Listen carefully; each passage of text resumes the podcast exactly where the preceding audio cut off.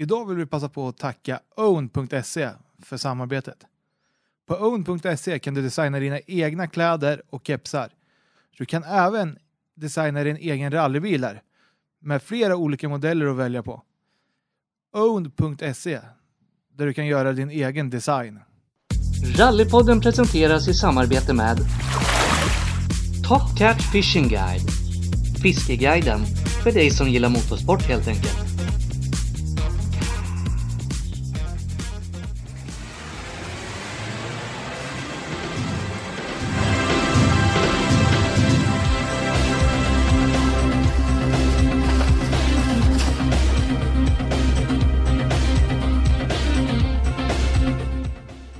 Välkomna till ännu en rallypodd. Och idag så är det faktiskt en riktigt välmeriterad co-driver som vi har med oss. Både Europamästare och världsmästare. Men till att börja med så vill jag faktiskt skänka en tanke till Daniel och hans familj som tyvärr miste sin mamma här i, i veckan. Och även har vi mist en stor rallyprofil som har varit ute och varit åskådare i flera år som är Peter Rådström. Så jag skickar alla mina tankar och, och kondolenser till hans familj också. Under tiden vi har haft det här lilla uppehållet så har det ju inte hänt så mycket. Det har varit lite tävlingar i Rovaniemi. Och Oliver Solberg imponerade grymt mycket. Och vi får väl hoppas att han får någon mer chans i en WRC-bil under året. Men han gick ut och sa att det var ju WRC 2 som var huvudmål i år och vi hoppas ju att det får gå riktigt bra där också. Men nu har ju fått konkurrens där av en till svensk i Tom Kristensson. Och när vi ändå pratar om Tom så kan vi ju presentera dagens gäst. Välkommen Joakim Sjöberg som åkte med Tom här när de vann junior-VM. Tack så mycket, tack så mycket. Uh, jätteroligt att vara med i, eh, i det här forumet. Jättekul att du ville vara med. Om vi tar det här med Tom, hur känner du? Du var ju ändå med när ni säkrade junior-VM-guldet nere på Monza. Monza ja. Uh, jag är jätteglad för hans skull. Uh, vi håller lite kontakten och pratar och för lite dialog, även fast inte jag är med i hans satsning för detta året.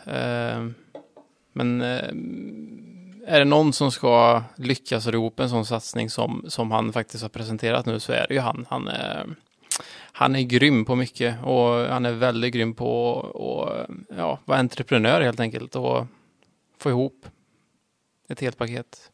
Ja, och vi kommer ju prata mer om er satsning som ni gjorde under 2020 som re resulterade i det här med att han vann Ja, jag misstänker vi kommer in på det lite senare. Ja. ja. Men det är nog några timmar bort, ska jag säga. kan vara så, ja. Men vem är Joakim Sjöberg då? För de som inte vet det. Oj, vem är jag? Um, 35-årig kille, bör man säga att man är kille? Det bör man inte, va?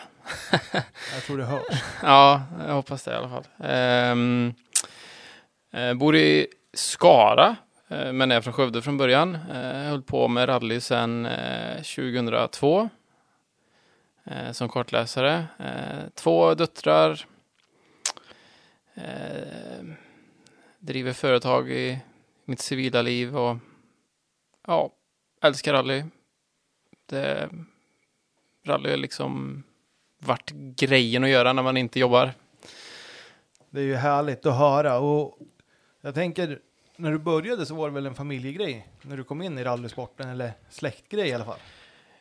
Jo, men så, så är det och jag tror de flesta eh, oftast har någon eh, connection liksom med, till familjegrej. Eh, men jag kommer ihåg, jag kan inte säga hur gammal jag var, men när man var fyra, fem, sex år, att man var ute på rallyn liksom varje helg i stort sett.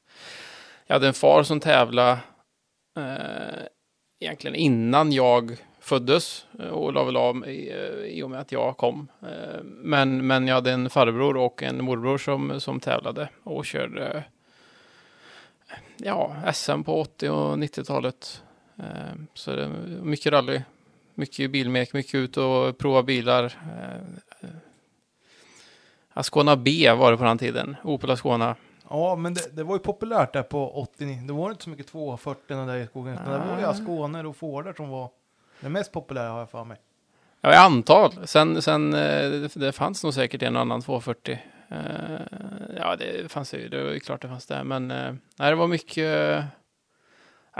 Jag har någon, liksom någon väldigt glamorös bild över hur rally var och hur mystiskt det var liksom att man åkte, åkte i skogen så fort som möjligt. Det,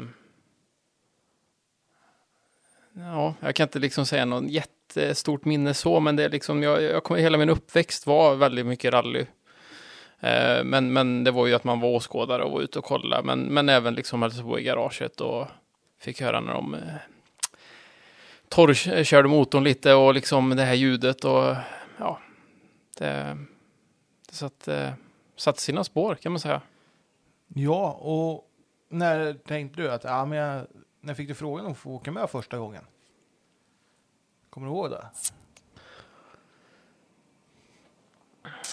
Ja, det var en bra fråga. Den har jag inte tänkt på riktigt. Ehm, det var nog runt när jag var 18 år eller sånt där. Min farbror kände väl att han, eh, min farbror Peter, ska jag säga, eh, farbror, eh, Peter Sjöberg, ehm, ville väl gå över på arrangörsnoter. Och av olika anledningar så fanns det väl ingen lämplig kartläsare. Eh, eller co-driver ska jag säga. Och eh, jag fick frågan om, om jag var beredd att lägga lite tid på det. Så då tog eh, jag och farsan, vi åkte till Motala vet jag och skaffade licens ena helgen. Och helgen efter så gick jag någon not eh, licenskurs. Så att eh, då började jag läsa noter 2000. Jag tror det är 2002. Ja, det stämmer om man kollar här på informationen. Eller ja, 2003 står det här, men det var, säkert, det var nog säkert innan det.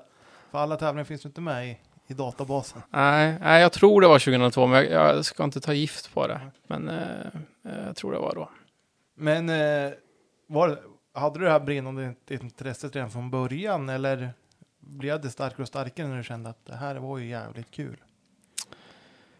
Ja, men eh, egentligen hela, vad ska man säga, hela den perioden när jag åkte med min farbror ända fram till 2009 så var ju rally, det var ju drömmen liksom som, och, men, men, men drömmen var inte samma som den jag kanske har idag, utan det var ju mer att det här gör man på helgerna. Man åker iväg eh, tidigt som satan på lördagmorgonen och eh, kommer fram till en tävling, eh, mår illa, äter ingenting på hela dagen, åker några sträckor rally, eh, äter ordentligt när man åker hem istället och sen är man helt utslagen på söndagen liksom. Det var, nej, så var ju rally.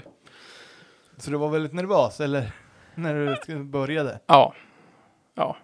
Jag kommer ihåg första gången jag fick, alltså första tävlingen, jag, vet, jag kommer inte ihåg om det var Götenerundan eller det var någon lokal tävling här omkring Skövde i alla fall. Ehm, och fick, rod, fick ut rodboken och noterna och jag, jag, jag satt i något kafeteria där som det brukar, Folkets park kanske, mycket möjligt.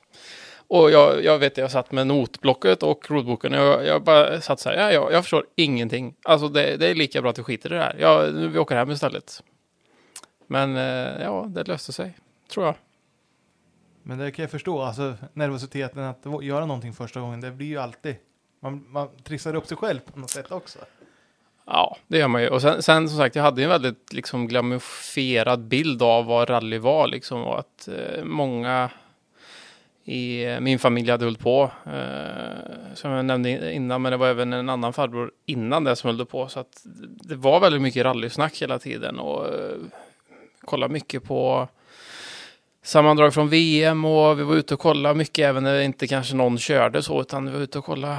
Eh, så att det bidrog ju på något sätt till att liksom, eh, får inte göra fel här. Det här det ska ju bara funka liksom. Alla andra klarar ju av det.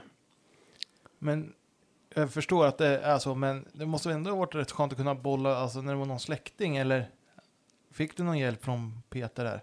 Ja, absolut. Alltså först och främst att han bara anförtrodde sig till mig nu i efterhand eh, betyder ju jätte, jättemycket.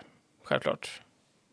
Och att man fick lära sig grunderna Eh, under, jag menar, vi, vi, vi hade, åkte inte någon serie, så vi kanske åkte Mega Rally Cup något år som vi satsade på, men annars så- det var ingen serie, utan vi åkte för det var skoj liksom. Och då...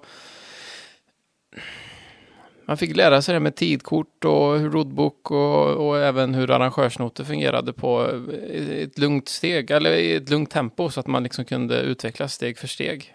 Det, det var eh, väldigt nyttigt. Eh, och väldigt roligt. Det kan jag tänka mig. Alltså att få göra det ihop med de som man har varit med hela uppväxten där. Varit i garage och kika och så också.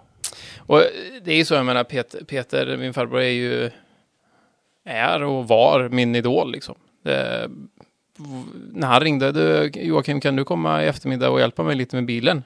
Så var ju liksom det jackpot, det var ju hur roligt som helst. Det var ju lika roligt att vara i garaget på den tiden som att liksom åka tävling. Nej, Jag skulle nog nästan säga att det var roligare att vara i garaget, för tävlingarna var ju liksom sagt äh, ångestfyllda. Ja, ja, men det är kul att höra att det, att det började så familjärt ändå och sen har utvecklat sig till en sån raketkarriär som det blev. Ja, det var kanske inte planen på den tiden. Det var inte, jag hade liksom ingen målsättning. Sen, ehm, sen beslutade min eh, farbror att han skulle lägga av där 2009, så vi skulle åka. Han hade byggt en Golf 3 då. Väldigt, väldigt duktig på att bygga bilar. Ehm, han hade byggt en Golf 3 utifrån ja, det bästa man kan göra som inte är liksom fabriksbyggt om man säger så. Ehm, så nära en kitcar som fast ändå inte var en kitcar liksom. Ehm, så vi skulle åka där några tävlingar att visa att han fungerar och så. Ehm, och då var det liksom för mig så såg jag att ja, nej, men jag åker med de här tävlingarna och sen sen får jag hitta på något annat. Det är liksom vem annars ska jag åka med om jag inte åker med min farbror? Ehm, Då har det ju ändå gått en rätt lång tid också från 2002 till 2009 också. Ja, flera, ja, många år. Men så sagt, jag hade inga ambitioner. Jag hade liksom, det var inte... Jag hade inget mål om att bli världsmästare. Jag hade inget mål om att ta SM-guld. Det, det var en rolig helggrej liksom. Man jobbar på veckorna och så, så eh, åkte man rally på helgen. Ehm, det var en helt annan grej. Eh, sen sammanföll det med att jag startade eget företag 2000, slutet av 2009 också. Så det passade ganska bra att det blev det där breaket liksom.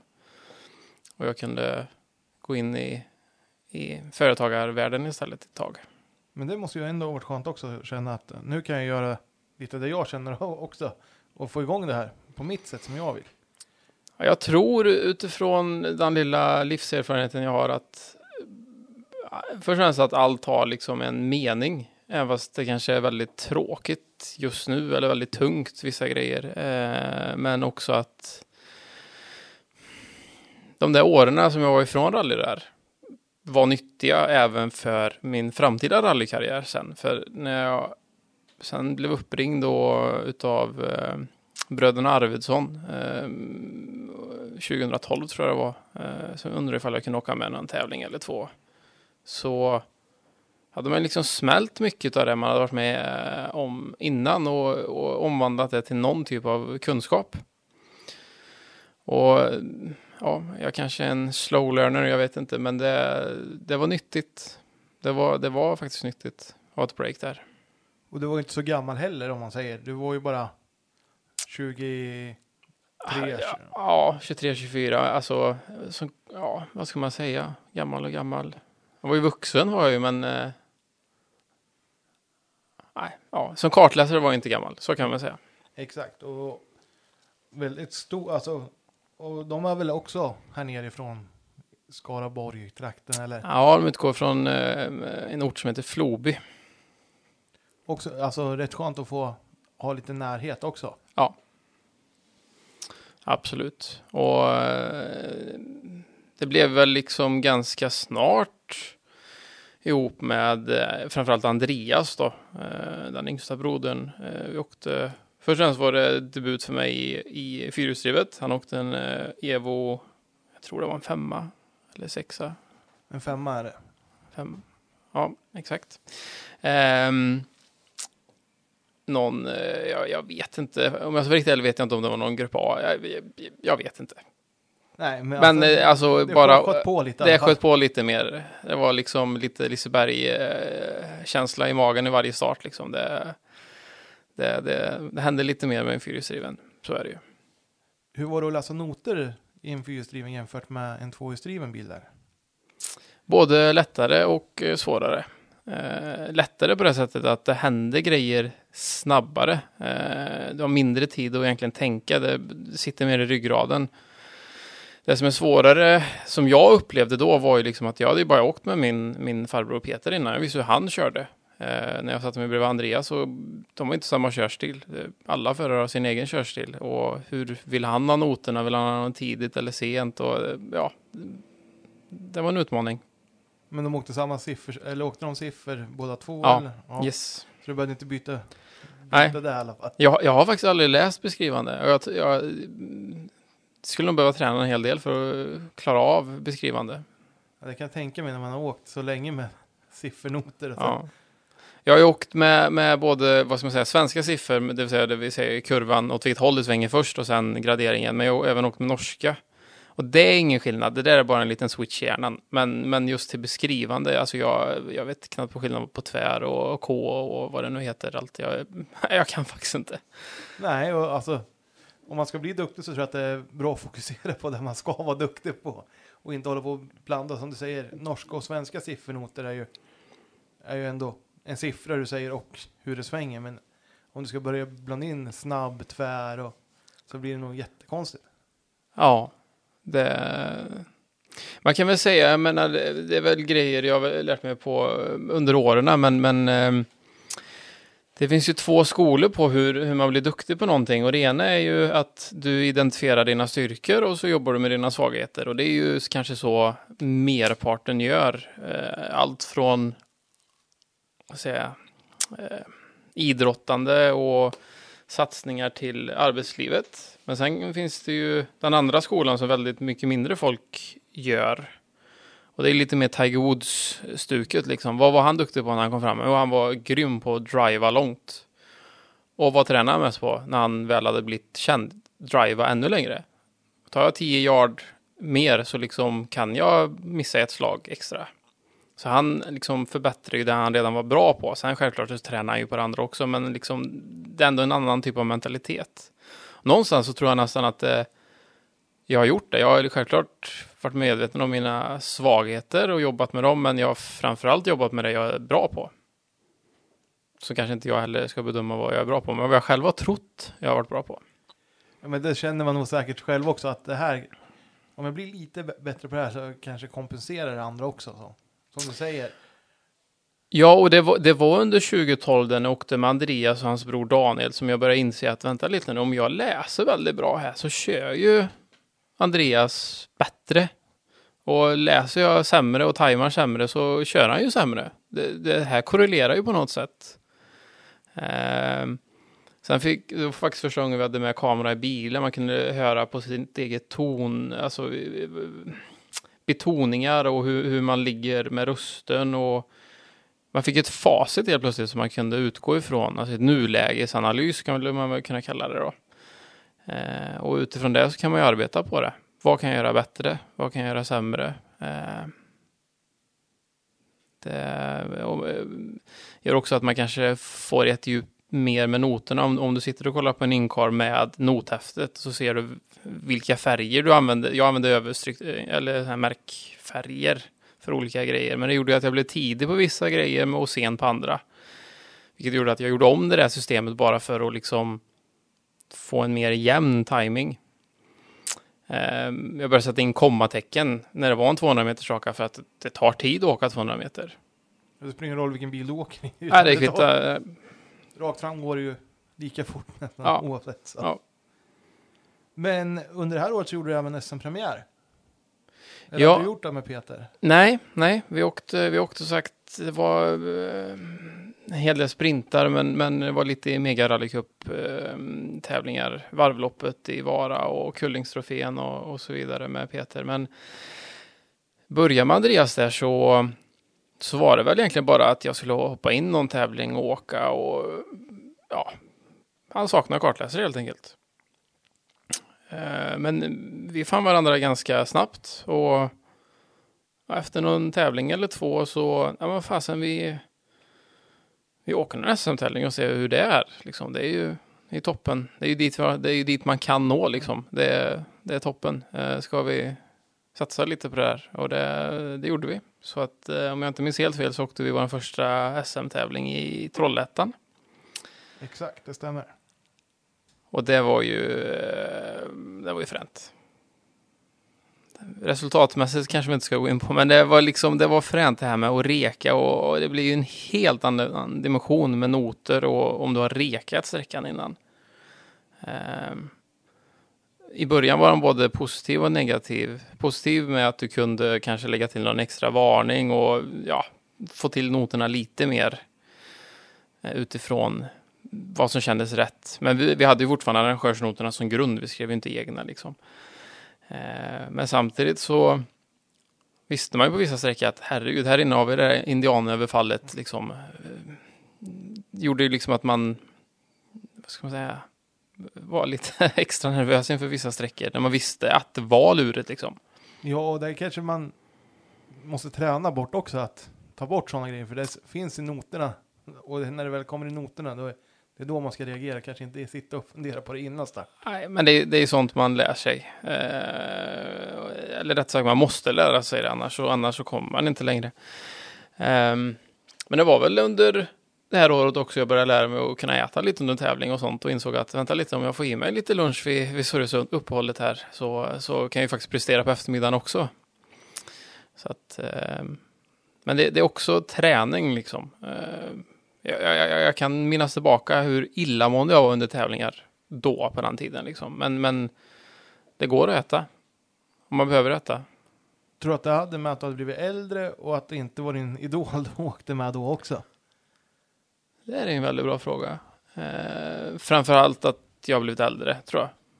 Och att man kanske insåg att liksom, man kan inte leva på kaffe bara. Det, Eh, det går en dag, men åker SM i två dagar så, så liksom du tappar koncentrationen så mycket så att eh, du kan inte göra ditt jobb ordentligt. Nej, och, jag, och ni måste ju tyckt det var kul att åka SM, för ni åkte ju fler SM-terminer efter. Det här var ju augusti Västerrallyt gick. Ja, och vi åkte nog resterande sen tror jag.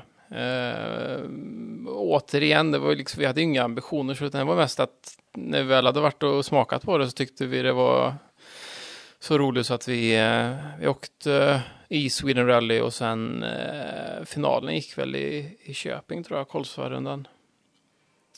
Eh. Den fick nytt att bryta? Ja, det var en drivaxel vill jag minnas. Jajamän, det stämmer bra. Men, men det ska absolut inte säga att man hade någon rutin på den tiden, för det hade man ju inte. Men ändå så börjar man ju inse liksom vilket jobb man behöver lägga innan en tävling för att, för att kunna prestera under tävling.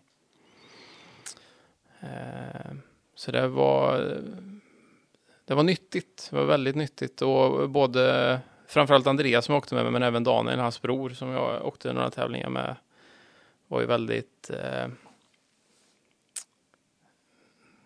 Och bra förare, alltså de, de, de kunde köra bil. Eh, men de satte också liksom inga orimliga krav på kartläsaren, utan man, man fick göra något misstag och ändå liksom gå vidare. Det var... Jag tror liksom i det läget av en karriär när man kanske inser själv att om jag gör grejerna bättre så blir det överlag bättre. Men om jag gör ett fel så liksom går inte världen under. Och det måste ju vara skönt, alltså att man känner att man kan göra lite små misstag för förare som vi har pratat med. Så de gör ju säkert 50 misstag på ett misstag från en kartläsare. Ja, ja. Det, och det där har jag ju suttit och tänkt på många gånger. Liksom det, eh, det slutar med att jag, jag nästan visualiserar upp det här själv, att liksom som kartläsare är man ju, man är ju målvakt och backlinje inom, eh, jag vet inte om vi ska prata ishockey eller fotboll, jag vet inte vilken sport som är lämpligast. Medan föraren är ju liksom eh, strikern, han, han, ska ju bara göra mål. Och du kan missa 50 gånger, men gör du ett mål så, så är det ju jättebra. Medan om målvakten missar 50 och gör ett mål, eller och räddar ett, ett skott, då, då är man ganska dålig va? Ja, då, då blir man hängd. Ja, men eh, å andra sidan ska man göra 50 räddningar och en miss och ändå så blir det negativt i slutändan. Ja, om ditt lag förlorar så blir det ju det. Ja. Men eh, i slutet här på 2012 så hittade du ett nytt samarbete och avslutade året med att åka lite VOK. Ja, och eh, faktiskt så um, det var en kille som heter Jonas Torssell som hörde av sig. Och eh, kände till honom. Jag hade nog inte pratat med honom riktigt innan så. Eh, men jag kände till och jag visste att han åkte fort. Eh, men eh, spontant så kände jag att nej, gå ner till Wok när jag åker fyrhjulsdrivet, det, det känns ju inte jättelockande. Men till slut så kom vi överens om att vi skulle åka marknadsnatta ihop. Och ja, återigen, jag vet när jag provade bälten och satte mig i bilen och kände att nej, det blir ju en tävling och så gör jag något annat nästa år liksom. Men eh, tog inte många hundra meter in på SS1 tills jag insåg att satan, det här, eh, här är lite påslag. Var någon som ville något där? Ja, Han det- kunde köra bil. Ja, Nej, Jonas är en fantastiskt duktig chaufför och eh, jag kommer nog till det lite längre fram, men, men ehm, alltså de toppförarna i VOK, de åker ju fruktansvärt hårt alltså. Det är nog nästan så jag skulle säga att jag inte skulle vara beredd att sätta mig i en sån bil i dagsläget och åka med i toppen. Det, nej, det, det, de åker på gränsen hela tiden. Och det, det finns ju liksom ingenting som räddar. Alltså, du har en ingångshastighet och du skär kurvan. Och skulle det nypa lite mer än vad du tror, då är det kört. Det finns liksom ingen effekt att hämta hem. Det är bara bete Gud. Ja, det är bara att hoppa, hoppas att det går. Det är Ja, inte så att du kuggar ner och det kommer lite, nej, lite, lite mer ener, energi ut sig. nej, det... Eh, och den tävlingen, det gick rätt bra eh, tills vi åkte av. Ehm, jag kommer inte ihåg placeringen exakt, men vi var ju med. Och Emil Bergqvist åkte ju den tävlingen också. Vi var ju bara några sekunder bakom honom på SS1 och SS2. Men sen på SS3 så var det en isfläck vi, eh, som naturligtvis inte var med i noterna. Eh, vilket de inte ska vara heller på arrangörsnoter. Men eh, det var en isfläck som eh, eh vi hittade i en bromspunkt och får ut i en, eh, jag tror det var ett stenrös. Eh, stod det väl en tio bilar till i just den kurvan, men eh, tyvärr tog det slut i den tävlingen där. Men det gav blodad hand, för det var, det var, det var skillnad. Och det, det är ju det som är lite med marknadsnatt. Och det, är ju, det kan ju komma de här isfläckarna och det. Som Ja. man får be- beräkna innan starten när det inte finns något, eh, några som skriver isnoter eller något åt den. Det är bara, eh, just då kommer jag ihåg besvikelsen för att liksom vi ändå var med. Jag, jag, som sagt, jag kommer inte ihåg, men säg att vi var topp fem av alla bokare i alla fall i tävlingen. Liksom, wow! Och sen då få bryta Eh, på det. det. Jag kan fortfarande minnas den besvikelsen eh, i skogen. Men jag vill minnas att vi faktiskt körde ut från sträckan sen. Att det var liksom inte en... Eh, det var inte värre än att vi kunde köra ut, men att vi hade ju tappat kanske en halvtimme eller någonting. Men, men ehm, ja, det var, det var surt just då, men en väldigt eh, viktig läropeng, så kan man säga. Exakt.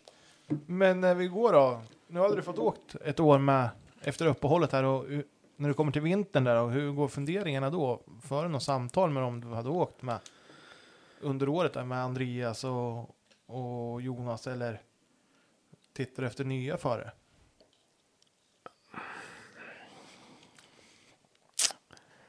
Nu är det några år sedan det här. Jag, jag, jag vet bara att jag kände att jag ville åka med med Jonas.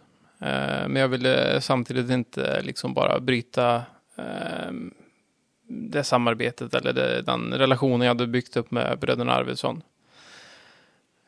Um, så det var väl, vad ska man säga? Jag vill åka med bägge två. Jag vill eh, åka så mycket tävling som möjligt. Här, här liksom hade jag kommit till någon insikt i alla fall att nej, men jag är inte totalt jäkla klappkast på det här och, och läsa noter. Och jag, jag hittar ju ändå till, till nästa tidskontroll. Uh, så jag klarar ju av att läsa roadbook. Så att det vore ju roligt att se lite hur långt kan man komma liksom om man lägger ner lite energi. Eh, under samma period hade ju det företaget jag hade startat då eh, börjat bli lite självgående så det krävdes inte så mycket helgarbete, det krävdes inte så mycket eh, ja, eh, 16 timmars arbetspass som, som eh, det var 2010. Eh, Så att eh, jag började ändå känna liksom att jag hade tid och, och verkligen engagera mig i rally och, och analysera mer vad jag, vad, vad jag gjorde bra och vad jag gjorde dåligt. Och, eh, jag kände ändå liksom någonstans att det här, ja, det här vill jag nog satsa lite på och se liksom, vad, hur långt kan man komma på, på ren eh, Alltså talang vill jag inte påstå att jag har, men, men alltså ren eh, jag vet inte hur jag ska liksom lägga fram det på rätt sätt, men ren eh, utveckling, alltså köra tävling, analysera, eh, strukturera, alltså egentligen göra det som ett projekt, kan man säga. Och du, har du med dig där från företagen? Jag tror att du analyserar mycket och, och vill lägga upp det lite i statistik och sånt där. Ja, det kan nog mycket väl vara så. Jag är, jag är nog sån som person överlag. Jag är, men jag är liksom lite, eh, vad heter det? Dr. Jekyll, Mr. Hyde. eh, Jag, för jag är eh, extremt strukturerad inom vissa delar av mitt liv och fruktansvärt ostrukturerad i andra delar av mitt liv. Så att, eh, men det här föll in, in inom den strukturerande delen och jag, jag kunde liksom, när det är mätbart så blir det så mycket lättare att analysera liksom. Mätbart, och rally är ju fruktansvärt mätbart. Du gör, du gör någonting, du lägger in energi på någonting och så får du en tid, pang, som du kan, direkt kan jämföra mot de andra när du kommer i mål på sträckan. Så att jag menar, du har ju facit med en gång. Absolut, så är det ju. Och, och jag tror att det är många som jag, alltså, lägger lite sån tid också. Och analyserar och kalkylerar och, och ser vart man tappar och så också. Ja, Och speciellt när du kommer upp i klasserna. Kanske inte när du åker Sverigeserien i VOK. Då kanske det är några stycken som gör det. Men, när du kommer upp högt upp i EM, VM och i toppen på SM också. Att man lägger lite mer tid på sånt. Alltså, det, börjar vi prata... eh, jag- kan SM alldeles för dålig och den nivån som är idag, men, men eh, om vi pratar EM och VM och även vissa som belgiska och tyska mästerskapet och så, det är ju videoräcker du inte fem, varje sträcka fem gånger och, och liksom lägger in den energin så du behöver inte ens starta liksom.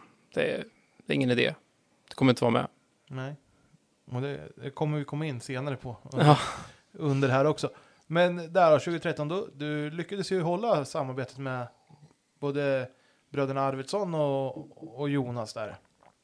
Ja, jag åkte en SM-tävling till där i början av året med Daniel, den äldre brodern, eh, uppe i Sandviken på vinter. Och det var nog faktiskt min första vintertävling, när jag tänker efter. Riktiga vintertävling. Marknadsnatta var ju lite vinter, vintertävling, men det var ju på grusdäck liksom. Men här var ju med, med riktiga vinterdäck. Eh, nej, det var ju fränt. Riktigt fränt. Och i snabba vägar uppe i Sandviken. Eh, en, ja, jag vet inte vad utväxlingen är på en sån Evo 5 men det går fort. Ja, det är ju väldigt snabba vägar och mycket långa svepande svängar är det ju också. Ja. Så, Så att- Men vi... Eh, jag kommer inte ihåg hur hur många sträckor det var i den tävlingen, men, men eh, vi... Eh, kardanaxeln gick sönder i slutet av tävlingen. Vi, eh, det var ett vägbyte vänster och vi ja, gick ut lite i vallen, lite fort kanske. Det var inget speciellt så egentligen, men, men vallen var väl hård just där, så att han träffade väl höger bakhjul och gjorde att det blev eh, som belastning på kardanaxeln, så den gick rakt av. ja, vad tråkigt. Alltså det, och när man har haft ett flow under tävlingen. Att, att det slutar med någon liten vallduff sådär bara. Ja, för det, det var ju liksom ingen moment egentligen, utan det, det var en touch och så gick kardanaxeln av och då lärde jag mig en annan grej, att det på vintertävlingar är bra med sig lite tjockare skor och en jacka i bilen, för som jag frös då, när vi stod där och väntade på att bli upphämtade, det, ja, det var en läropeng. Det vill man inte göra igen sig. Nej, tyvärr har jag gjort det igen, men eh, ja, jag insåg att det, kan vara bra lite med grejer i tävlingsbilen än bara roadbook och noter.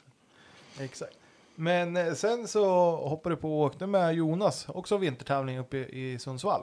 Ja, det- vi, Dubbeltävling. precis. Vi, eh, vi kom väl överens om att vi skulle satsa på Sverigeserien där 2013.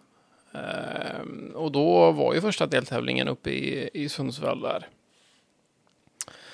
Och eh, Jonas hade väl inte åkt så jättemycket vinter och det var ju, blir ju min andra vintertävling bara. Eh, Men vi körde på där och det, ja, det är ju fränt alltså hur hårt du kan åka med en wok.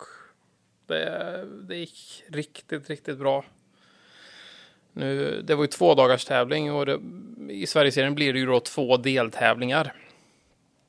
Eh, Och första dagen gick riktigt bra. Jag kan inte minnas att vi hade några problem alls. Och, mm, ja, vi blev som jag säger nu fyra i, i, i B-VOK.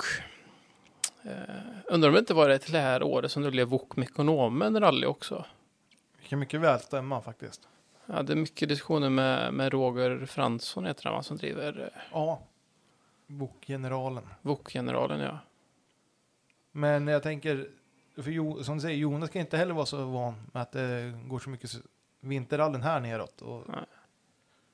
då är det ju riktigt bra att komma upp där, för jag kan tänka mig att det var många hemmaförare som var med och åkte också, som kanske inte skulle åka hela Sverigeserien, men som tyckte ja, vi får passa på när det går så här högt upp.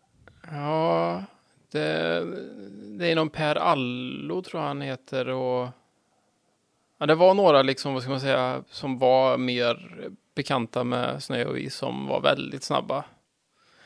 Eh, med all rätt. Eh, men sen dag två, då gick egentligen också jättebra, men det var någon eller några bilar framför oss som åkte av och spärrade av vägen och ja, vi tappade 6-7 minuter. Och ja, som alla vet på vintertävlingar så det är liksom, du får ingen idealtid som, som i VM liksom, utan eh, det är bara bita i det sura äpplet. Eh, kommer att det studsar rätt åt, åt andra hållet någon annan gång. Ja, precis. Eh, jag tror vi var med där, topp fem i alla fall, men eh, ja, vi blev väl, jag vet inte, 15-20 eller något sånt där i tävlingen. Ja, ni hamnar långt ner i alla fall. Mm. Gjorde ni. Men eh, hur var, alltså den tävlingen var mycket kortare också på söndagen. Det var ju bara, Jag tror bara det var två eller tre sträckor. ja, På, på lördagen var det ju liksom, eh, ja, jag kommer inte ihåg hur många sträckor det var, men det var ju liksom en riktig tävlingsdag. Så att, ja, för då var det 45 minuters åktid och på, på söndagen var det bara 15 minuter. ja. Så det borde ju ha varit, alltså om man tappar Ja, jag, jag, mycket tid då, precis. där, då faller man ju jättelångt bak i, ja, i resultaten. Ja, jag vet, jag var inne hos tävlingsledningen och ville lägga någon protest där, men då insåg jag också, eh, där tror jag faktiskt jag kanske första gången insåg att det här med att eh, läsa reglementen och liksom verkligen kunna grunderna i rally är inte helt fel när man själv tävlar i det. Liksom. Vad, vad, vad kan jag påverka? Eh, och så vidare. Ja, för reglementet inom rally, eller all motorsport är väldigt detaljerat skrivet egentligen. Ja, Det finns väldigt mycket, mycket kryphål man kan använda, men det är väldigt mycket som är stängt också. Att så här är det, om, om det är någon som får stopp framför att du får inte en idealtid om du inte visar slarmflagga eller så här. precis. Men det, det går, känner man till de här gråzonerna lite och man kan argumentera så kan man få igenom vissa grejer. Så är det. Exakt, det, är ju då det gäller att vara påläst och, och kunna det där ut i fingerspetsarna. Ja, men det är liksom... Det är svårt att veta när man ska nyttja. Alltså jag... Eh, Säger från min personliga eh, synvinkel så liksom läsa, alltså jag förstod, eh, innan så förstod jag ju grunderna på rally liksom. Både tävlingsformen men också vilka klasser jag åkte i, vad, vad får vi göra med bilen, vad får vi inte göra med bilen. Men jag, jag, jag hade ju inget djup liksom i reglementet. Men efter den händelsen så blev det ju att man började ju liksom, man skrev ut hela reglementet och satt och läste på kvällarna. Eh, eller låg och läste i sängen framförallt. Eh, för att liksom förstå nästa nivå helt enkelt. Och det är ju alltid bra att ha, alltså som förare måste det vara en riktigt viktig egenskap hos en kartläsare att den har koll på reglementet till fullt och prickiga. För ibland när- som tävlingsledare upplever man att vissa inte har. De har inte knappt koll på vad som behövs på bilen ibland. Utan de vill helst komma med sin hjälm, med sin bil, besikta och åka. Regler det är något som finns i periferin. Ja. Ja, nej men jag, jag tror generellt eh, Nej men generellt är det nog så att jag tror många har väldigt bra pejl på, på reglementena överlag i sin klass så att säga. Men alla kanske inte har riktigt eh, ordning på tävlingsreglementena.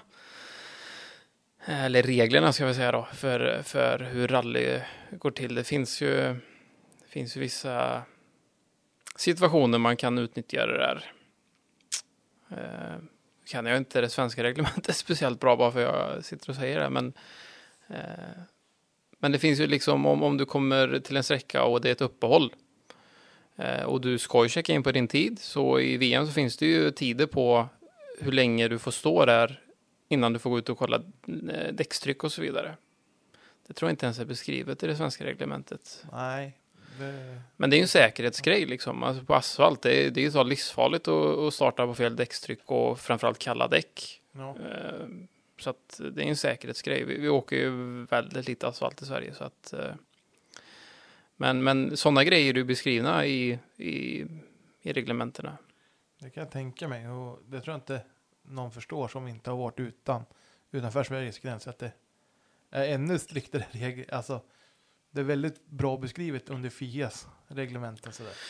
Ja, du har ju fel, men sen har du ju alltid det, det landet du åker i så har de ju alltid lite egna reglementen. Eh, eller egna, vad ska man säga, eh, tilläggsregler. I flera länder man kör så när det är 30 sekunder kvar så den som startar, om man säger så, ska ha ögonkontakt med föraren. Om föraren då kollar bort just vid sekund 30 så får man inte starta på den minuten. Punkt. Det är bara...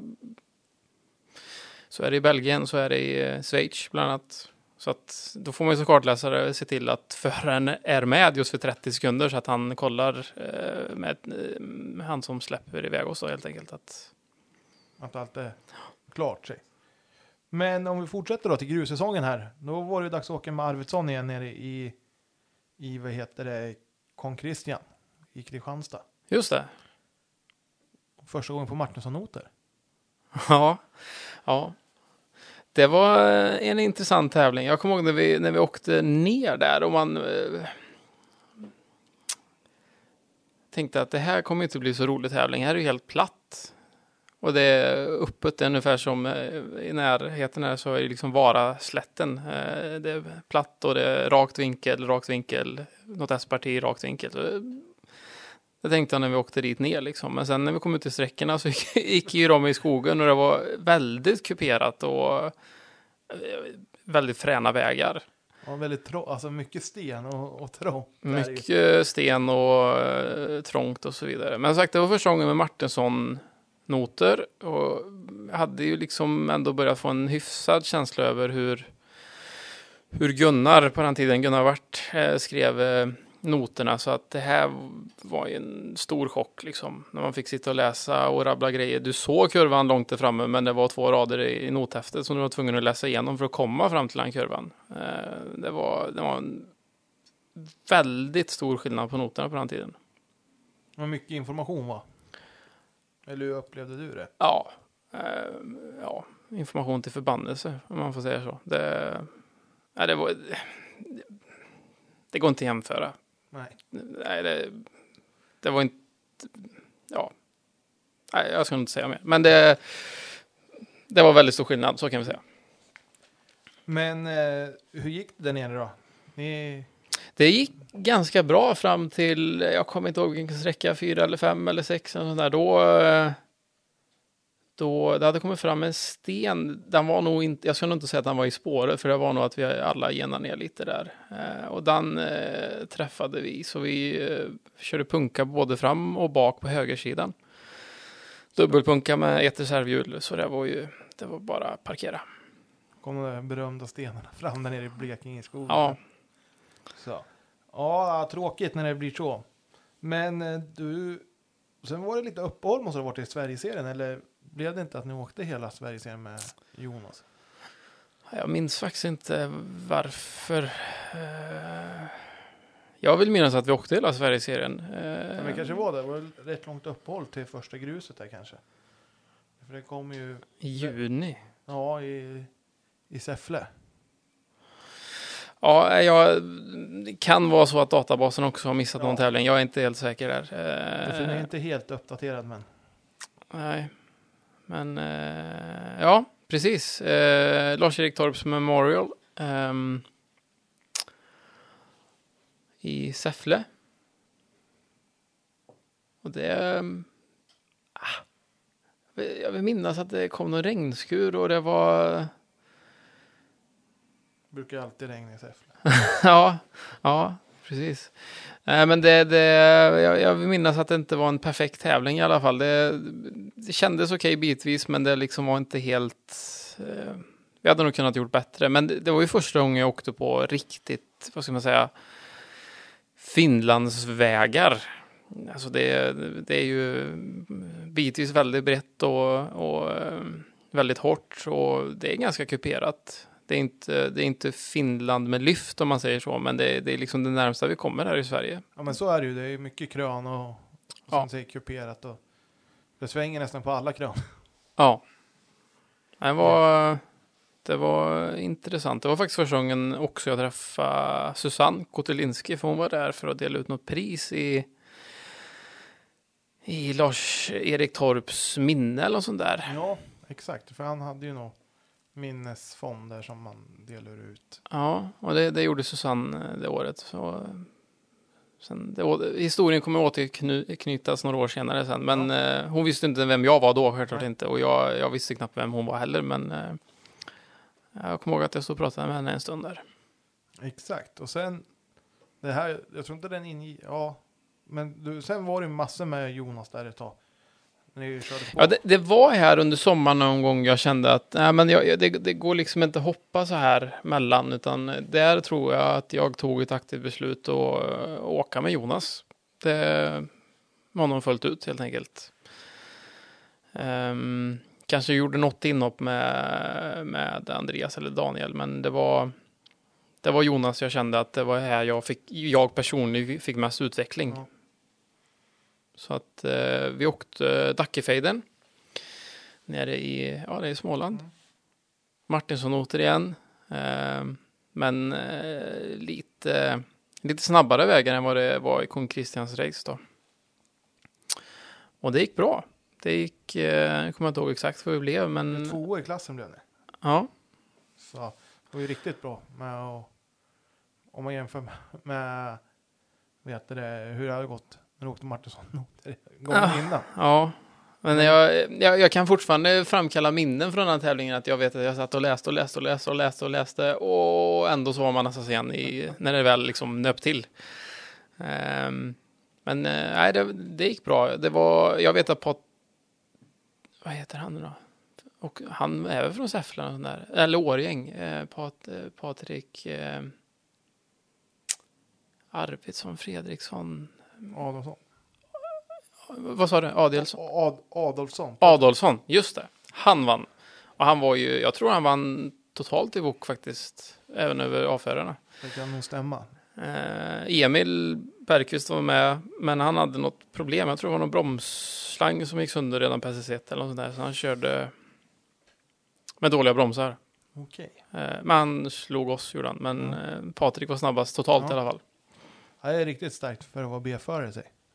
Ja, det var, det var ett bra gäng. Jag menar Marcus Theorin och ja, det var ett bra gäng det året 2013 i Wok liksom.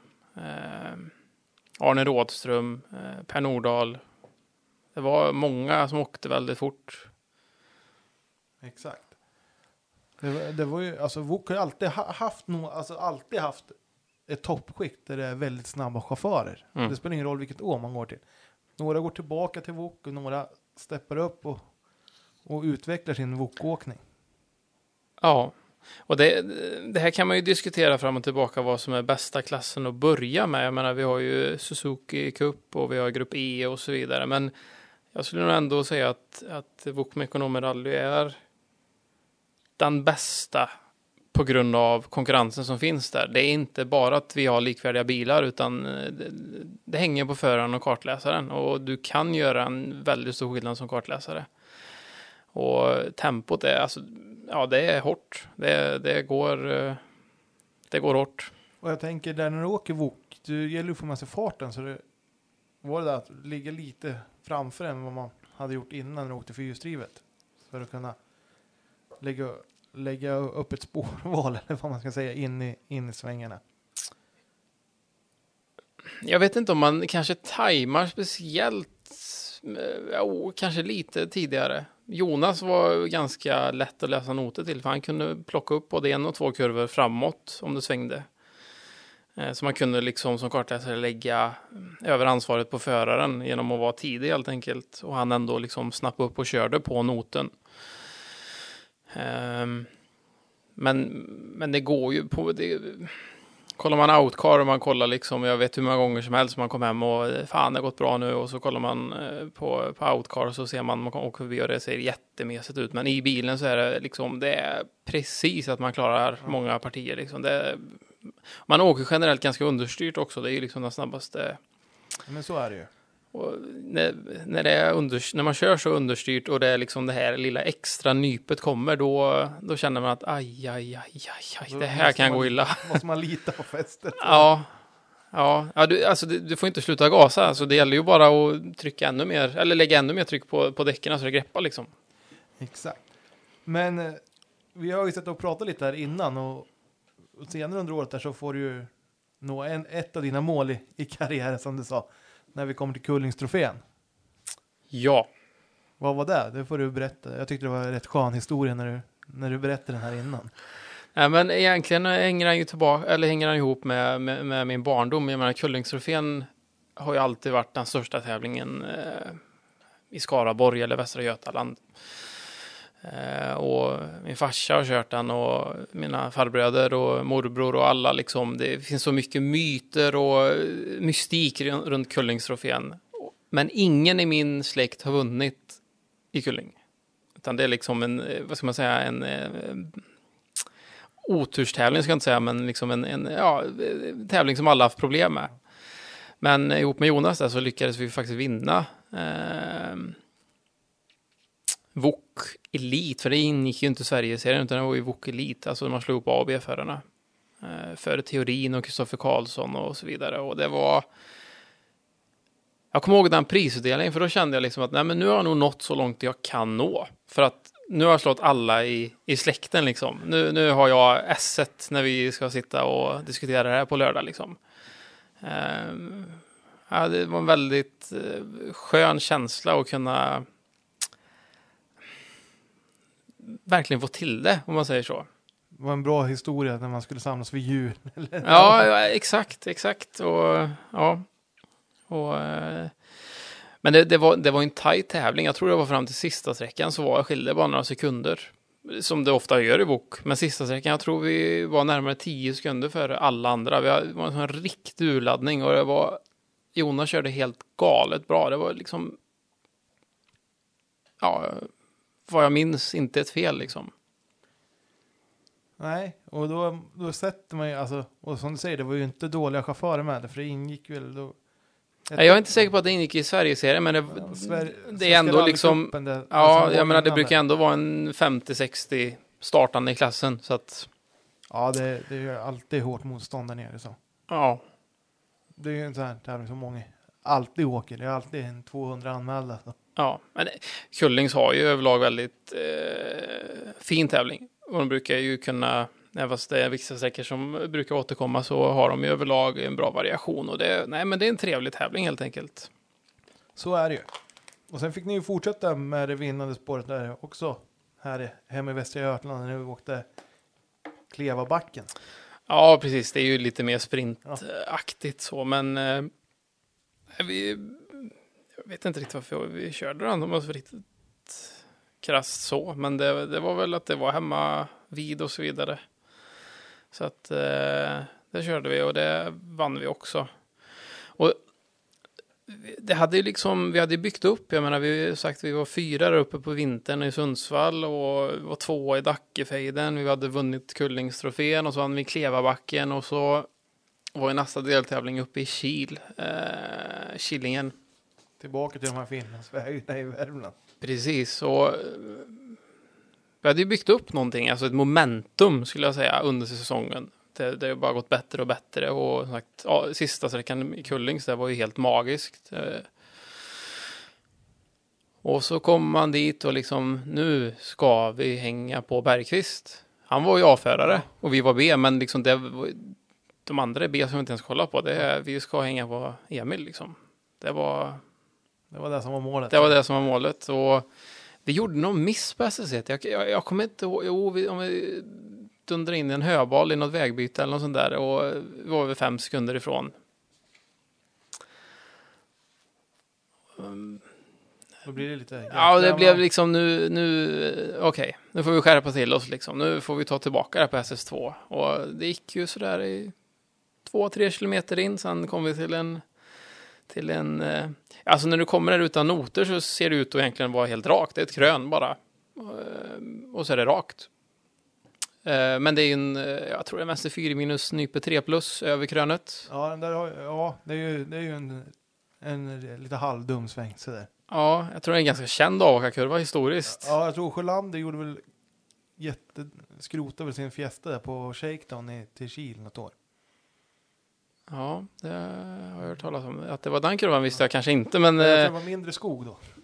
Aha, ja, ja, för här var det ändå en, vad ska man säga, sly i alla fall. Man kunde ju skönja att det kanske inte var spikrakt bakom, men men vi kom över där och eh, Jonas slängde upp bilen och det kändes mitt i kurvan som att det här är inga problem. Men sen kom ju det här att han nyper 3 plus och då gick det inte längre. Då eh, högde yttern och så gjorde vi en rullning där.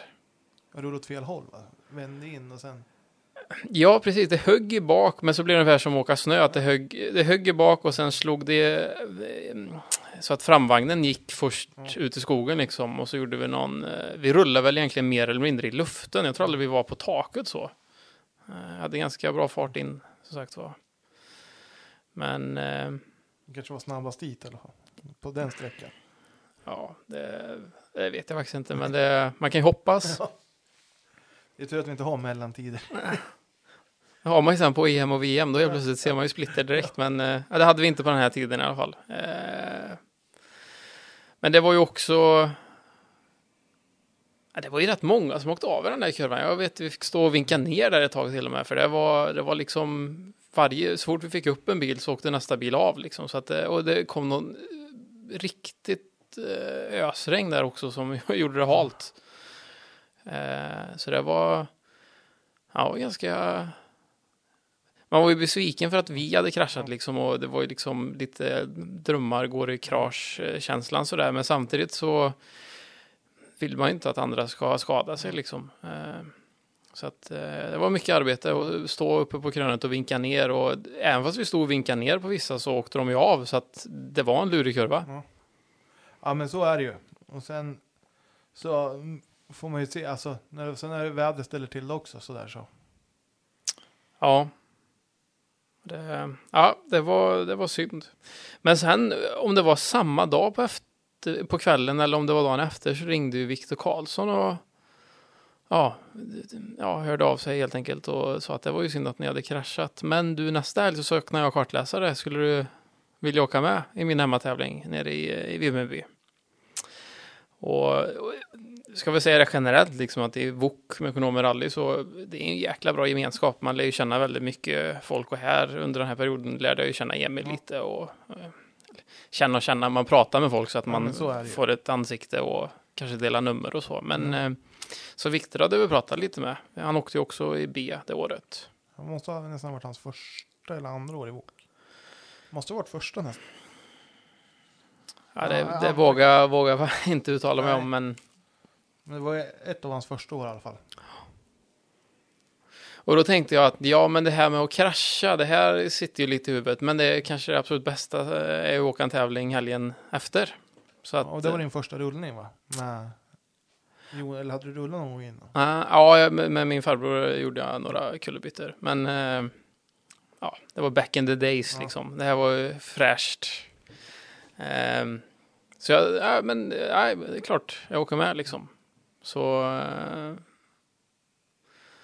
det var lång, lång, lång första sträcka och igen på Martinsson-noter, men här börjar man få lite hum om att det var en skillnad på dem, så man var inte, inte riktigt lika chockad mitt på sträckan, utan man, man Hade du lärt dig att sålla information eller läste du allt som stod? nej, jag strök faktiskt över en hel del. Det kan ju vara bra för vissa alltså, som också ska åka någon tävling med Martinsson Not och bara så här inhoppat. Och jag vet inte hur det är idag heller. Det kanske har försvunnit massa information nu. Nej, Jag har inte åkt på arrangörsnoter på fem, sex år, så jag vet faktiskt inte. Men, eh, men jag strök en hel del grejer i alla fall. Eh, och var det liksom höger 6, vänster 6, höger 6, 100 då liksom, ja men det här är ju rakt. Jag läste bara 200.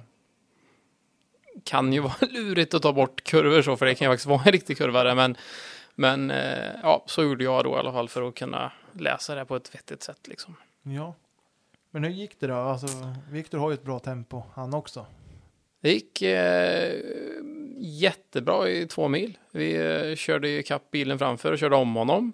Eh, det gick jättebra. Sen, eh, sen var det en chikan eh, med däck som vi touchade lite. Alltså det, det är så himla lätt touch liksom. Men det, det tar ju styrleden med en gång. Så vi druttade ner i diket efter chikanen på en raka liksom. Nej, vad surt. Ja, det var, ja, det var jättetråkigt. Ja, och när man vet att man har, har bra tempo också. Och så var surt för Viktor att få bryta hemmatävling också. Ja, självklart. J- Jättetråkigt. Och, eh, men där kände jag också att det var, det var bra att åka med någon annan. Alltså, eh, Jonas var jätteduktig chaufför, men han vill ju ha noterna på sitt sätt. Och Viktor vill ju ha dem lite annorlunda. Och här helt plötsligt börjar man ju känna lite det här att ja, men om jag anpassar mig lite och gör så här så oj, nu körde han verkligen på noten. Och läser jag så här, nej, då fegar han lite eller åker för hårt. Liksom, det, det är en balansgång hela tiden, så man börjar ju lära sig eller få mer och mer förståelse över att liksom, förarna vill ha noterna på lite olika sätt. Exakt, och det kanske gjorde att, det, för det kanske tog en stund för Jonas att reparera bilen också, eller var han snabb där? Nej, det tog en stund gjorde det. Så du kanske fick, du får hoppa in, för det är ju några andra chaufförer här, ser man i, i papperna. Ja, jag åkte med en eh, kille från Skövde, Erik Johansson, i hans grupp E, Golf i Trollhättan. Och eh, det gick ju bra. Och roligt att få åka en grupp E-bil också. Varför hade du inte heller gjort? För ni åkte grupp på med Peter va?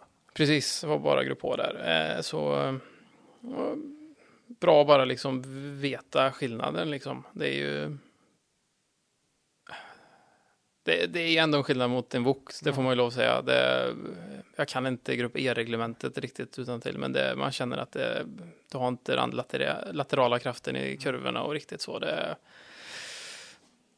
men eh, Men var det, då tänker jag, från, från åkt fyrhjulsdrivet, VOK och sen till en grupp E-golf, alltså det måste ha varit väldigt stor skillnad på alltså kör, körstil, alltså känn, känna hur bilen beter sig. Ja, absolut. Och som jag sa tidigare så först när jag fick frågan av VOK så kände jag att nej, jag vill inte byta ner mig. Men här hade jag nog släppt det helt. Jag, jag har inte ens reflekterat på förrän du säger det nu. Den här var det mer att jag ville samla så mycket information, eller så mycket kunskap som möjligt. Och för att kunna göra det så var det bra att åka med olika förare Ja. olika bilar. Det, det var liksom en... eh, Ett sätt att utbilda sig själv, kan man säga så. Ja, men så måste man ju säga. Alltså, ju fler, ju fler grejer man har i, i sin ryggsäck så blir, det blir man ju mer och mer komplett. Det, ja, så, så är det. Och det, övning ger färdighet. Det, det, det är så bara. Så är det ju. Man säger ju 10 000 timmar ska man göra innan, innan man är riktigt duktig på något. Ja, Så, men du har några, några timmar kvar. tror du det? Ja, det tror jag nog. Ja, kanske inte så mycket om vi, om vi kommer till din statistik sen som vi kommer in på. Så tror inte jag att det saknas så många träningstimmar i alla fall. Nej, nej, det kanske stämmer. Så. Men eh, sen kom du tillbaka med Jonas. Ni hann ju få ihop den där till i september, var det i Askersund. Ja, målet var ju egentligen att, få ju, för det året var ju första gången, tror jag i alla fall, som vi åkte i Finland i Sverigeserien. Ja, i Tampere, eller i Tammerfors. Eh, Så det var ju målet, att få ihop bilen till det. Och vi fick ihop bilen lite tidigare, så vi åkte, vi, vi, åkte Askersund. Jag tror, in, tror inte den gick i Sverigeserien, utan det var mest som en genomkörare, att allting fungerar Ja. på bilen och, och så vidare. inte åka till Finland och få bryta. Nej, nej precis. Nu blev det typ så i alla fall. Men, ehm, men eh, nej, vi körde igenom där och det var, det var väldigt nyttigt. Eh, Jonas fick tillbaka lite självförtroende och ja, det är alltid bra att köra tävling. Så är det ju. Alltså, man får ju alltid med sig någonting. Mm. Men då, om nu första gången utomlands, till Finland. Hade du sett och tittat något på inkarer och, och så? Eller hade du varit över och tittat något i Finland? Nej, jag hade inte varit över och tittat i Finland. Inkar hade man ju kollat på liksom. Och man, I min värld så var det ju liksom Finland, ja ja, det går fort, men kollar man på inkar så är det inte liksom, det är ju, ja, det är som svenska vägar ungefär, lite lyft här och där, men det är inte så mycket värre. Eh, men i den här tävlingen så var ju också Gunnar åkte ju med över och skrev arrangörsnoter. Men det var ju rek. Och när vi började reka, kurv, äh, reka sträckorna så började man inse att åh herregud, det här är ju en, det här har inte jag åkt på förut. Alltså det är sådana nivåskillnader som är Alltså du kommer över krön och det känns som vägen bara försvinner. Det, alltså, det kan vara 20 meters nivåskillnad. Du, det är inte, inget lyft, det är inget hopp, utan det är bara att vägen försvinner neråt liksom. Och du ser vägen en bra bit längre bort. Det, det, och de nivåskillnaderna får du inte med på en incar-film. Nej, det är ju helt omöjligt. Ja, så att ja, återigen det här med att reka och, och inte kanske ha rutiner med vad som är farligt och inte gör ju liksom att innan start sen var man var ju väldigt nervös alltså. Hur ska vi kunna åka här? Hur åker man på de här vägarna liksom? Det var mycket tankar i huvudet. Sen, sen började det ju, jag vet inte om det var fredag eller lördag, jag antar det var fredag, men då började vi på eftermiddagen och körde en sträcka två, eller om vi kanske till och med åkte den tre gånger, så han gick in i mörker liksom, så det blev som en kvällssträcka. Men vi åkte den, tyvärr åkte vi den en gång, sen var det servicen, tror jag vi bröt på transporten ut till SS2, eller vi åkte en gång i mörker och så om vi bröt till SS3 kanske, jag, jag kommer inte ihåg, men det var någonting med batteriet som... Okej. Ja, Överlag är jag ganska teknisk, men jag kommer inte ihåg exakt. Det var, om det, eller om det var generator. Ja, någonting med laddningen, ja. så ska jag säga. Och det fick ni inte starta om heller till dagen? Jo, så vi, ehm, och här var det ju liksom som två deltävlingar. Ja. Så första dagen nollade vi då. Och dag två vann vi. Det var nio, tio sträckor. Och det var väl Viktor Karlsson som, eh, han var ju snabbare än oss. Om jag inte minns helt fel. Jag tror han ledde med säkert en halv minut. Eh, men han åkte punka. På sista sträckan här för mig? Eller? Det kan till och med varit så. Jag, det, det, kommer jag inte riktigt ihåg om det var på sista sträckan. Men det är mycket möjligt att det var så. Eh, men vi vann i alla fall B-VOK eh, dag två så att säga. Och det var en skön revansch. Det kan jag tänka mig. En, få ta med sig massa poäng hem i alla fall. Ja, och ett äventyr. Alltså det, det är ju vi har jättefina tävlingar i Sverige och eh, det, i normala tider, det vill säga inte coronatider, så kan du i stort sett åka varje helg. Men det ger väldigt mycket att åka till ett annat land. Bara liksom att eh, bulletiner, eller PM som vi säger i Sverige, inte står på svenska. Står på finska och i bästa fall på engelska liksom. Eh, vad är det för information jag får till mig här? De har ändrat någonting på SS3, men vad har de ändrat på SS3? Eh, det blir det blir ett helt annat arbetssätt som co-driver. Du måste ha mycket tätare kontakt med förarkontaktmän, eh, tävlingsledningen och så vidare. Det, så det gav väldigt mycket den tävlingen. Det kan jag tänka mig. Alltså. Och lika med att du ska ut och åka mer i Europa senare under din karriär så kanske det var. Det hade jag inga ambitioner för just då, utan det var ju liksom det hade jag liksom inte som en, en baktanke med det här, utan det, det, var mer liksom att jag kände ju att jag utvecklades väldigt mycket av att åka i Finland där. Ja. Och lite till till ryggsäcken sig. Ja. Någonting annat jag kommer ihåg från eh, Finland var ju eh, hur Emil åkte där. Alltså det, jag hade inte åkt en meter med Emil då. Jag kände inte Emil så väl alls eh, då, men jag menar han han åkte runt åtta runt alla andra och sen när vi kommer till slutmålet och så säger han att ja, jag har kört halva tävlingen på utan treans växel. Äh, liksom, det är inte sant. Alltså, du, han står ju här och ljuger. Liksom. Ja. Och så la han ut sin kar och han har ingen treans växel. Han har kört ifrån oss på tvåan och fyran liksom. Och det är ju i en vok så är, jag, jag vet inte, 80 procent av tiden har du i trean. Punkt. Det var kanske tur att det var i Finland så han kunde använda ja, ja. Nej, det var eh, sjukt imponerande fart han hade där. Det var liksom, han, det var, han var untouchable. Mm. Det var helt omöjligt. Det kan jag tänka mig. Och sen, hur skulle du sammanfatta? För ni åkte ju någon tävling till där, Örebro. Mm. Det var ju finalen i Sverigeserien. I och med att vi liksom... eh, kan ju bara berätta från eh, hur jag upplevde det. Så eh, Jonas satsade ju liksom på Sverigeserien 2013 där. Och när vi gjorde den kraschen och eh, i och med att vi skårade väldigt dåligt i en deltävling i Sundsvall och som sagt kraschen som jag sa och sen eh, att vi också nollade i en av deltävlingarna i Finland så blev det ju, luften gick ur Jonas lite. Han tyckte väl inte rally var så jätteroligt så att vi avslutar i Örebro. Och sen, eh, sen var väl känslan att han inte ville åka så mycket mer utan kanske satsa mer på sitt arbete eller Jag förstår, jag förstår. så att eh, vi åkte Rikspokalen. Eh, ja, det gick väl helt okej. Jag tror vi blev trea. Eh, men eh, det var inget speciellt så. Nej. Det var, ja, ta, ta sig runt. Ja, det var lite inte förstöra bilen för den här ska vi ju sälja sen liksom. Eh, Men eh, på vintern här, då, då har du ju funderat på att byta då? Ja, alltså, i- som sagt, jag hade ju liksom inga... Jag hade fortfarande inga stora ambitioner här. Liksom. Alltså, vart vill jag? Var, var, vill jag bli världsmästare? Eller, det är klart att alla vill bli världsmästare, men jag hade liksom ingen plan. Jag hade inga, inga ambitioner av att bli det. Så att eh, jag såg väl mer som att, eh, ja, nej, men är det ingen som hör av sig så... Jag har ju ett arbete som liksom kräver mycket tid, så att Ja. då får jag väl jobba mer då.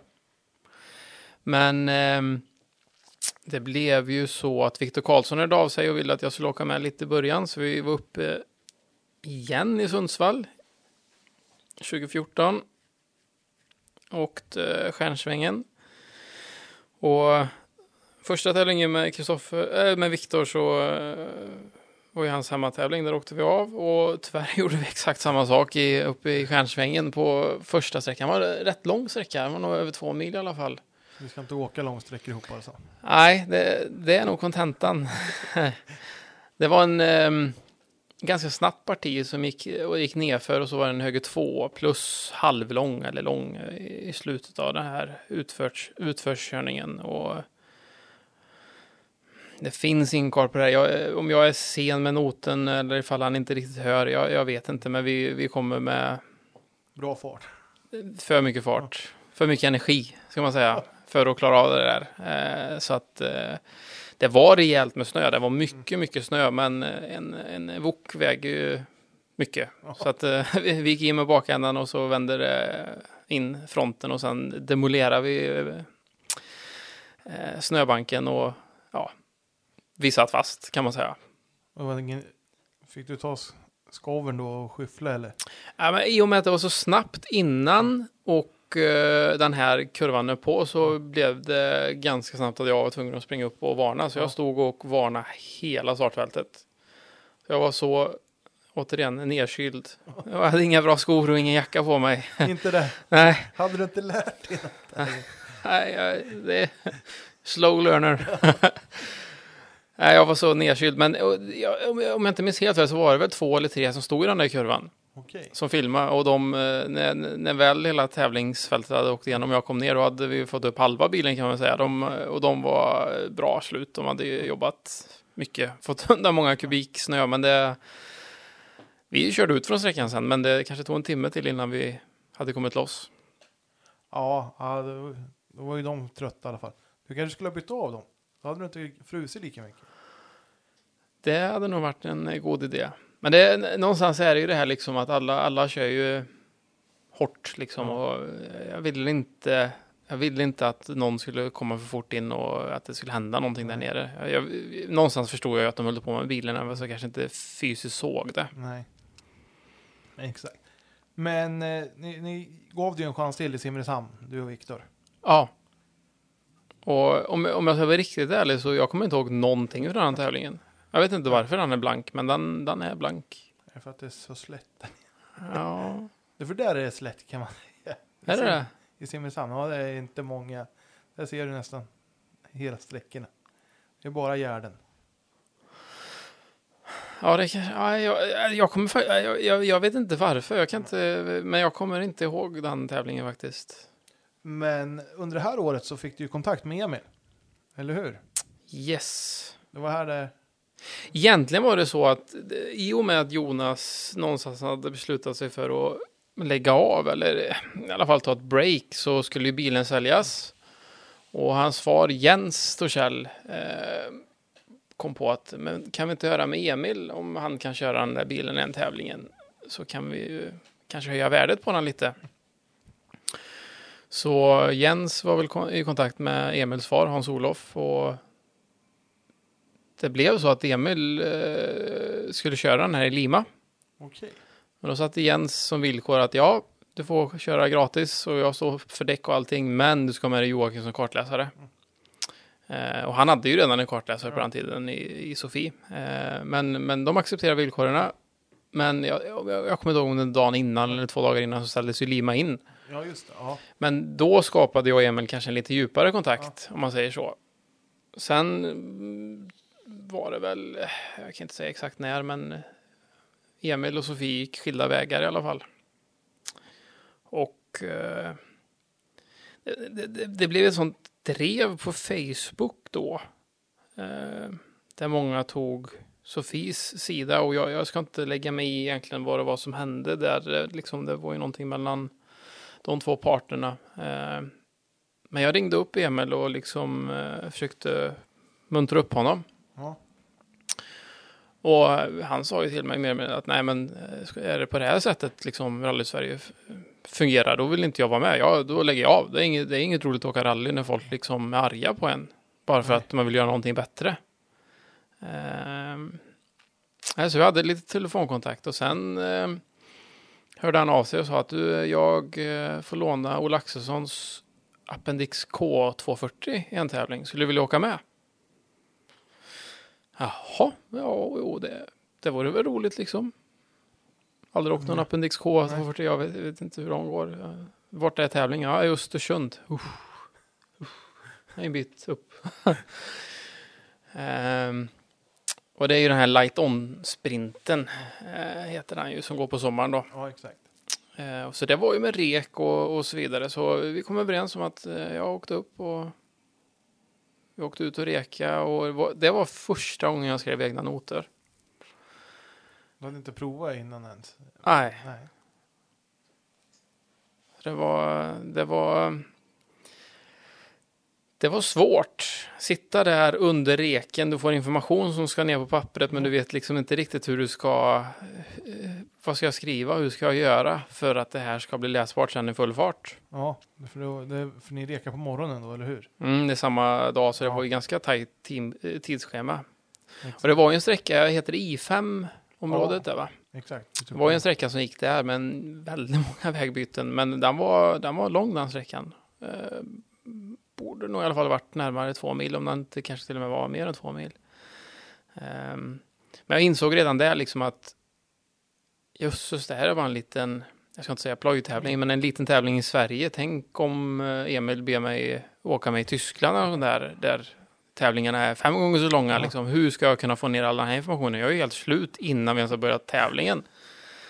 Ehm, men så jag satt redan på reken och funderade på att det här måste jag ju förbättra. Och hur gör jag detta på bästa sätt? Och ehm, kom fram till att ja, det här löser jag nog inte ut på egen hand. Jag måste på något sätt rådfråga någon. Ja.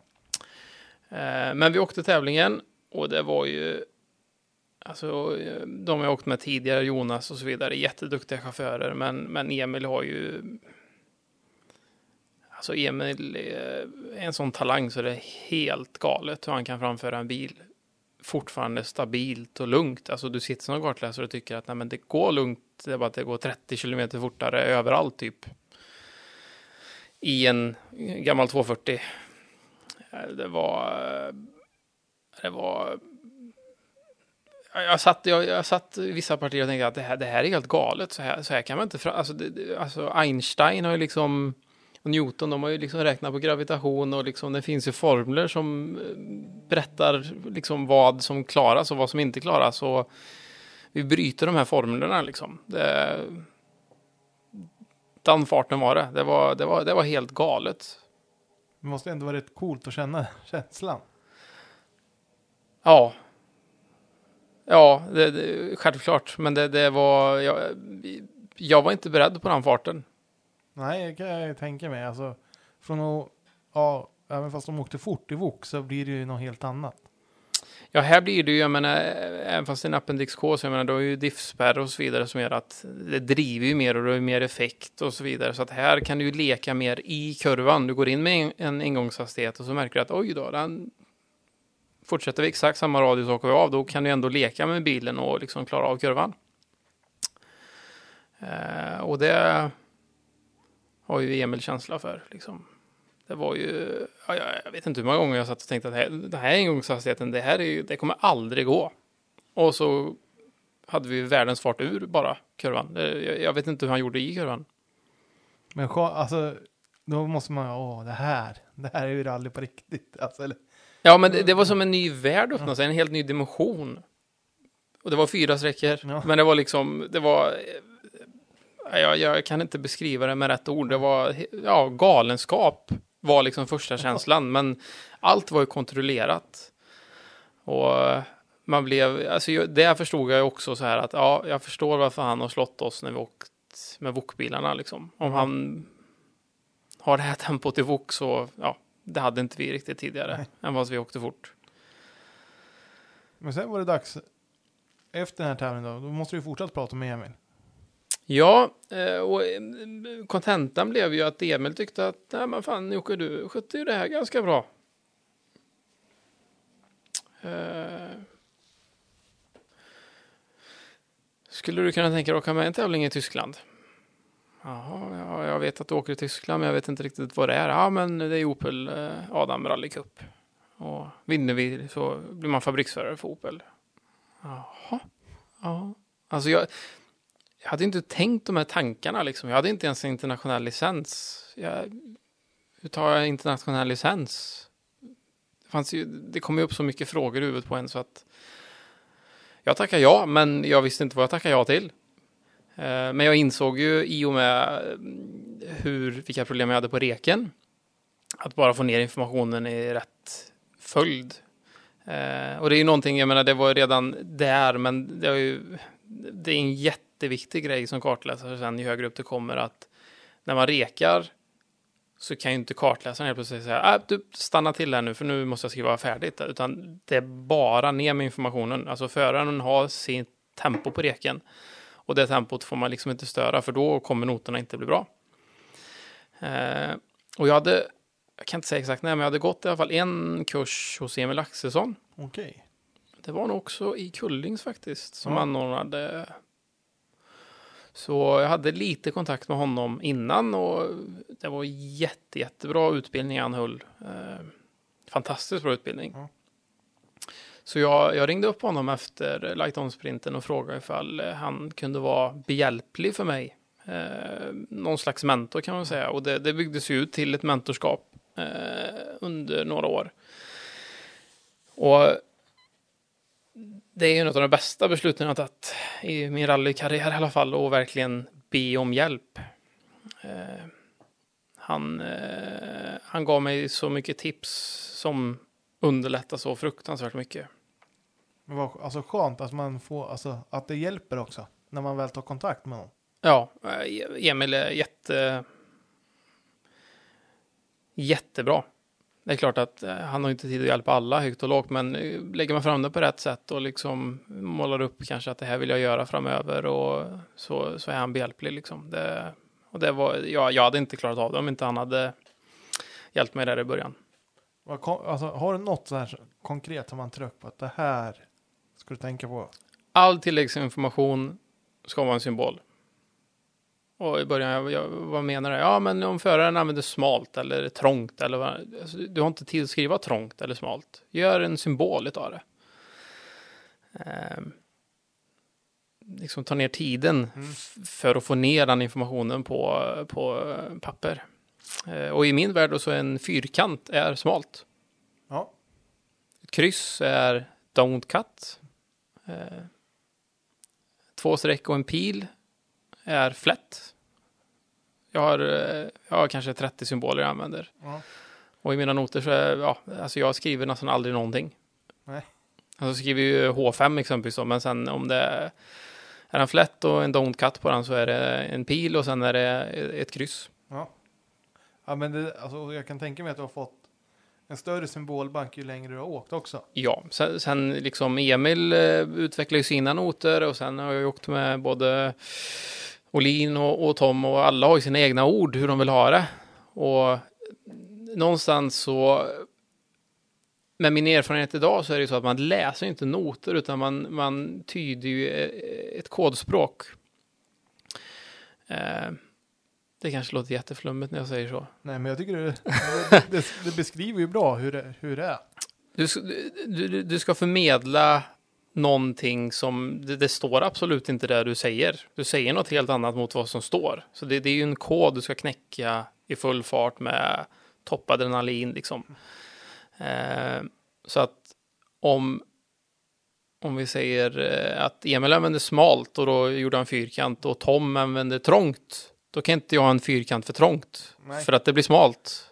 Så då var jag tvungen att hitta på en ny symbol för det liksom. Så att det, det, det har ju växt, så är det ju. Det kan jag tänka mig.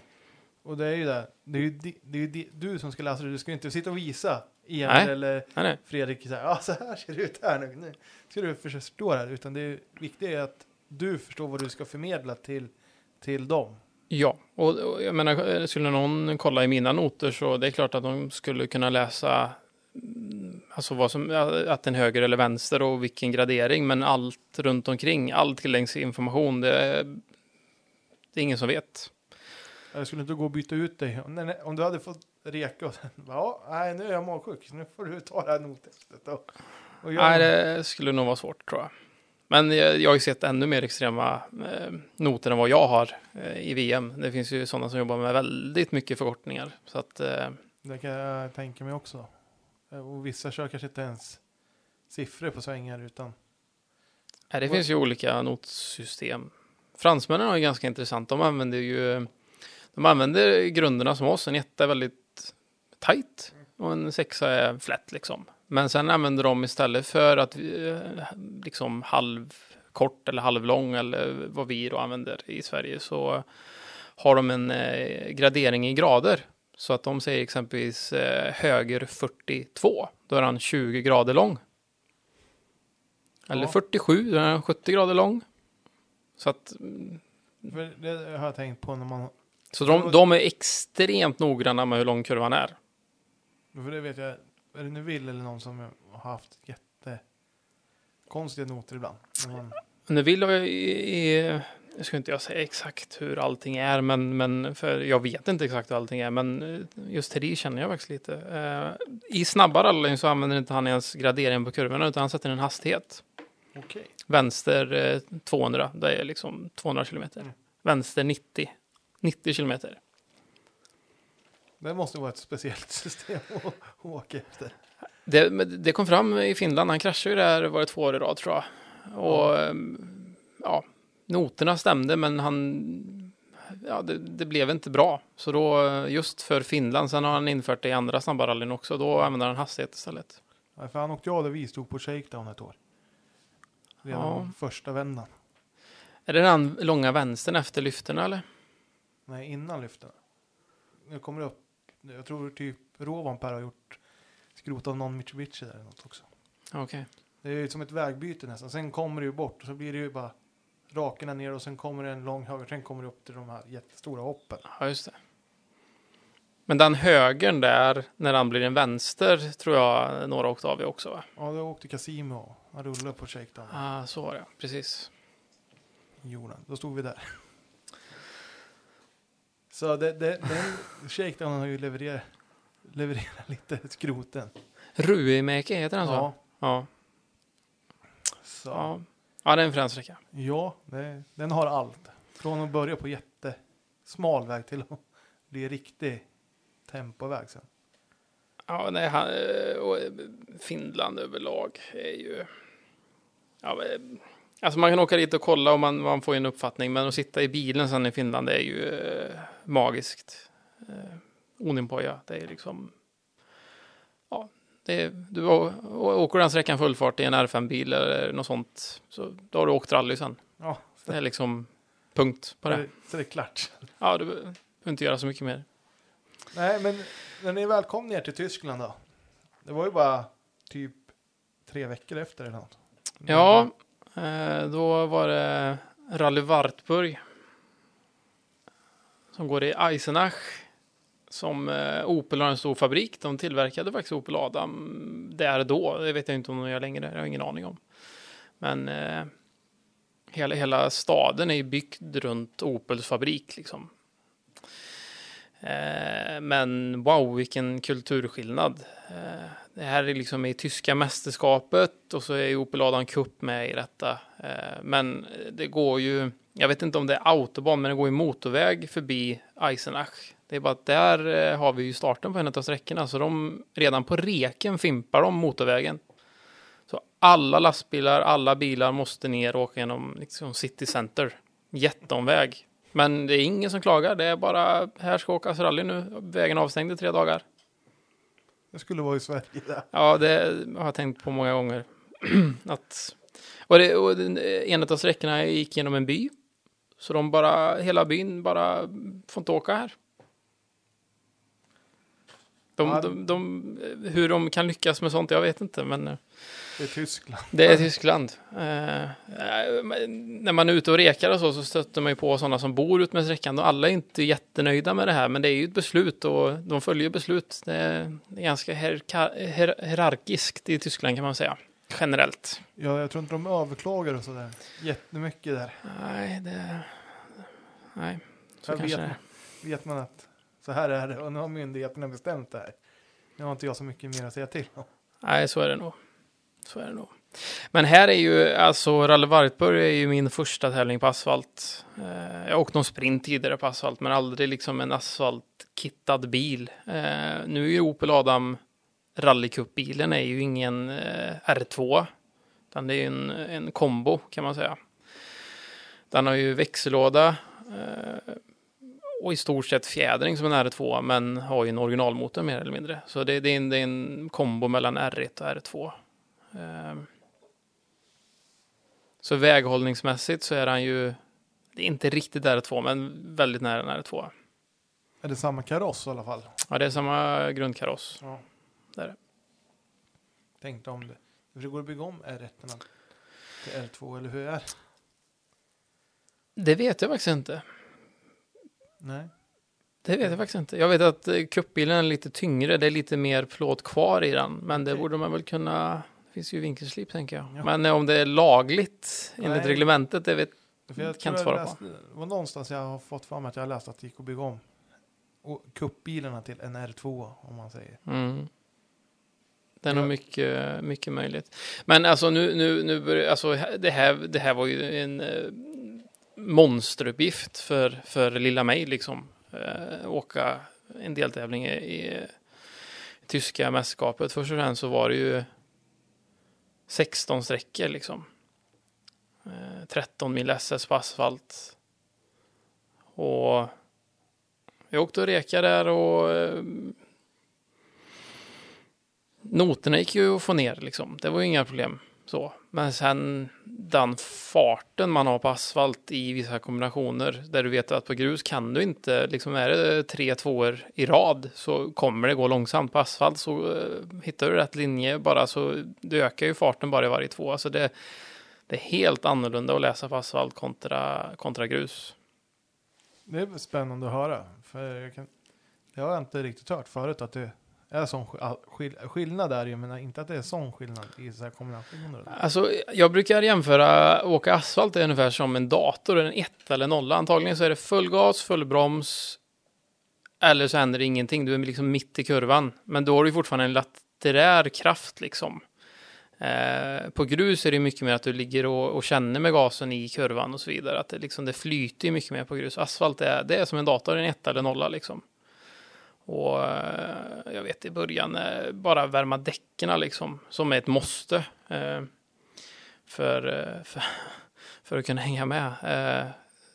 Alltså det, det, det greppet som är i, i de däcken är ju upplevde jag i början var helt galet mot vad man kan få på, på grus. Ja, det kan jag, tänk, kan jag förstå att det, det blir helt annat. då? och jag tänker, så här med åksjuka eller hur var nervositeten här? Hade du, om vi går tillbaka till din början där, jag tänker nu var det en helt ny upplevelse, ett nytt underlag och allting. Alltså nervositeten som jag beskrev tidigare har, under tiden eh, här någonstans försvunnit. Troligtvis under 2013 redan. Så hade man kommit över någon gräns liksom. Det, handlar ju om erfarenhet. Eh, men här var det ju mer.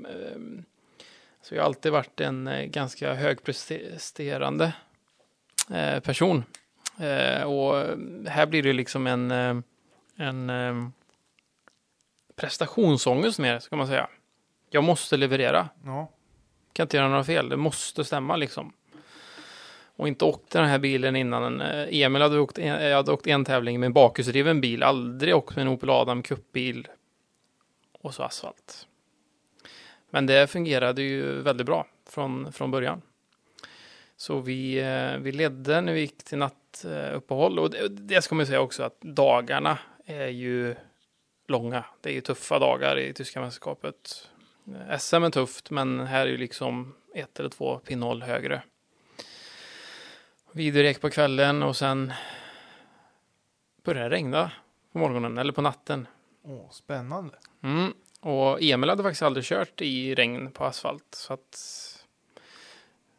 jag hade inte åkt någon asfaltstävling innan, så jag hade ju ingen erfarenhet. Så vi, eh, vi drog iväg där och det var en sträcka som gick liksom över ett berg kan man säga. Så jag gick upp för i början. Och vi laddade på som vanligt och hade några sladdar. Blir ju liksom, du har ju inte alls samma grepp när det regnar. Till det kommer en sladd vi inte klarar att häva. Så att vi, eh, vi gjorde väl en eh, jag vet inte hur många varv vi snurrade innan vi gick in i amkoräcket. Men vi gick in med amkoräcket med rumpan först så att säga. Så det studsar rätt. Så jag studsade rätt. Men eh, det var, det var någon styrled som tog, alltså ratten satt väldigt, väldigt snett. Så vi tappade i ledningen där och vi, jag tror det var två sträckor till innan Ja. service. Så att eh, vi kämpade på och vi tog många sträcksegrar. Eh, så att det blev faktiskt så att vi plockade mest poäng i cupen även fast vi blev tvåa efter Julius Tannert. På grund av att vi plockade så många sträcksegrar. Det är ju bra. Så eh, det var väl inte bara därför, men till året efter sen, 2015, så ändrade de poängskalan så att ja, vinner du så ska du alltid ha mest poäng liksom. Ja. Det kan ju vara schysst. Men eh, det är en sträcka där i, i Rally Wartburg som heter Waldhaus som redan på reken kände jag att det här är en riktigt frän sträcka liksom. Och den var ännu fränare i full fart. Sen, eh, ja, så det blev liksom en liten favoritsträcka kan man säga. Vi åkte den två gånger. Eh, sen blev det faktiskt att året efter åkte vi den igen och det, det var fantastiskt roligt att åka den i en R2 då. Det kan jag förstå att... Var den kuperad eller var det att den var bra rytm i den? Bra rytm skulle jag vilja säga och den går i skogen. Mycket av sträckorna i Tyskland är ju rakt vinkel, rak vinkel, lite S-parti, rak vinkel igen liksom. Men här var det en riktig sträcka liksom. Eh, eh, ja, i skogen, mycket trän. Eh, Jag vet inte, det kändes, det kändes väl lite mer som ett svensk eh, sträcka fast på asfalt då. Kul ändå att få åka en riktig asfaltsträcka i skogen. För det är Ja. inte så vanligt att det, Nej, att det nej. blir helt skogssträcka sådär. Nej, det var... Nej, det var väldigt fränt. Väldigt fränt. Men under den här tiden så var det ju liksom inte så att jag var Emils co-driver permanent, utan eh, tanken var väl att ja, sköter jag mig så, så fortsätter vi liksom. Men eh, det var ju egentligen Joel Ardell som skulle ta över Okej, ja. var planen. Så sen åkte ju de då tyska VM-rallyt ihop. Och eh, återigen, jag vet inte riktigt vad som hände, men efter det så togs beslutet att det är jag som skulle åka med då. Ja. Att det är jag som, i alla fall året ut, fortsätter. Så får vi se. Och nästa tävling vi åkte var Ostsee-rally i norra Tyskland. Exakt. Som är en helt annan typ av, eh, av vägar mot eh, i Rally Wartburg då. Och ja, Jakob Madsen åkte ju, det, det var ju ett bra gäng det året i kuppen för det var Jakob Madsen, det var vi, det var Patrik Pusch, eh, Julius Tannert och Dominik Dinkel som eh, det, det var mellan oss fem, det stod varje sträckseger liksom. Ja. Och kuppen var uppbyggd så liksom att sträckseger gav ju en poäng. Så att sträcksegrar var ju viktigt liksom. Ja men det, det är ju, jag tycker det är lite roligt när det, när det är fight varje sträcka, att du kan tjäna någonting på att vinna en sträcka. Det gör mycket för mästerskapet. Alltså någonstans så är det i slutändan samla mest poäng. Hur gör vi det? Och alltid vara snabbast innebär ju också troligtvis att du tar mest risker. Eh, och gör att du kanske nollar. Ehm, så det är en avvägning det där. Men det gör ju att du alltid är på tårna varje sträcka. Du kan liksom inte släppa, du kan, även så leder med en minut så vill du inte ge bort en poäng i onödan om du känner att nej, men vi kan ta sträcksegern på ett eh, safe sätt liksom. Nej, och, då, och sen åker du med fullt fokus hela tiden. Och det tror jag är viktigt också. För man säger, hör här, om du leder med en minut och börjar slappna av så kan de här enkla misstagen komma också. Ja, det kan vi göra. Absolut. Ja, jag, jag, jag, det är klart att man ibland kan, som kartläsare kan sitta och uh, tycka att nu pushar vi kanske lite väl hårt här, men, men uh, jag gillar ju när man tar i liksom. Det ska vara, det ska vara på gränsen hela tiden. Det är liksom det, det är det man lever för. Ja, och ni är ju, fo- alltså, hade, hur hade det gått för Emil innan det här i Operaden? För jag tänker att du hoppar ju inte in i första tävlingen. Nej, jag, jag kan inte riktigt i huvudet. Jag vet att han hade vunnit en tävling innan i alla fall. Ja, och sen Ja. så blev ni ju tvåa. Och tyska VM-rallyt då, kommer du ihåg hur det hade gått där? Det gick nog bra ena dagen. För det är två tävlingar då. Ja, det är två deltävlingar i, i tyska VM-rallyt. Det gick nog bra i ena deltävlingen, men den andra tror jag nog faktiskt han bröt. Ja, det, jag tror det. Ja. Jag tror han nollade ena tävlingen där. Men i Ostsee där så var eh, det ganska snabbt, ska jag säga, snabba vägar. Och du har en sträcka som går ute på ett övningsfält där som är jag ska inte säga att han är så pansarplatte sen i tyska VM-rallyt, men ja, en light version kan man väl säga. Okej, ja. Och eh, vi startade tävlingen och ganska säker på att vi var snabbast på första med två tiondelar eller något sånt där mot Jakob Madsen. Och sen sträckan efter det så var Jakob två tiondelar före oss och sen det var så där hela tävlingen. Alltså vi låg och jagade livet ur varandra. Och ja, det gick över stock och sten. Jag vet just på den här övnings, eh, på övningsområdet så genar vi in över en eh, sån här sergeant och upp på två hjul. Och eh, Spännande. kände att ja, Emil hanterar nog den här. Vi kommer nog inte rulla, men liksom vägen fortsatte ju svänga höger liksom. Och när han ska då kompensera och svänga vänster så tar ju vägen slut. Så att vi var ju nere i ett dike där i 100 blås kanske och touchade en, eh, en, eh, en brunn. Jaha, ja. Så bakaxeln blev lite sned där. Men det var, det var sånt fruktansvärt tempo. Men i slutet, vi, vi, vi mäktade inte med. Vi var fem sekunder efter i mål eller sånt där. ja.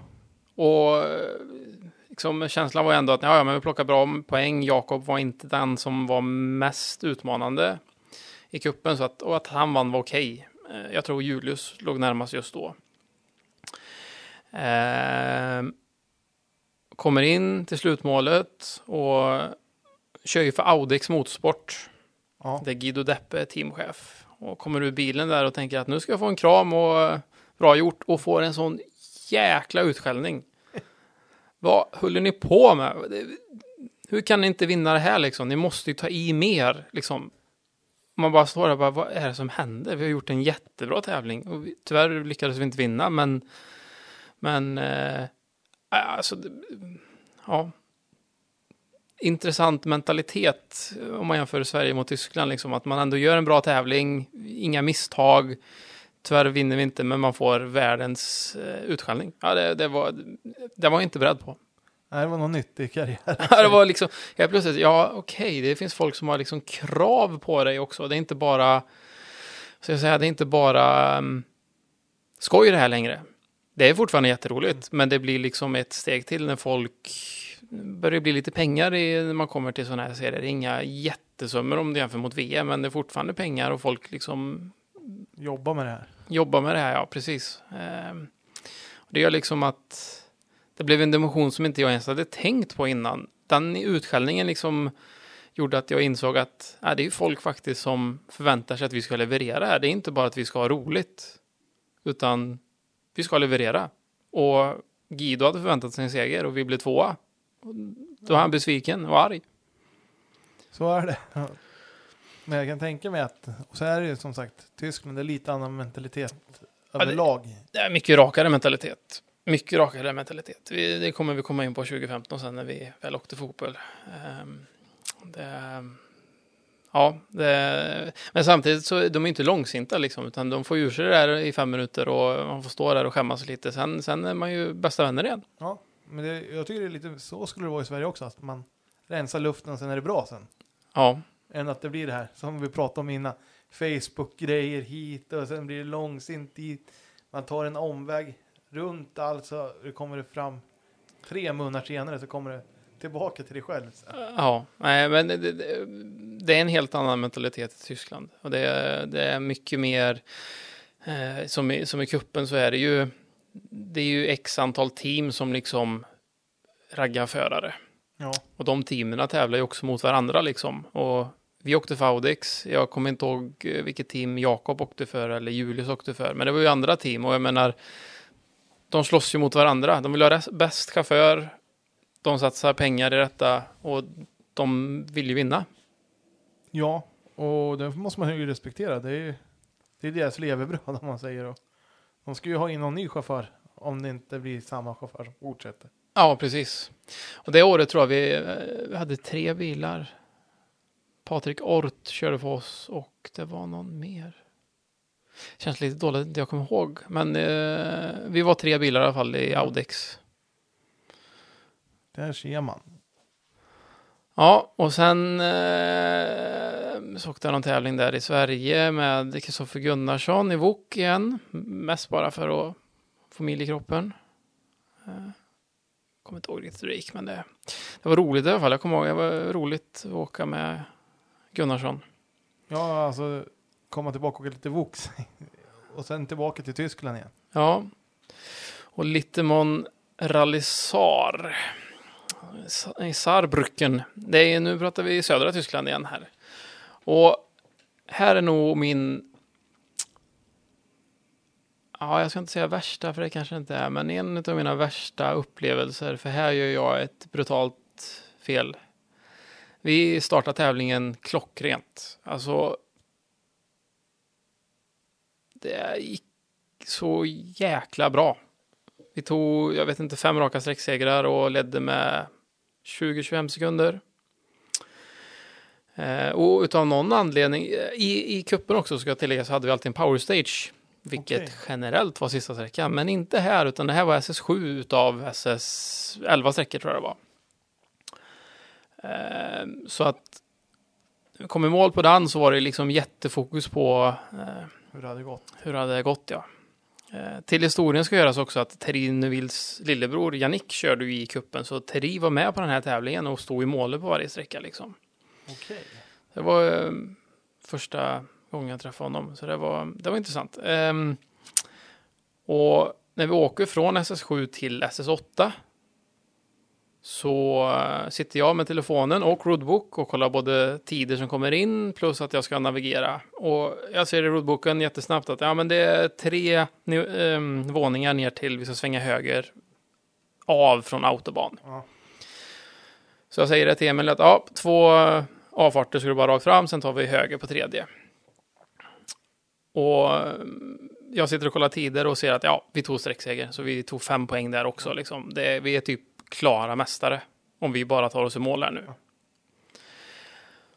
Och när vi kommer till avfart 3 så säger Emil, ja, är det här vi ska svänga av? Det står någonting här. Och jag kollar ner i roadboken och bara, nej, det här stämmer ju inte alls. Alltså verkligen inte någonting. Nej, vänta lite Emil, det kanske är nästa avfart då. Och då kommer en skylt som står att eh, nästa avfart Luxemburg 20 kilometer. Så då har vi liksom åkt förbi sista avfarten i Tyskland. Och någonstans har det ju gått fel. Jag, jag har ju liksom, vi har åkt fel. Åt helvete fel. Så att, eh, ja, så fort som vi åkte på autobahn där och tillbaka Det var nog snabbare än på specialsträckorna. Jag vill minnas att vi tog vänstervarv i någon rondell i någon by där när det var kö och ja, det var bra påslag på den transporten. Men det var ju ett jättemisstag av mig.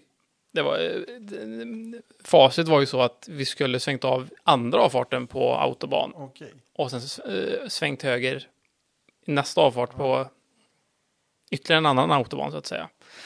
Och jag, jag hade inte läst på roadboken tillräckligt bra. Så att, eh, ett slarvfel som fick jättestora konsekvenser för vi var nio minuter sena till tekon. Men varm Adam. Alltså han måste ju ha gått så mycket den var Ja, och det var nära på att vi åkte in i tekon utan hjälmar och sånt. Och det, så, ja, ja, det, var, det var stökigt där kan jag säga ett tag och jag kände att nu, nu har jag gjort mitt. Jag kunde inte mer. Det var liksom, nu är det kört. Tänkte du någon gång på arga tysken? Nej, ja, det var nog mer att eh, försöka överleva. Eh, Emil, han var inte så jätteglad, men han, han gjorde det ändå på ett väldigt fint sätt. Liksom. Det var inte så att han började råskälla, och liksom, utan det var okej, nu gör vi det bästa av situationen från och med nu. Liksom. Fokus. Och den sträckan, om det nu då var SS8, jag tror det var SS8, var ju fyra totalt. Vi var snabbare än alla R2-bilar. Vi var snabbare än... Vi hade någon Porsche, någon fyrhjulsdriven bil och en R5 tror jag framför oss, eller Super 2000-bil. Och när vi kommer i mål på den sträckan, alltså jag är ju helt förstörd. Jag har ju pajat Emils hela säsong. Ja. Så var känslan där i alla fall. Eh, Och det hade ju också kunnat bli så. Ehm, Men jag kommer ihåg när vi kom i mål på den sträckan och eh, Terine Will står där och kollar på tavlan på tiderna och så ser han våran tid och så kollar han på oss och bara skakar på huvudet som att vad har ni gjort liksom? Ni är ju dumma i huvudet. Men det påslaget på den sträckan är, eh, ja då var ju Emil liksom Lite arg. Ja, han var lite, ja han var arg. Han var nog arg på både sig själv men framförallt mig då. Eh, att, eh, att vi liksom sumpade på en transport hela kuppen. För det, det, det var ju liksom, det var ju, facit var ju det. Så kom vi tillbaka till service och- då tänkte jag att nu får jag väl en höger liksom utav Guido. Men eh, han kom fram, kramade mig, pussade mig i pannan och sa att du, alla gör misstag ta det här i mål nu bara. Och det, ja, det var stort av honom att göra det i det här läget. Det, så, alltså, det var ju det du behövde. Det var det jag behövde. Och till, till historien ska ju sägas att bakom Emil så är det några personer som liksom har hjälpt honom hela tiden och många av dem var ju på plats. Ehm, så hur som helst, vi gick i mål i tävlingen och vi blev fyra. En var så hade 1,30 i straff. Eh, Jag tror vi tog alla sträcksegrar sen. Resten, alltså vi, ja. Men den här pokalen har jag inte kvar för jag vet vi gick till, ja, det är obligatoriskt Ja. eh, att vara med på prisutdelningen. Jag fick den här pokalen, vi gick ut från, loka, eh, från den lokalen vi var i och så slängde jag pokalen i en eh, soptunna. Ja. Den vill jag inte minnas. Eh, men eh, när jag kom hem sen så eh, är det en herre som heter Lars Brodmar som har hjälpt Emil hela tiden i bakgrunden. Ja. Som har varit ja, mentor kan man väl säga. Och här blev han det åt mig också. Och liksom en sån här grej, jag menar, någonstans hade jag ju kunnat paja Emils karriär här. Ja, lite så. Jag vet, det var mitt fel. Jag, det var inte så att jag försökte skylla på någon annan. Och, och Lasse var ju inte så att han, nej men det är okej Joakim, men han stöttade mig på rätt sätt liksom. Jag, jag vill inte åka mer. Jag sa till Emil, du får hitta en annan kartläsare. Jag, jag, jag klarar inte av det här. Jag är inte tillräckligt duktig. Eh, men Lasse liksom, Han peppar eller? han, peppa, han, han hjälpte till liksom. Det, det, liksom det, det blir så mycket mentalt på den här nivån. Att, eh, det, är inte, det är inte bara liksom läsa noter och lämna tidkort höger och vänster. Det, det är så mycket tankar som far genom skallen hela tiden. Så han hjälpte mig att bearbeta igenom den situationen som var.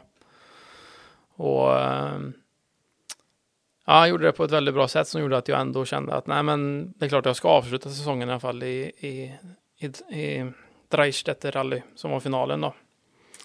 Eh, effekten för mig blev ju att den här roadboken hade jag med mig i min ryggsäck i två år. Så, så fort även om det var jobbgrejer eller vad som helst, så fort jag kände att jag var lite osäker på någonting så tog jag fram den här roadboken och bara att kan aldrig vara säker nog, eh, Nej. nog liksom. Det, check en double check, en triple check liksom. Så det var en väl, alltså om man kollar sen framåt så var det en väldigt bra lärdom, lärdom. Men just då så var det ju, eh, ja det var tråkigt. Det Ja, det kan jag var, tänka. Det måste ha känts som pest och pina där ett tag. Alltså, Ja, alltså jag, jag ska inte säga att jag hade självmordstankar, men det var fan inte långt borta. Det var, nej, det var brutalt. Det var fruktansvärt jobbigt. det kan jag tänka mig. Men eh, jag måste ju ändå fråga. När, när ni hade fått lite distans till, alltså när ni hade kommit hem från Tyskland där. Hur mycket pratade du med Emil i telefon om det här? Eller var det med? Vi gick ju igenom liksom situationen och hade en debriefing eh, ihop med eh, Lasse. Där vi pratade igenom vad vi tyckte och tänkte och kände och liksom en nulägesanalys av både känslor men också resultat om man tar bort det här misstaget och så vidare. Och man behöver rensa rummet ibland. Ja, Och det gjorde vi på ett bra sätt och Lasse var väldigt drivande till att vi löste det. Så att när, när, när vi väl hade haft den här debriefingen så det var liksom ingenting som låg och gnagde liksom. Ja, Inte som jag upplevde i alla fall. Så att eh, nej, det var ja, ja, det var eh, jag tänker tillbaka på det så var det en mardröm, men det sagt man blir ju starkare. Det är liksom de här stora misstagen som man lär sig mest utav. Men så är det ju oftast i livet. Man lär sig av de stora misstagen. Och man vill ju inte göra om samma misstag igen. Det vill man inte. Ehm, men var det skönt att få lite distans sen? För sen kom du, fick du ju åka med, åka över till Finland och åka vokserie där. Var, gjorde det någonting för självkänslan? ja, det gjorde det. Det gjorde det. Jag var ju liksom en, en ja, självförtroendet var ju i bott liksom. Men så ringde Per Nordahl och eh, det var ju egentligen Patrik Bart som åkte med honom det året, men just den tävlingen kunde han inte. Jag minns inte varför, men eh, man skulle åka med Pontus eller jag, jag vet faktiskt inte. Och Per Nordahl var ju i det läget att han kunde vinna Sverigeserien i avåk. Eh, ja, så att det är klart jag hänger på. Jag har ju varit där en gång tidigare, jag vet vad det innebär. För det, det var ju samma, det här um, Pirelli Rally Tampere. Det var ju samma tävling som året innan. Inte samma sträckor exakt, men Nej, men- samma tävling. Startade vid idrottsarenan i Tammerfors och Precis, just serviceplatsen var väl lite annorlunda vill jag minnas. Men eh, alltså det, det är också någonting man kanske ska ta upp som kartläsare. Att åka en tävling två gånger underlättar något så fruktansvärt mycket. Man vet vart man ska anmäla sig, man vet vart apotek finns, vart man kan tanka bilar, eh, vart man bor. Alltså man, man får en, liksom en, en, en karta i huvudet som man hittar. Det, det, första gången du kommer till en, en ny tävling är alltid svårt liksom. Men andra gången lätt, tredje gången så är det som rinnande vatten liksom. Det, så det blir lättare varje gång man åker en tävling utomlands på samma ställe då. Ehm, och här var det så att det var också uppdelat i två tävlingar. Alltså det var en tävling som helhet men, men eh, Sverigeserien var i två tävlingar. Och det var bara en sträcka på fredagskvällen. I spöregn, i mörker. Ja, är... Och den sträckan heter typ Pengapojan eller något sånt där. Ja. En av de absolut brutalaste sträckorna de har i närheten av Tammerfors. Det är verkligen upp och ner och det är... Ja, det är en tuff sträcka. Och när vi kom till starten så var det ju, alltså jag i 30-40 40 bilar där liksom. Det var ju stopp på sträckan helt enkelt. Fram och ta sin tid och sen det regnade jätte, jättemycket. Kommer du ihåg det? För vi var uppe där och tittade och, i Tampere. Jaha, okej. Okay. Var vi. Det var riktigt busväder var det. Ja, det var, det var inte trevligt alls. Man satt mest i bilen och... Per Nordahl är ju sån, liksom, han är en jäkla skön karaktär alltså. Det... Men det var ju även fast det var Vox var det ju det här att vi skulle inte ha fem eh, liter extra i bilen. Så det var ju, bilen var ju avstängd liksom. Vi kan ju inte stå där på tomgång för det. Då skulle vi inte komma tillbaka liksom. Eh, jag vet, det var, det var kallt och det gick mycket... Det blev flera stopp. Det var liksom... Ja, det var inget flyt alls för den här kvällen. Jag kom, vi var dyngsura när vi kom till bilen. Eller, och så också. För det vara uppehåll, på uppehåll ett tag. Ja.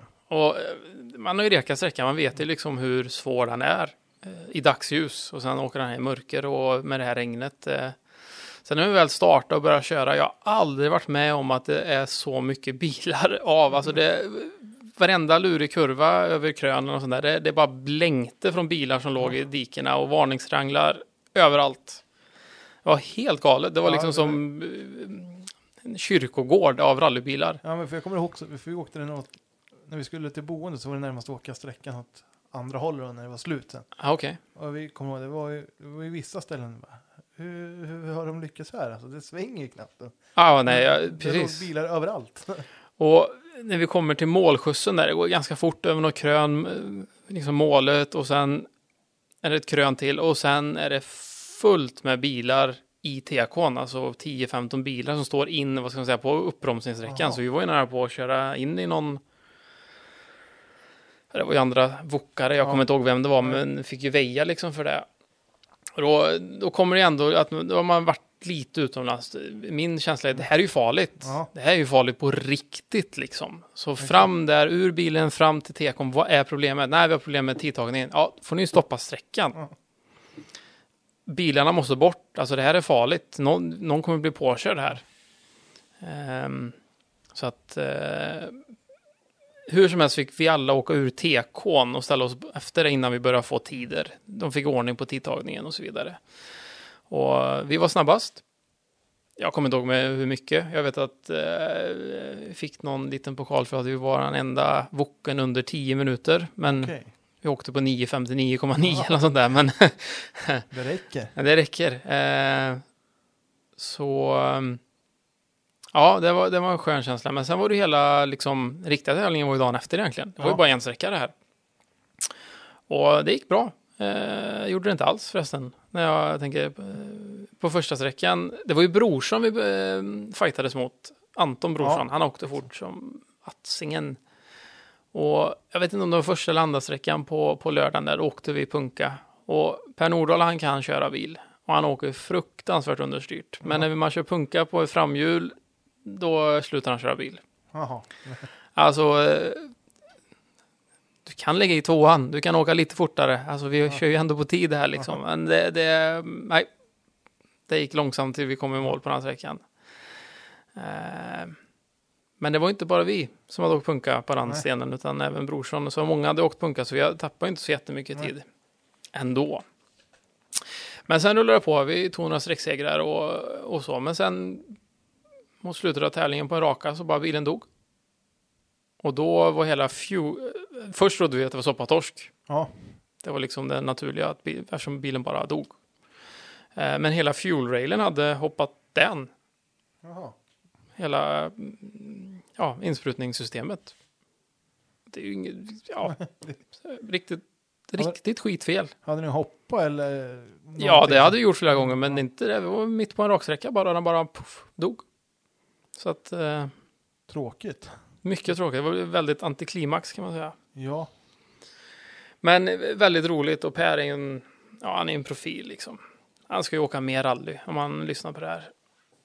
Han behöver börja Ja. igen. man får se till att snickra ihop det igen och få, få åka mer. Ja. Han, hela han, eh, han har en aura runt sig liksom. Det, han är ja, både duktig på att köra bil men eh, även liksom en jäkla god kille. Ja, och han pratar så djup värmländska ibland som man knappt förstår vad han säger. Men det, Nej, eh, ibland så, värmländskan kan ju vara lite gratis, eller vad man ska säga. ja, man får, man får gissa lite. Ja, nej men eh, räckte det här då? För jag tänker, han måste ju fått pengar när han, om det var två deltävlingar. Jag vet inte om det blev klart där. Sen, det var ju en deltävling till. eh, Men han vann ju i alla fall, gjorde han. Men om, om, om, eh, vi, om han blev klar där eller inte, det kommer jag inte ihåg. Nej, för det är väl rikspokalen, det brukar alltid vara avslutningen för. Ja, precis. Och då åkte nog, eh, då åkte nog Bart med igen. För sen drog ju du hem till Sverige och åkte SM-final. Ja, vi... Som sagt, Emil hade ju i stort sett bara åkt utomlands hela det året, så det var ju... Och alla sponsorer är svenskar, så att då behöver vi ju visa upp sig på något sätt. Så då eh, fick vi låna jag vet faktiskt inte vad han heter, Bonnen, Bonnen, eh, Franskersund, Bonnens 940. Ja, Micke Larsson. Så heter han ja, precis. Fick låna hans 940. Eh, och eh, Rally Uppsala var ju finalen där.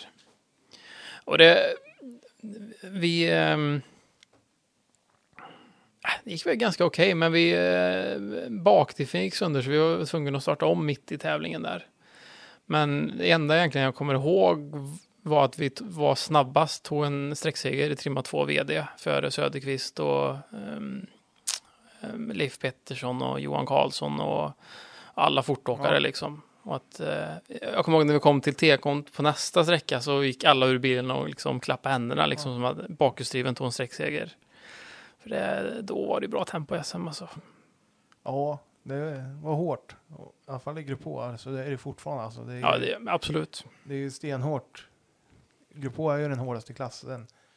Ja, förutom, kan, ja, R2 var riktigt hård här ett år också. 2019 måste det ha varit. Ja, kan nog stämma. Var Jag, jag har, jag, tyvärr har jag väldigt dålig pejl på Jaha. SM. Jag, tyvärr, jag är ledsen. Jag, Men det, det var ju där ett par år det var. Grupp H har ju alltid varit den stora klassen. Och, mm, Men det är som jag säger, toppen i SM är alltid riktigt snabb oavsett klass. ja. Så är det ju. Men eh, om vi ska gå över då till sista tävlingen i Tyskland. Ja, den här skulle vi nog kunna en egen podd om bara, bara den här tävlingen. För det här, eh, alltså det hände så mycket grejer som var helt galet. Men i korta drag då så Dreistetter rally, allt skulle avgöras, dubbla poäng, fem förare kunde vinna. Och det var inte så att det var skrivet att den som vann skulle få fabrikskontrakt, men mer eller mindre var det så. Ja. Eh, Men det var vi, det var Jakob Madsen, det var Dominik Dinkel, Patrik Pusch och Julius Tannert som vi alla fem låg väldigt, väldigt tajt. Ja. Och startade med eh, på kvällen där med en sträcka och vi, det var bara någon bil framför oss då stoppade sträckan och det var en olycka. Och det, det var faktiskt en bil som hade åkt av och in i ett hus och så att bägge sträckorna på kvällen ströks. Jaha. Jag, har, jag kommer inte ihåg mer. Jag, ja, det var nog ingen bra olycka om man säger Nej. så. Eh, Men hur som helst så um, lördagen börjar med en, eh, de har, de har en förkärlek för de här round course-sträckorna. Man har en startpunkt och så åker man in och åker ett varvlopp. I detta fallet ett väldigt långt varvlopp, jag tror det var över en mil innan du kom tillbaka till starten igen och så går du mål på ett annat ställe. Och eh, det här var ju första sträckan som vi gick upp med fick tid på liksom. Ja. Och det, var, det var en okej sträcka, men det var inte mer. Och när vi kom i mål så hade vi fått 10 sekunder av Madsen och det var liksom ridå ner. Det var... Uh. 10 sekunder, det är mycket. Ja, på en mil alltså. Så blir det ju... Ja, sträckan totalt var nog två och en halv. Okej. Ja. För jag åkte två varv tror jag. Och någon grusparti också och så vidare. Men det... Ja, 10 sekunder är väldigt mycket att ta igen liksom. Sträckan efter var vi snabbast och Julius kraschade. Så då var vi fyra kvar som Ja. fightades. Men vi säger att vi tog tillbaka en halv sekund från Madsen på en mil. Ja. Så då är de här. 10 sekunderna fortfarande väldigt, väldigt mycket va. In på service och ja, mentalt väldigt jobbigt liksom. Och, eh, tänd, alltså, klart att man vill allt, men man inser någonstans att bara på ren speed så tar vi inte 10 sekunder. Nej. Det är ju på första sträckan det är liksom sådana här grejer händer. Eh, Så ut på samma sträcka igen efter servicen. Och vi kommer kanske ungefär halvvägs så är det en hård inbromsning och det klickar till och drivaxel går sönder. Och då är det ju ridå- ner. Alltså, det går ju att åka några mil. Ja, för, för, så länge förspänningen håller lådan liksom. Ja. Men den slirar ju direkt. Men alltså, du, du kan ju inte åka fort. Alltså, tävlingen var ju över, säsongen var över, mästerskapet var över, var kört. Och jag vet Emil sa det, nej jag, Joakim det här går inte. Alltså jag, jag skrotar den här bilen en sex varv hellre än och liksom gör det här. jag förlorar på ett tekniskt misstag. Det här, det här, det här går inte. Och han... Och jag, i mitt huvud så är jag bara, alltså jag vet inte om jag vill rulla sex varv. Men alltså han, han tog i så mycket han kunde med, Med en drivaxel. med en drivaxel. Men liksom det slirar ju väldigt mycket och du, du har ju ingen, ingen, du kan inte åka fort Nej. liksom. Det blir farligt. Sen kommer vi kanske, det är fem, sex kilometer in på ett grusparti där. Och där ligger Jakob Madsen. Ute i skogen. Och börjar räkna direkt så här, vänta lite nu. Om han är borta, Tänner till borta. Tennet borta, Push hade också dratt en drivaxel innan och Dominic kommer jag inte ihåg, men han var inte med i matchen. Mm. Så det var Madsen som var, han vi fightades mot. Och han ligger i skogen. Och jag börjar räkna lite att, vänta, vänta, Emil, nu, nu, nu, tar vi det jävligt lugnt där, för jag tror, tar vi oss bara i mål nu så vinner vi. Och då, alltså, uh. åka, det kanske var en och en halv mil kvar på sträckan, sen var det transport på par, tre mil, sen en sträcka till innan service. Och helt plötsligt börja åka för att det här ska hålla liksom. Förspänningen får inte släppa för då, då står vi ju still Ja. liksom. Nej, det var... Nej, det var så fruktansvärt jobbigt. Men frestar det på mer när det är asfalt tänker jag med förspänning än, än när det är grus? Tänker det sliter mer grejerna är asfalt? Ja, det, ja, det är mycket mer grepp Ja. så att det sliter mer. Sen hade, jag ska inte säga att det, men det var ett problem med drivaxlarna i de här kuppbilarna och just vid inbromsningar, inte vid acceleration utan vid inbromsningar. Det är ju det är ju ett konstigt fel egentligen. Eller? Ja, Du som är lite tekniskt kunnig, har du något? alltså jag har ju sett de där brotterna i min värld så är ju de där drivaxlarna lite för hårda. Lite för härdade. Men eh, jag har inte gjort någon kemisk analys utav dem som jag kanske hade gjort eh, i mitt vanliga arbete. Men Ehm, Brotten är, det, det ser ut som att de var för hårda. Men, men whatever. Så ehm, vi tog bilen till servicen. Det var, och den slirade något fruktansvärt i slutet. Det var nästan som man fick putta in bilen på servicen. Men det, det gick liksom. Problemet var ju att det kanske var en 20 minuters service och det var så många drivaxelhaverier så att när vi kom in på servicen så hade vi ingen extra drivaxel. Och Audex sprang omkring och letade efter en extra drivaxel. Eh, till slut så eh, hade Opel Motorsport var ju liksom med på alla tävlingar. Ja. De hade alltid med en R2, oftast Marian som körde, eller Fabian Kraim. Eh, men till slut så var det någon som fick tag i en drivaxel, så det blev liksom att Ja, Jag kommer ihåg han, eh, jag kommer inte ihåg vad han mekanikern heter nu, men han, han liksom hoppade och gled in under bilen och fick in i drivaxeln i rörelsen liksom. Ja. Ja, det var, ja, om det verkligen gick till så det vet jag inte, det kan vara en efterhandskonstruktion, men det, så, så har jag minnet i alla fall utav det. Och eh, jag tror vi klarade tidsbestraffning med kanske tre sekunder eller någonting, Ja. utcheckning från servicen. Så det var, sen var det bara att ta sig i mål. Samma sträcka en gång till, två och en halv mil. Och någon sträcka till. Men det, det var... Ja, jag kommer faktiskt inte ihåg så mycket. Det var liksom en dimma. För det, det, det var så mycket eh, nerv i det där. Men det räckte i alla fall. Det räckte i alla fall. Alltså, vi, placeringen i tävlingen var nog katastrofalt. Jag, jag vet inte ens om vi blev topp 10 i kuppen, men det, det räckte för att vi skulle vinna kuppen. Ehm, och sen eh, är man ju, jag kommer inte ihåg vad det heter där nu, men eh, man är ju på, det är ett partyställe liksom, eh, som final, eller som, som man går i mål i och som prisutdelningen för kuppen är och så vidare. Och de kör ju in en R2 i lokalen. Och det är ju, ja det är ganska frän ceremoni liksom.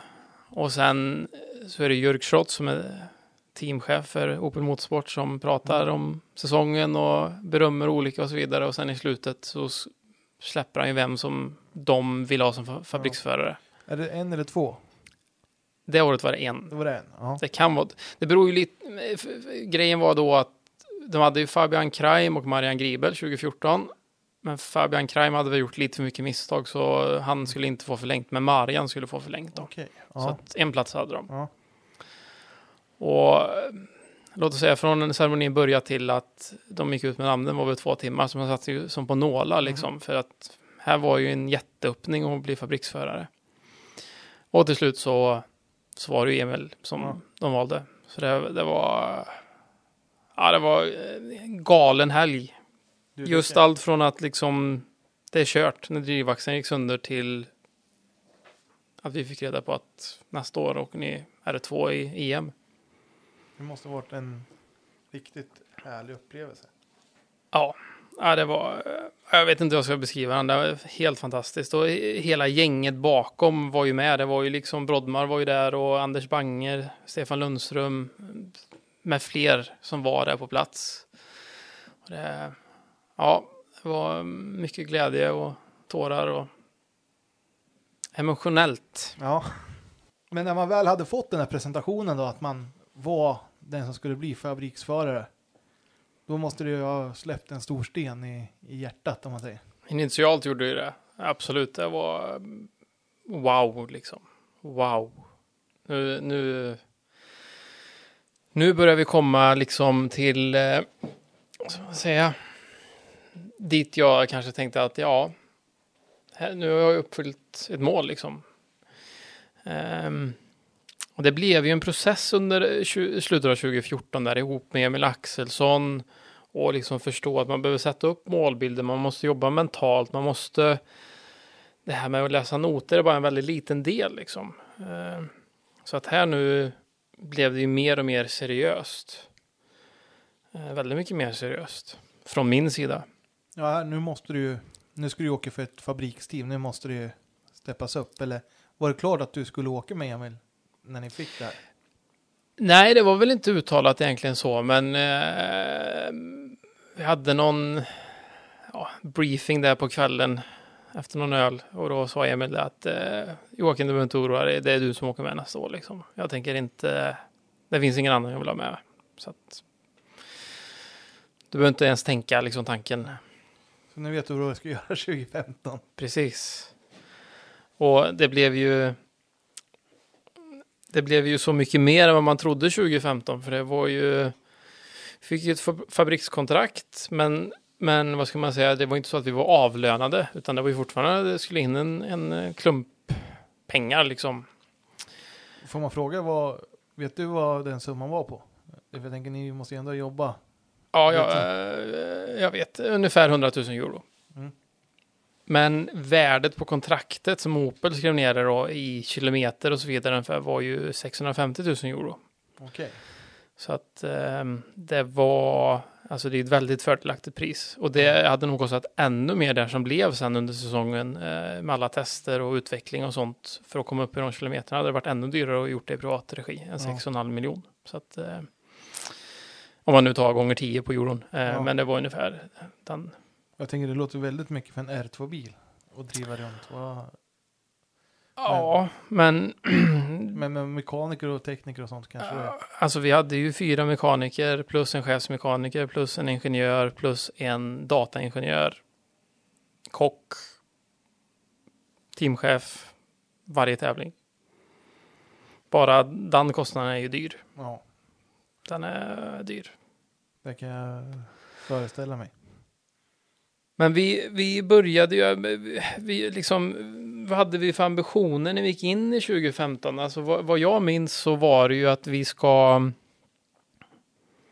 kontraktet var ju tvåårskontrakt. Ja. Att eh, det fanns ju krav på oss. Jag tror eh, att det var att vi skulle vara topp fem. Eller för, för att år två skulle aktiveras så var vi tvungna att vara topp fem i IRC Junior. Ja, Det var liksom kravet på oss. Eh, Det fanns andra krav. Vi fick maxkrav med två karosser. Mm. Ja, det var liksom specificerat vissa grejer liksom. eh, eh, I, I det här kontraktet. Och det är liksom, det är inte en sidors kontrakt utan det är ju, nu pratar vi några sidor liksom. Det är ju hängslen och livrem åt alla håll och kanter liksom. Det kan jag tänka mig. Och det, är väl, det är väl så man gör för att få, få business i det hela också.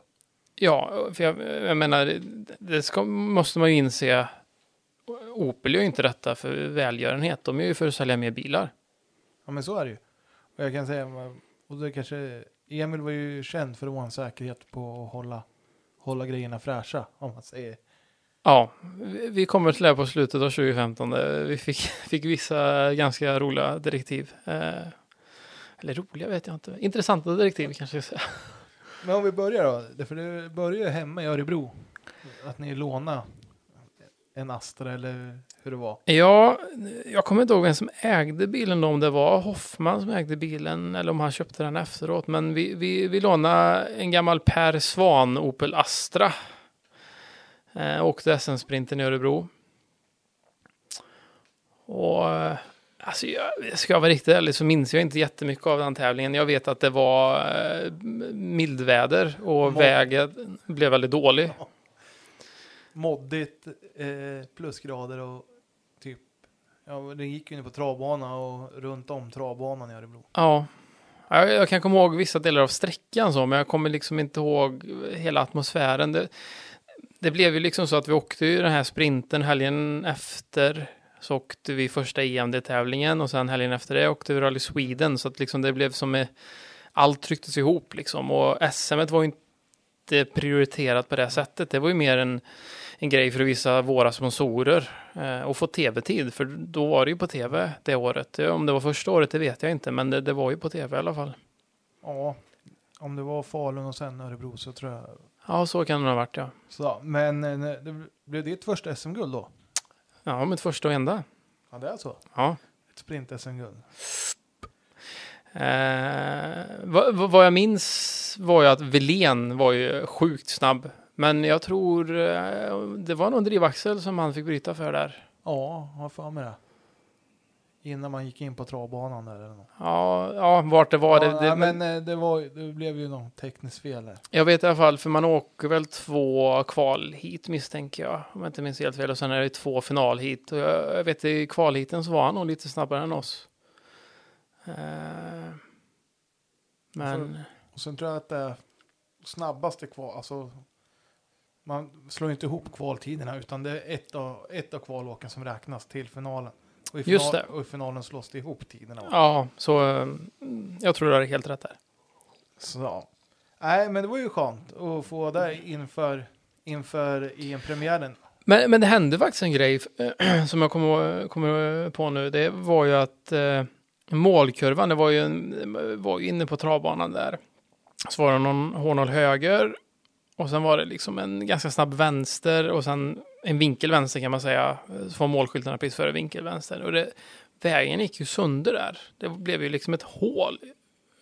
Med hål så menar jag inte ett litet potthål utan två bilbredder brett och djupt liksom. Nej, inte djupt, men alltså rejält hål. Och det där såg ju vi, vi såg ju det liksom inför kvalåk två på tvn, att när folk åkte ner där, det var ju liksom, det slog ju, jag tror Mikael Erikssons golf fick sönder det där hålet bland annat. Och Lasse Brodman var framme och så sa att nu tar ni det lugnt där. Jajamän, det ska vi göra. Så kommer vi där runt hårnålen och in i den vänstern och på tvn så hade det sett ut som att alla genade in för mycket så att man kunde åka runt det där och det tänkte vi att det gör vi. Men det var ett lika stort hål där så vi slog ju sönder kylaren där. Så det var ju det var faktiskt Patrik Adolfsson, han som eh, jag tävlar mot i VOK, som eh, till slut hjälpte oss och eh, jag vet inte fan som han gjorde med den kylaren, för det, vi hade inte kunnat köra i alla fall. Han, han meckade ihop det där med någon limpistol och ja, Kaffesump. ja det, vi fick bilen att funka i alla fall utan att det gick varm. Det var nog inte optimalt, men eh, det var nära på. Ja, då vet jag att Lasse var lite besviken på att vi. Jag sa ju till er att ni skulle ta det lugnt där, men eh, ja, det är ju så när man tävlar att ibland så är man inte så vettig liksom. Man, Nej. Det där, när hjälmen åker på så försvinner ju, försvinner ju ett par av de där hjärncellerna. Som, Ja, ja lite, lite så är det. Det är liksom, eh, jag brukar jämföra det med, med ett proppskåp, liksom att när man, och det här är ju från kartläsarperspektiv då, men för, för att kunna prestera så måste du dra ur några proppar. Det här med självbevarelsedrift och sådana här grejer, det är bara, det är bara att slänga ner för ett stup liksom. Det, det, det kan du inte sitta och tänka på, för då kan du inte läsa noter bra. Men å andra sidan så, det är ungefär som att kanske tappa något sinne, de andra sinnena förstärks å andra sidan jag kan, jag kan sitta och läsa 600-700 meter utan att kolla på vägen, för jag vet exakt vart vi är. Utan att kolla upp. ja, det är en bra egenskap att ha. Men, men den har ju växt fram liksom. Eh, men det, det, det, ja, det är som ett proppskåp. Ja, men sen måste ni nästan ha dragit direkt över till eh, Lettland då. Ja, vi samma dag tror jag. Vill jag minnas. Eller om vi åkte hem och sov kanske bara och drog tidigt mm, på morgonen. Vi åkte båt för att hålla nere kostnaderna. För det ingick inte i kontraktet Nej. utan att ta sig till och från eh, tävlingarna fick vi lösa själv. Så vi åkte, jag tror Nynäshamn till Går han direkt till Lepaja eller Ventspils tror jag han går till va? Ja, ja, jag har dålig koll på färgen. Ja, jag kan säga det är ingen, det är ingen sån här ehm, det är ju ingen sån båt, sån här partybåt om man säger så. Det är ju mer eh, långtradarbåt. Ja. Men eh, ja, vi tog oss dit i alla fall och så eh, hade vi test. Och det var första gången vi åkte Opel Adam R2. Okej. Och vi skulle testa först och Marian skulle träffa, testa på eftermiddagen. Och eh, bilen var färdigpreppad. Vi hade fått en GPS-punkt, här ska ni vara. Ja. Vi kommer dit. Sätter oss i och ja, ja, vi reker självklart sträckan först. Sen sätter vi oss i och sen ska vi ju bara åka liksom ett uppvärmningsvarv. Och bilen är ju... Alltså, jag har aldrig haft problem med åksjuka, men då blev jag åksjuk på bara några kilometer. Den var så mjuk. Det var som, det var som att åka i en båt. Oj. Så vi åkte en vända och kom tillbaka och sa vad, vad vad är det här? det här? Det här går inte, så här kan inte vi ha bilen. Ja men det här är Marian som har testat ut och så här åkte han DPI förra året. Så det här är en bra sättning. Nej, nej det, här, det här funkar liksom inte. Och då är det ju så att det är en eh, kille som heter Dietmar Metrich, eller en herre kanske jag skulle säga, som har varit med och tagit fram eh, R2 och han jobbat mycket med Baumschlager och så vidare och han var våran ingenjör. Okej, okej. Så han började fråga, ja, men hur vill ni ha bilen då? Ja, men vi vill ju, ja, den ska styra in så här och så han började skimsa om fjäderbena. Det var Rige fjäderben på den där. Så att eh, när vi väl hade testat så var ju bilen faktiskt riktigt behaglig att köra. Ja. Kändes liksom bra. Men vi tog säkert tre timmar av Marians tid. Okej. Och när Marian sen satte sig i bilen så sa han, vad är det här? Jag kan inte köra bilen, den är helt okörbar. Så att han ändrade ju tillbaka till sin grundsättning. Ja, nu kan jag köra.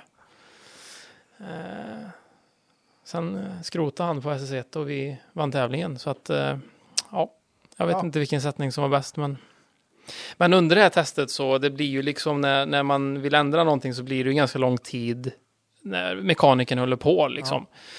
Så då vet jag att jag, eh, Jörg Schrott var med som var chefen och sen Ditmar och det var säkert någon mer där också men jag promotade lite att ja men vi, vi kommer från ett SM-guld helg, helgen innan.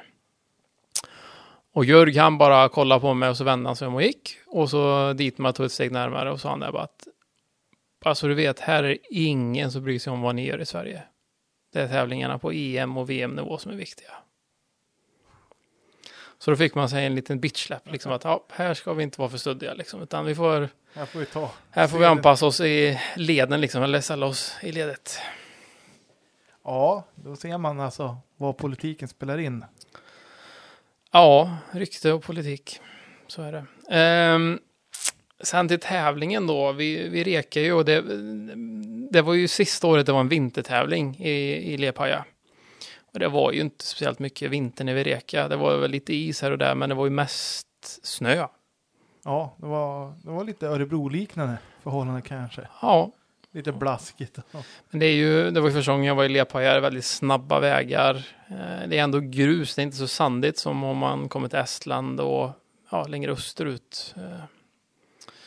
Men ja, reken gick bra, kändes helt okej, men vi hade liksom inga vi hade inga krav på oss. Det var ingen som sa liksom att ni behöver vara med i topp tre här. Eller det var ingenting. Marian var första föraren. Han var uttalad första förare. Vi skulle bara liksom göra det bästa vi kan. Lite se och lära eller Ja, för att det var första året. Eller? Ja, alltså målet var ju bara att vara topp fem i slutet av året i mästerskapet. Så jag menar, skulle vi klämt in med sjunde plats så var det ingen som hade varit arg för det. Nej. Det var liksom se och lära. Så åkte vi shakedown. Och shakedown sätter också streck, eller startordningen i EM. Och det här året så var det liksom helt fritt Kvitta, de 15 första blir om... eh, De 15 första på shakedown blir omvänd startordning på. Så är du nummer 15 så startar du som bil nummer ett. Okej. Ehm, Oavsett klass alltså. Oavsett klass. Och Ralf Sirmasic eh, som körde mot oss, han fick ju 15 tid på shakedown och fick ju då starta först hela tävlingen. Det här ändrades till året efter sen för att eh, det är orimligt att en R2 får spåra liksom. Ja, det blir lite taskigt. Och vi- hade, vi hade nog en, jag kommer inte ihåg exakt, men vi hade en helt okej tid i alla fall.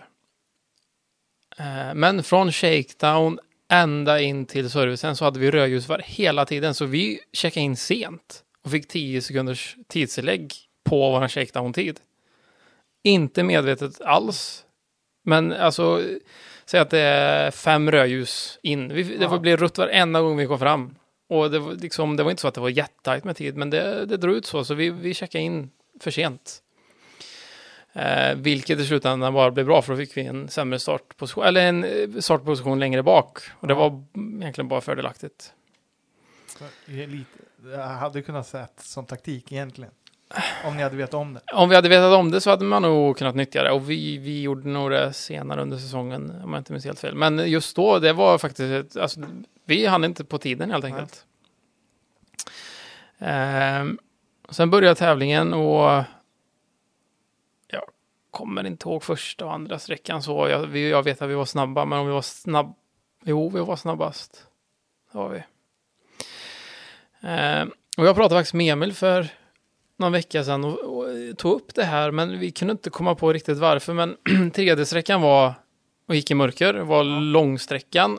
Men vi hade liksom ett krav på oss att däcken i fram var tvungen att vara okej. Så troligtvis hade det med vår däckstrategi att göra som Okej. Opel la upp. Och vi körde den här sträckan, den var väl två och en halv mil lång och mer eller mindre ren grus liksom i spåren. Och jag var snabbast på sträckan. Men jag kommer så väl ihåg efter tekon, jag går ut, helt beckmörkt ute. Har med telefonen och ska lysa in och se hur mycket dubb som sitter kvar. Och jag får igång lampan i telefonen och det är helt kolsvart. Alltså inte en dubb kvar. Och jag bara känner här att nu är det kört. Nu har vi liksom... Det här kommer bita oss i slutändan. Vi kommer inte ha några däck kvar i slutändan. Då måste det ändå vara lite halvjobbigt att åka in till servicen. Ja, jag, och när vi kom in vet jag Dietmar och allihop bara, åh herregud, scheisse liksom. Det här... Eh, jag tror... Utav de två framdäcken vi hade så var det tre dubb kvar. Jag har någon bild av det i någon telefon.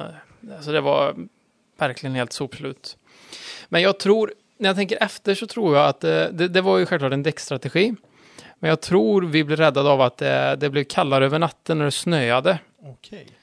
Eh, Det blev inte någon isbotten, men det blev liksom så att däcken höll längre dag två. Okej, okej. Ehm, och det var ju det var ett bra gäng i junior-EM. Liksom. Det var eh, Steve Röjkland, det var eh, Gago, eh, Chris Ingram, Mattias Adelsson, eh, Alex Avada. Det var många som åkte väldigt, väldigt fort. Ehm, och vi hade väl ryckt lite i början av tävlingen på att de andra inte riktigt var på tårna helt enkelt. Sen på, på lördagen så var det inte lika lätt liksom. De, de Steppa upp. dem. de steppade upp så vi fick ju också steppa upp helt enkelt. Så det gick, det gick kort. Men eh, vi kunde bärga segern till slut. Vilket eh, Opel inte hade räknat med. Nej. Så det var väldigt skönt liksom att kunna ge dem den segern på något sätt.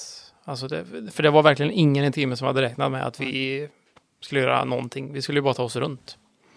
Men tror du att ni hade fördel av att ni var svenskar och hade åkt lite vinter innan? Ja, det tror jag. Och framförallt att förstå hur ett vinterdäck fungerar. Vi säger som Gago, mm, jätteduktig chaufför, liksom, men, men från Portugal, aldrig åkt på, på vinterdäck. Liksom, hur länge håller dub, dubben och så vidare. Hur länge sitter de kvar? Ja, nu åkte vi i och för sig helt rent också, men man har ändå en förståelse över hur man behöver arbeta in däcken och så vidare. Ja.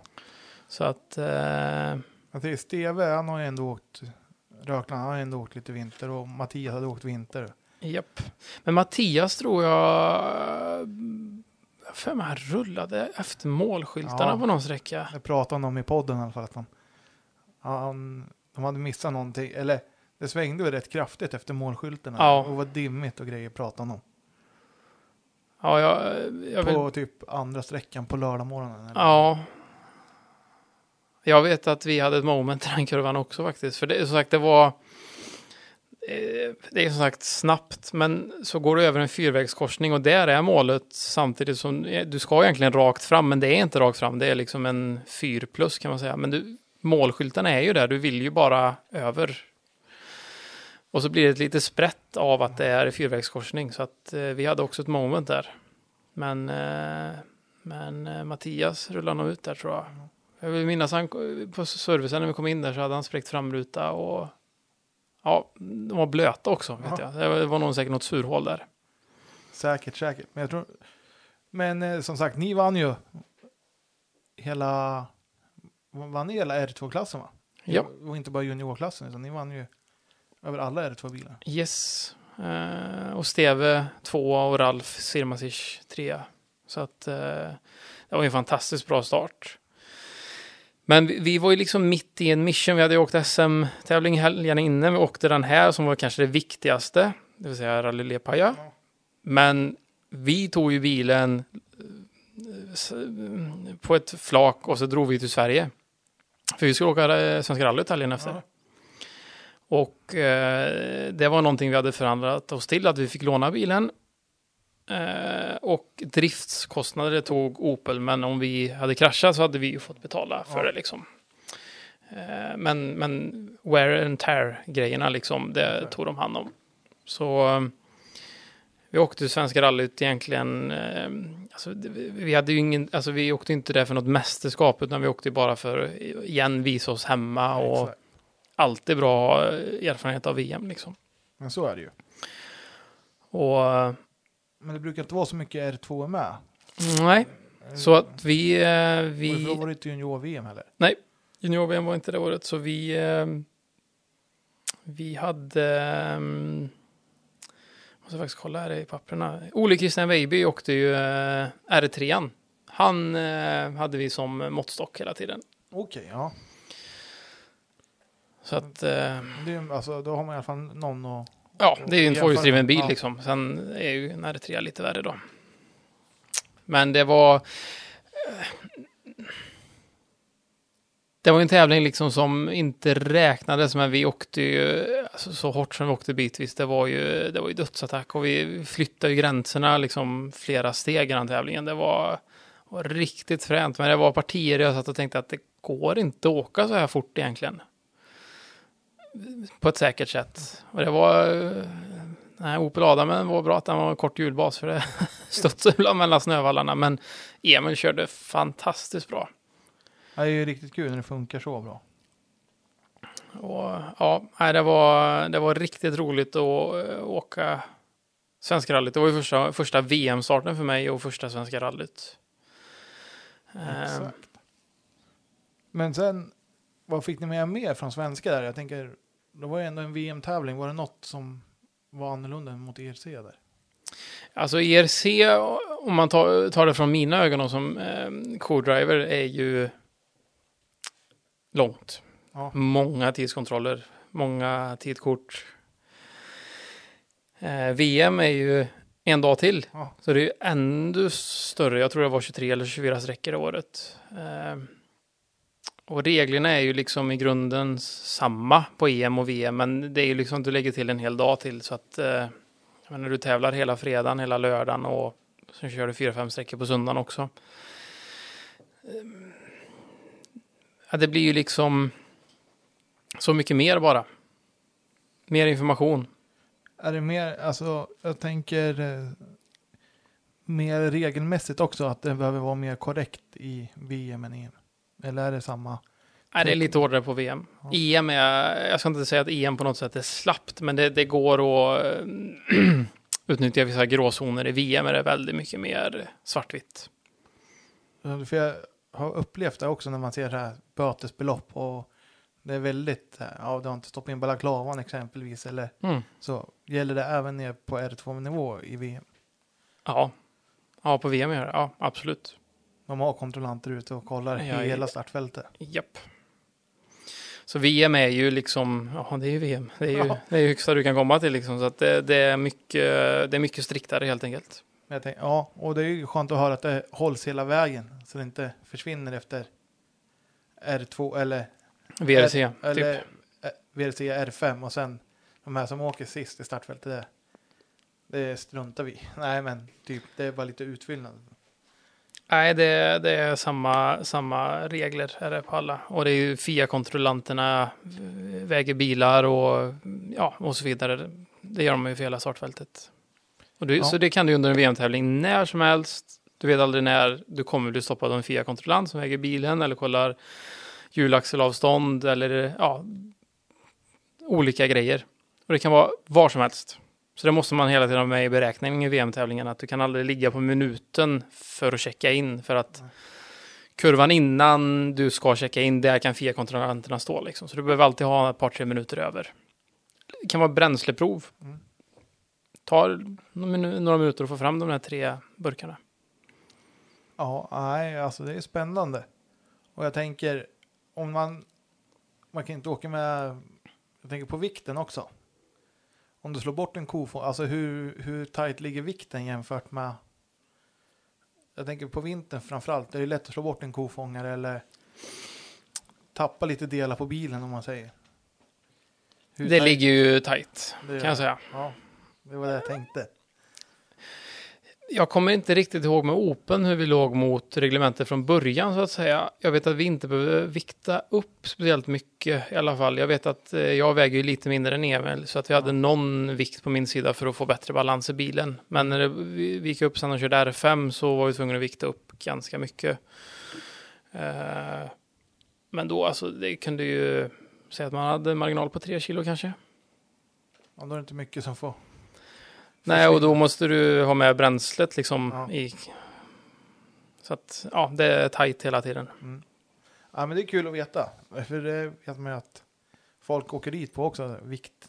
Att man inte har Ja.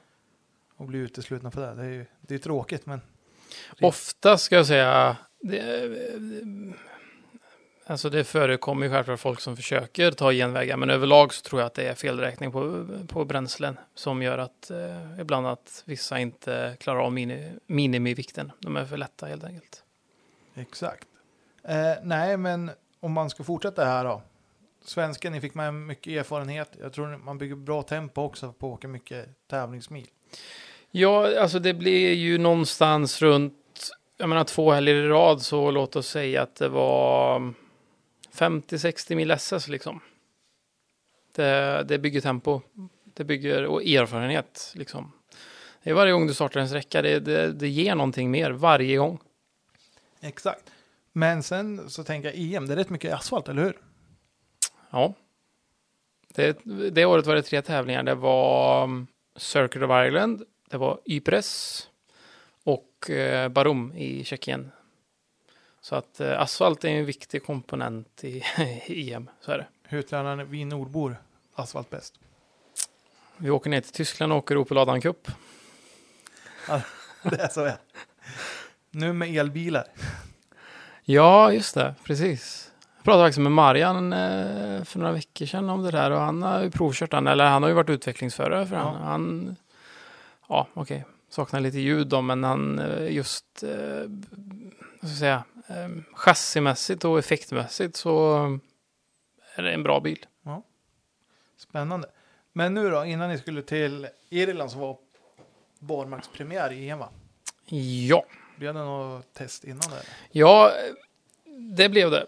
Ehm, och det de införde efter Lepaja när de helt plötsligt, när Opel insåg att vänta lite nu, nu har vi vunnit en deltävling här. Och vi vill ju promota det så mycket som möjligt så tillsattes lite mer resurser. Vi hade liksom en testplan, men nu istället för att köra rena tester så la vi till testtävlingar. Så om det var helgen innan eller två helger innan, det kommer jag inte ihåg, så åkte vi en tävling eh, på Irland. Inte Nordirland, utan nere på Irland. Eh, som heter Midland Motor Stage. Ehm, Det var veckan innan. det var veckan innan, ja. Precis. För vi var kvar där hela tiden, i alla fall, kommer jag ihåg. Och, eh, alltså Irland är ju speciellt, delvis är det väldigt speciella vägar, det är väldigt eh, bumpy, ojämn asfalt. Det, är inte, det är inte trasig asfalt som det är sen i Tjeckien, utan det är mer liksom, det är bara väldigt ojämnt. Så det, det krävs, eh, du kan inte ha för hård bil där Nej. Och väldigt smalt va? smalt och eh, det är ju liksom jordbruksmarker och mycket får så det är mycket skräp på vägen om man säger så. Eh, som man behöver få med redan på reken.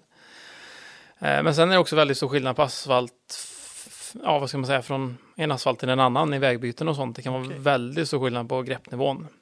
Eh, Det har vad de kallar då shiny tar, liksom, som man i början var, vad menar de med shiny tar? Men det ser man, om solen ligger på och den liksom blänker asfalten, då är den halare. Okej. okej.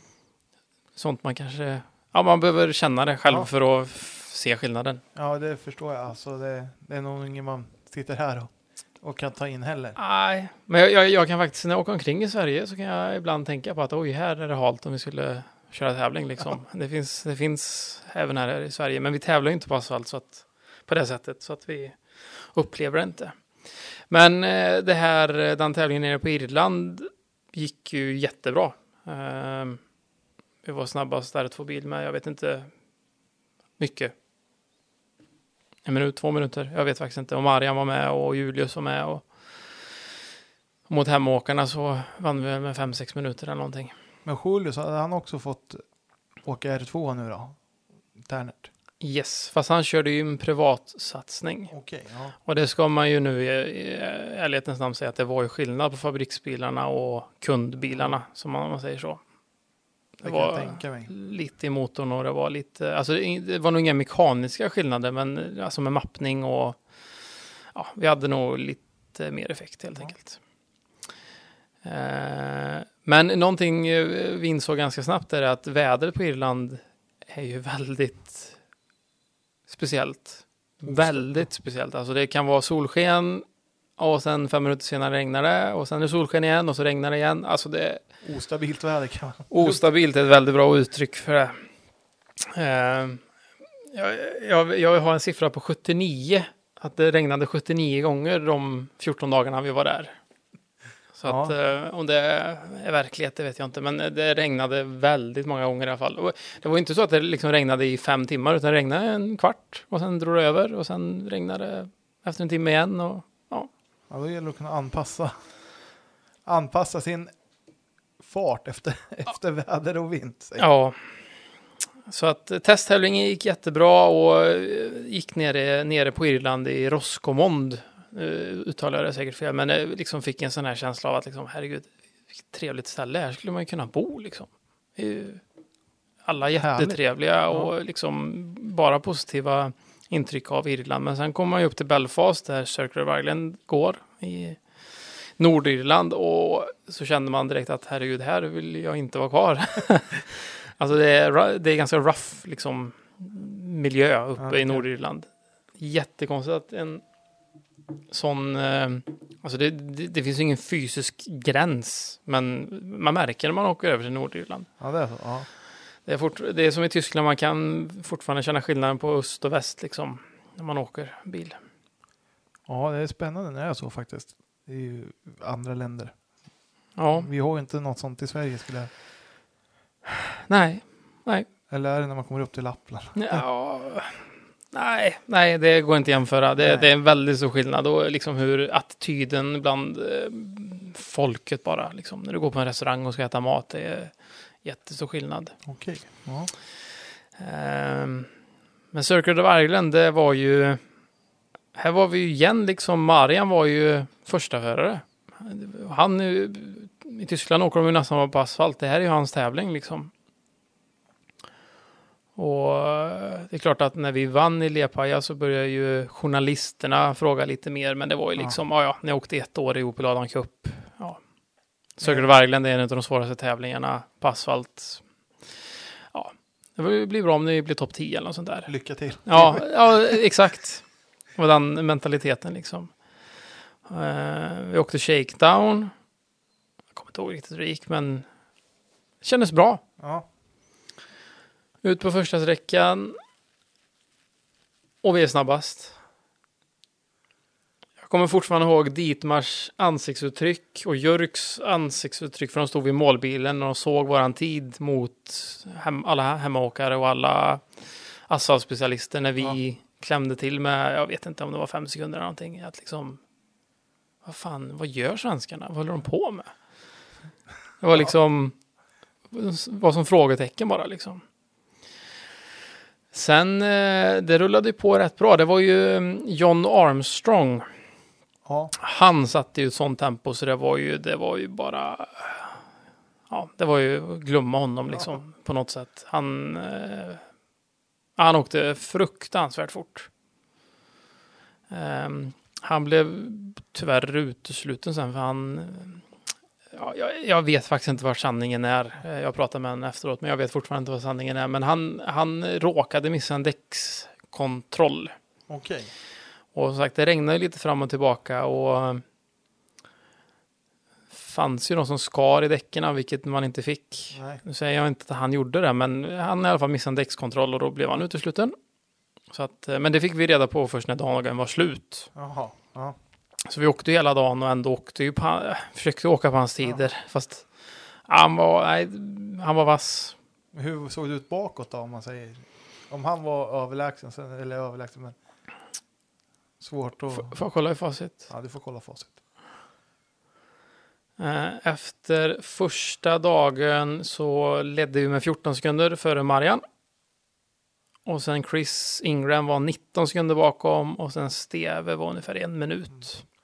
Hur gick tongången i, i teamet då när, när andra, eller andra föraren var före där? Jag tänker ändå. Var det något hard feelings eller var det att ni peppade varandra? Här, här blev det ju ganska tydligt att Marian var första chauffören. Han försökte ju på alla sätt psyka oss. Eh, och försökte ju få vissa mm, säga, teammedlemmar liksom att vi skulle kanske inte få det vi ville ha på, på bilen när det gäller däcksval och så vidare. Men eh, vi var starka där i alla fall. Vi fick nog inte kanske alltid eh, de bästa däcken. Nej. Men eh, vi satt ändå bra tider hela tiden. Och sen på andra dagen, det fortsatte, jag. alltså det är ett långt rally och det är väldigt utmanande. Eh, men när vi kom in på sista servicen så hade det klarnat upp och det var torrt och liksom prognosen var att nu kommer det inget mer regn på tävlingen. Och vi hade haft problem med att vi, vi åkte hårda däck i fram och mjuka i bak, men att de i bak då fejdade i slutet på sträckan, att bilen började sladda helt enkelt. Ja. Greppnivån blev sämre. Så när vi kom in så sa vi att vi vill ha 21 då, Michelins hårda gummiblandning. Ja. Eller den hårdaste du kunde välja i, Junior i, i ERC. Finns ju även 31 men de hade vi inte tillgång till. Nej, okej, okej. Och 11 är typ regndäck då, kan man säga. Ja, Sen det finns det är 01 jätte- som är ett Bonte-däck. Ja. Ehm, och vi vill ha 21 runt om. Och så kommer Marian in två, två minuter senare och säger att han vill ha 21 runt om. Ja. Och Dietmar och Jörg går iväg och funderar på hur ska de göra här. Och ehm, vi, vi sätter oss och käkar. Så kommer de in och säger bara nej, nu är det Opel 1, 2 och ehm, vi tänker inte ta några risker. Ni bägge två åker på Elver i bak. Så både vi och Marian eh, liksom blev ju besvikna om man säger så. Men det var ändå schysst av dem att ge samma förutsättningar till er. De, eh, Jörg och Dietmar upplevde jag alltid vara väldigt eh, neutrala. Eller de, de tänkte på Opel helt enkelt. Ja. Och vi fick order liksom att nu, etta, tvåa liksom, det har inte hänt sedan 87 eller något sånt där. När Sepp Heider och någon mer körde. Så, eh, Opel etta, tvåa är prio ett liksom. Nu, ni leder. Eh, Ni har 30 sekunder till Ingram här nu. Det är tre sträckor kvar. Alltså, inga misstag. Nej. Tar ni det här i mål? Åkte in, Och då in- skilde det två och en halv sekund mellan oss och Marian. Jaha. Men åkte Ingram för bil då? Peugeot, Han åkte person. Ja. jättebra bil. RS2-klassen eh, Peugeot 208 R2. Så han, och han eh, hade ju åkt där ett par, tre år innan. Så att, eh, eller i alla fall två år innan. Så att han hade ju lite erfarenhet av sträckorna. Så eh, kommer vi till SS16 med Griffins Corner.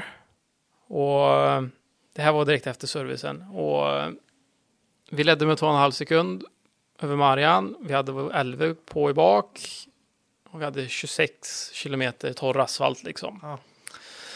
Och eh, det var, vi var ett bra gäng i junior-EM. Alla stod liksom, vi stannade vid samma ställe när vi hade värmt däck och kollade däckstryck och sådär. Så Marian kom fram till oss och sa, ja, ah, Jörg sa att vi skulle ta det lugnt nu och vi har ju 30 sekunder så att eh, ni, vi tar det lugnt nu va? Ja, det, det gör vi. Vi tar det lugnt. Ska vi bara ta det här i mål, 1-2, vem som vinner, det är inte så jäkla viktigt liksom. Och så stänger vi dörren, sätter oss och spänner fast, stänger dörrarna och Emil bara, nu jävlar i helvete, nu, nu ska vi till allt vi kan. Jag skiter i om vi skrotar den här, vi ska ta honom. Så det blir ju liksom, våran teamkamrat blir ju våran största fiende där. Och eh, det påslaget vi hade på den sträckan var eh, bra. Så eh, vi tog Marian med 13 sekunder och Ingram med 29. Ja. Och när vi kom i mål på den sträckan så stod Jörg och, och Dietmar där och de bara skakade på huvudet för de, de såg ju vilken tid vi hade mot första åket. Vi hade slått vår egen med kanske 50 sekunder. Alltså de visste ju att vi hade tagit i som idioter och de bara helt... Ja, just då kanske vi inte var så populära, men vi var i mål på sträckan Ja. liksom. Men det där avgjorde ju rallyt. Alltså Marian var, Han knäcktes. Ja, det blir ju en mental härdsmälta liksom. Det, det går inte... Två och en halv sekund efter kanske 20 mil SS och så tar vi 13 sekunder på två och en halv mil. Det, ja, det var nog jobbigt för honom. Det kan jag tänka mig. Så vi, vi, vi vann den tävlingen. Och, och Marian blev tvåa. Men det, Ja, han tog det till mål i alla fall. han tog det till mål. Eh, han var 15 sekunder efter i, i slutmål. Eh, men det, serviceplatsen är, är ju vid Titanic Tower och den gamla docken där Titanic byggdes. Ja. Så prisutdelningen är på åttonde våningen eller något sånt där. Så när vi går in i hissen och ska åka upp då står Jimmy, Jimmy McRae och Collins dotter Holly. Okej. För att Jimmy ska hålla i prisutdelningen. Ja. Och eh, han börjar fråga lite, ja, jag får gratulera till att ni har vunnit här och det är ju jäkligt imponerat. Och, det- liksom, det här är ju en av de svåraste tävlingarna som finns här i, ja, han sa nog England, men ja, skitsamma. I Storbritannien. Storbritannien. Han, visste jag inte då, men han har ju vunnit den tävlingen på 80 och 70-talet flera Ja. gånger. Så att han, han vet ju vad han pratar om. Ehm, och så frågar han, ja men hur många gånger har ni åkt här tidigare? Och nej, det är första gången. Nej, nej, nej, nej, slu, sluta driva med mig liksom. Hur många gånger har ni åkt här? Nej, men det är första gången. Ja, man vinner inte här första gången, sa han bara. Det är impossible. Så att det var ju ett kvitto liksom Ja. på att vi gjorde någonting jäkligt bra där. Ja, då har man ju, det är en av de stora legenderna i, i brittisk motorsport. Ja, ja det var... um, Ja, det var en frän tävling överlag och just den här mentala delen där när Marian försökte få ner oss och vi svarade upp istället. Men Tror du att han tog i? jag vet att han tog i. Vi fick eh, data efter tävlingen sen från Ditmar. Eh, Så fram till halva sträckan så låg vi på tiondelen lika. Sen tog vi 13 sekunder på 13 kilometer. Tror du att där att, eh, för då borde... Exakt där, jag kan inte säga om det var exakt samma kurva, men jag jag har ju sett de här dataloggarna. Ja.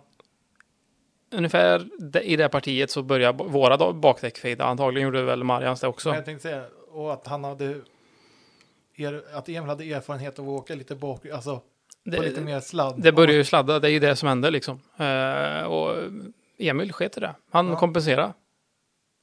Och bara höll ner sig. Ja, det, just den sträckan finns faktiskt på, på YouTube. Okej. Finns Då den? får man in och söka där och, och kolla sig. Ja. Ja, Ligger den på Emils kanal eller? Det gör han nog. Eller är det på ERC? Nej, den, nej, den ligger nog på Emils kanal. Ja. Den är inte på ERC, utan Ja. det är Emils kanal. Så Yes. Eh, Mm. Sen på grund av att, eller på grund av, eh, med de två segrarna, vi hade två första platser i junior-EM där, så öppnade ju upp sig lite och med förhandlingsläge mot Opel, Mm. så då fick vi ju faktiskt låna en bil åka Sydsvenska rallyt. Eh, med motkravet att det får inte vara en skråma på den här för att när ni har kört färdigt så ska den här skeppas ut till Azorerna. Så ni får åka tävlingen men absolut inga skador på den. Nej. Inget. Så att eh, vi körde Sydsvenska och ja, vi vann.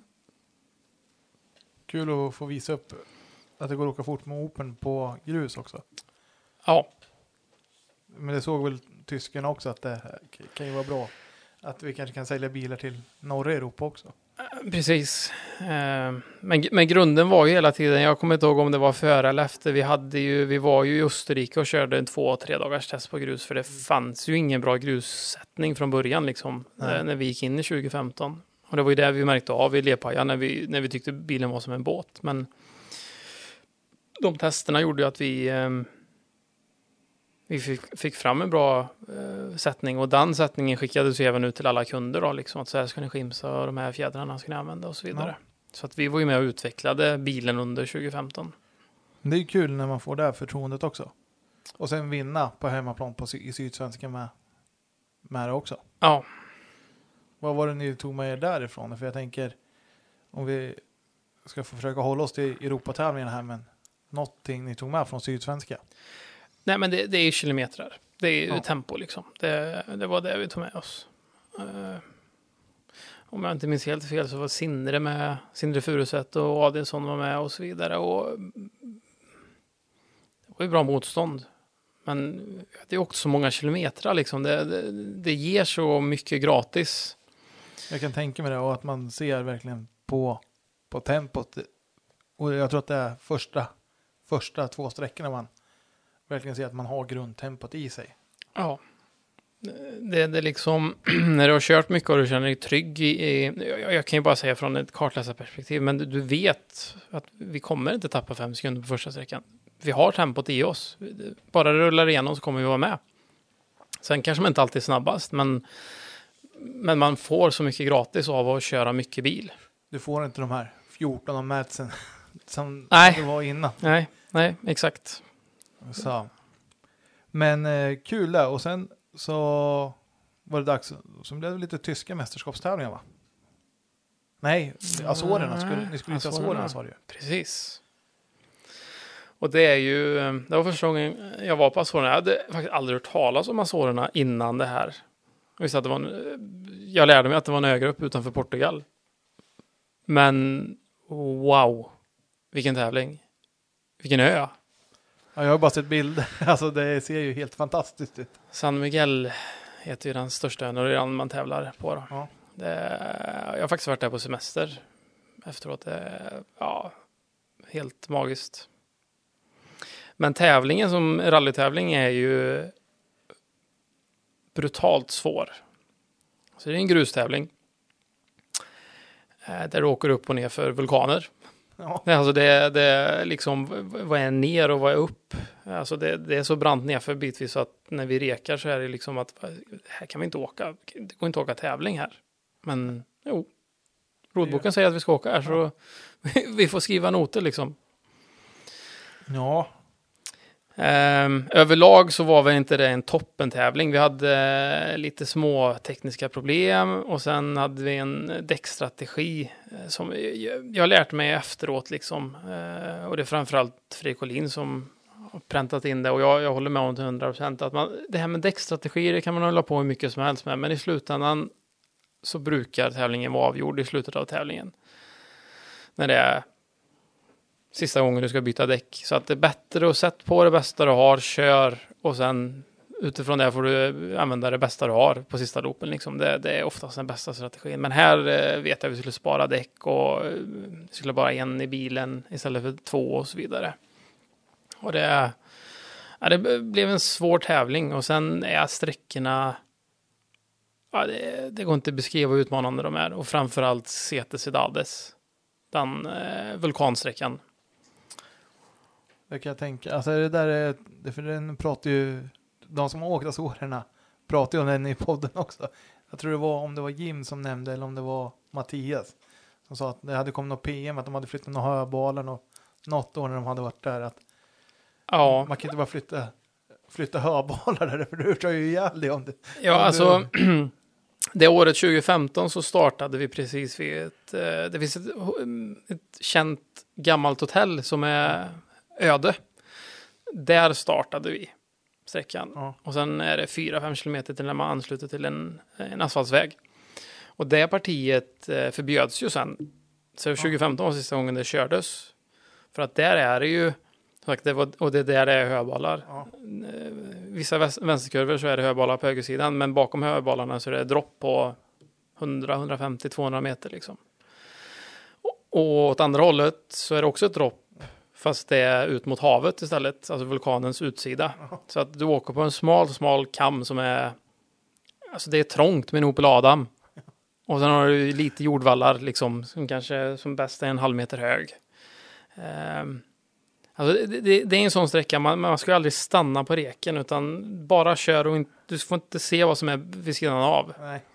Skulle man, alltså nu, nu kanske en dum jämförelse, men skulle det vara arrangörsnoter där så skulle det vara väldigt mycket trippelvarningar, Ja. typ hela tiden. Och det, det, det kan du inte ha. Du ska ju Nej. åka snabbt. Du, du kan inte ha med att det är stup på utsidan. Det är en, det är en vänster 3 plus, Ja. punkt. Jag bara håller i. Smalt kanske du lägger på då. Det kanske är förorden. Första fyra kilometerna är små.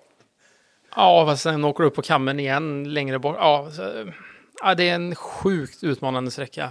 Och här, eh, just i starten på den här sträckan, det var SS7 var det, Cidades, den är ju ändå tre mil lång. Eh, och eh, jag vet, jag satt och tänkte liksom att vilket egentligen eh, ur mental synvinkel är helt fel. Fast det funkar för mig då. Eh, jag satt och tänkte att gör jag en, gör en okej sträcka som notläsare här nu, då eh, dör vi. Gör jag en bra sträcka, ja då är det rullstol. Så jag liksom såg mig framför sitta i rullstol och ja, nej men det, det tar vi, det är okej.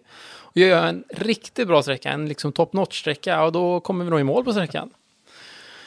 Eh, ja, vi kom i mål på sträckan. Och du var nöjd med din insats. Ja, jag var nöjd med min insats. Ja. Men jag, jag kommer ihåg, jag, jag läste och läste och läste och läste och det är väldigt speciella grusvägar. Det är, det är väldigt mycket korta kurvor och det är väldigt, väldiga så här, vad ska man säga, tempoväxlingar. Där du får läsa på väldigt mycket.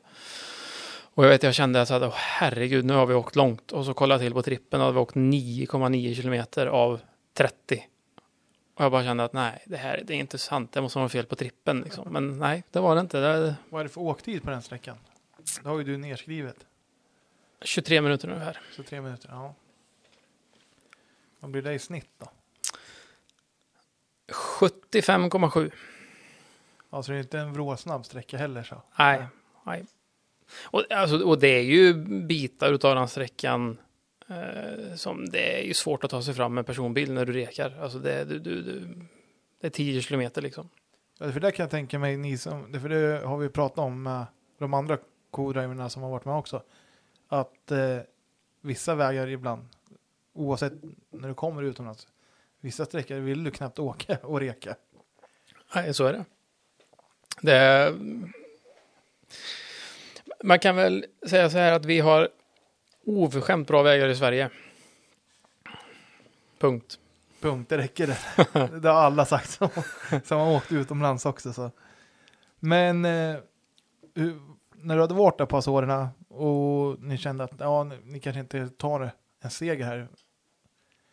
Vi låg ju tvåa väldigt länge, vilket ändå var, var bra, för vi hade varit till någon jordvall och vi hade gjort någon piruett där och ehm, så vi, och sen hade vi ju, i och med den här däckstrategin, Ja. så hade vi helt fräscha däck till de sista tre sträckorna. Eh, Vilket ingen annan hade. Nej. Och vi startade SS15 på andra plats. Och liksom nu, nu gäller det. Nu har vi de här tre sträckorna. Det är tre väldigt tuffa sträckor med Tronqueira som slutsträckan som är vad är den, 21 kilometer men den är typ 60 sidor i när jag skriver noter. Alltså det svänger ganska mycket. Ja, det kan jag tänka mig. Och mycket uppför och mycket nerför. Ehm, men vi kommer bara 4-5 kilometer in så går växellådan sönder. Den fastnar på tvåans växel. Så att hela den här däckstrategi-grejen igen var ju waste liksom. Ja, det var kört. Det var kört. Så att ehm, i början, jag, jag, jag, vet vad som hände i växellådan. Det var ingenting med drevsatsen utan det var själva växelföraren är ju som en, en rund eh, axel med, med klackar i kan man säga. För varje vä- växelläge och en av de här klackarna hade gått sönder. Så att i början hade vi bara tvåan men Emil satt och ryckte till slut så vi kunde växla mellan ettan och tvåan i alla fall. Ja. Eh, för att ta sig runt överallt. Så att eh, från att liksom vara med och fightas om, ja, vi var, säg att vi var 30 sekunder bakom Ingram. Ja. Så eh, vi hade inte kanske någon reell chans att ta segern, men i alla fall vara med och fightas. Så var det ju bara att ta sig i mål. Ja. Ehm, och jag kommer ihåg när vi gick i mål på sista sträckan. Så hade vi, det var fem eller sex mil transport med en snitthastighet på 92 Jaha. och mycket motorväg. Och det var ju liksom bara, Emil nu är det varvstopp. Så vi, vi körde på tvåans växel på motorvägen. Gjorde väl 89 eller 91, jag vet inte, jag kom, det är någon sån här exakt siffra. Och vi låg liksom varvstoppet kanske i 25-30 minuter. Och vi checkade in med två minuters marginal kanske. Så det var, satt och räknade hela tiden liksom snitthastighet kontra vart är vi, rödljus, eh, prata med teamet, liksom, ni måste ut och kolla så om det är några, ehm, eh, vad heter det, Fi eller kontrollanter eller? delvis det, men framförallt om det var liksom, Ponta Delgada är ju ändå, det är ingen jättestor stad, men en stor stad på Azorerna, att liksom så det inte är eh, traffic jam, vad, vad är det på svenska? Eh, trafikstockning. Ja. Så, precis. Eh, bara liksom för att undvika det, men de hjälpte till. Jag fick information hela tiden så att vi, vi klarade det precis. Ja, skönt det. Hur Ja, så det vi för- blev fyra där då, blev vi. Hur gick det för teamkamraten? Han låg platsen före oss eh, inför sista, men alltså vi pratar om 300 meter kvar till slutmålet så åker man genom en, en, en water splash Ja. och en drivaxel går från honom. Så han kommer inte i mål. Exakt samma sak hände året efter, eller om det var två år efter, för Jari Huttunen. Exakt samma eh, water splash, en drivaxel går. Så eh, vad är oddsen på det? Jag vet inte. Är nog hårt. Ja, jag är helt sjukt. Så vi tjänade faktiskt en placering på att han bröt på sista sträckan. Okej. Och här kan man väl säga att hela, hela teamet hade ju, nu var ju Emil helt plötsligt första föraren. Ja. Alla jobbade ju för Emil, alla lyssnade på Emils tankar, teorier och så vidare. Så att det blev ju, Hur Det- tog Martin det? Eh, så Marian är Eller nog Marian? Ja. en av de få som jag känner på den nivån som ändå klarar att acceptera det liksom. Ehm, det var inte så att han motarbetade och liksom betedde sig grisigt på något sätt, utan det var ju mer att han accepterade att okej, jag är andra förare. Ehm, Stort. Ja, verkligen. Och eh, han är en väldigt bra kille. Ja. Så att eh, det var... Men det var ju liksom inte så att han... eh, Han gjorde inga fulheter, det var inget så, men det var ju så fort vi kom till tävling så ville han ju vara snabbast. Så jag menar, det var ju, även fast han accepterade andra rollen så att säga, så eh, ville han ju slå oss på sträckorna. Troligtvis ännu mer än vad innan. Så det gick ju vidare. Vi, eh, Ypres var ju nästa EM-deltävling och då gjorde vi som för Irland. Vi åkte en eh, testtävling i grannkommunen. Eh, F- Rally van Vervik. Och Ypres är väl väldigt speciellt att åka. Ypres är väldigt speciellt. Eh, först och främst är det också väldigt stor skillnad på asfalt och asfalt där. Så du kan ha jättebra grepp i en kurva och i nästa kurva är det noll. Eller ja, noll är det inte, men väldigt nära. Eh, och det, drar, alltså det genas något fruktansvärt. Jag tänkte säga det, för det ser man ju på outcoren att det i vissa svängar det är mer lera på vägen än vad det är i diket. Ja. Och det där behöver man, så där gjorde vi faktiskt väldigt bra videorek innan. På, på de sträckorna vi visste skulle gå. Att vi, vi kollade vart genar de, vart genas det. Så att vi hade alltså så mycket kutt som vi hade i noterna på den tävlingen jag aldrig haft tidigare. Det var, och det genas ju på så många ställen som man egentligen inte tjänar tid på att gena. Ja. Men bara för att en genar så måste alla gena. Ja men så är det ju. Du måste åka den rena spåren liksom. Ligger du kvar ute på asfalten så åker du av. Ja, alltså det är ju spännande. Det- Då kommer han verkligen in med spårval också. Ja. Sen är det ju, jag vet inte hur jag ska förklara på ett bra sätt, men det, det, Ypres är ju det är väldigt platt överlag. Alltså väldigt platt. Alltså Okej. 10 meters nivåskillnad är ju Ja. liksom som ett berg i, i, i eh, Belgien på den västra sidan. Ja. Men det är fortfarande vad ska man säga, långvågigt, så det är oftast liksom om du har en 200 meters raka så ser du ändå inte kurvan där framme, utan för det är liksom det är som ett långt krön som kanske bara är en halv meter högt, men du ser inte slutet på rakan. Så det mått och sånt är väldigt, väldigt viktigt. Ja, det är väldigt svår tävling helt enkelt. Ja, för det man ser ju, det är ju mycket, mycket bra chaufförer som gör bort sig i Ypres. Ja. Och det, det, är, det är en kombination av att man måste gena på rätt ställen och vissa ställen vill du gena men det ligger någonting så du kan inte gena. Och det är några som sticker ner framhjulet där och då, det, då går det inte liksom. Nej. Eh, ihop med att asfalten ändrar karaktär så mycket. Det är väldigt stor skillnad på greppnivån. Ja. Och här då, när ni, ja, när ni åkte testtävlingen, då, då måste det ändå ha gått helt okej. Det gick bra. Vi vann med, över Marian med var det två eller tre sekunder totalt efter 45 minuters körning eller något sånt där. Och det, det, det var helt galet. Här, här var vi liksom på varenda sträcka tiondels lika i stort sett. Eh, Alltså det, och vi, vi tog i... Då hade Opel tänkt till lite, så de hade faktiskt byggt upp två bilar till.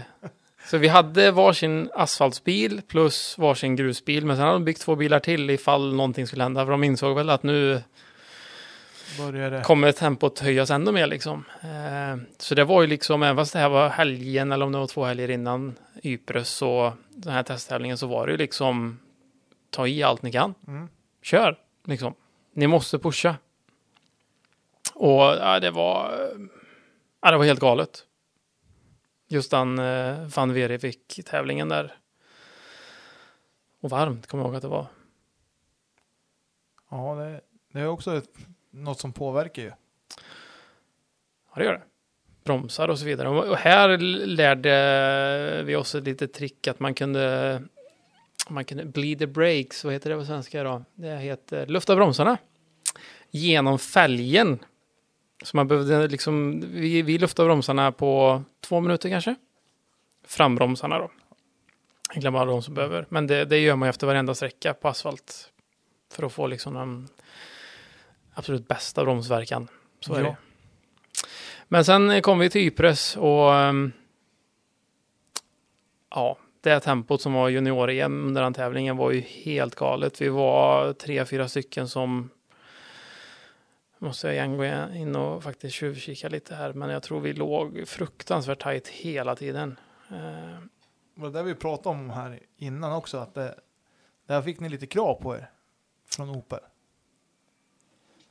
ja, eh, vi åkte, ska se här nu. För det var väldigt speciella dagar pratade de om.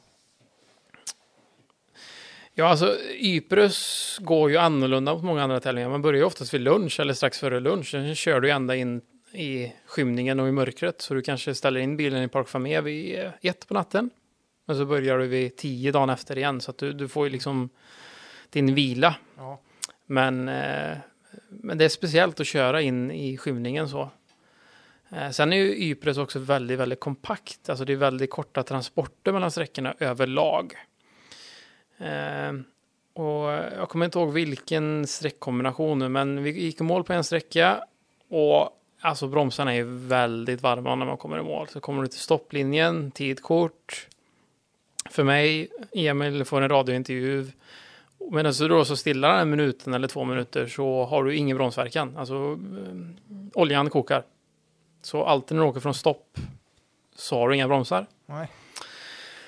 Och här var det bara, låt oss säga, två, tre kilometer till nästa sträcka. Och vi åkte så mycket omvägar på, alltså vi åkte S liksom för att få så mycket kylning som möjligt för bromsarna. På, på en ganska stor bred väg. Ja. Men vi kom fram och skulle kolla däckstrycket och jag frågade Emil, har vi några bromsar? Nej.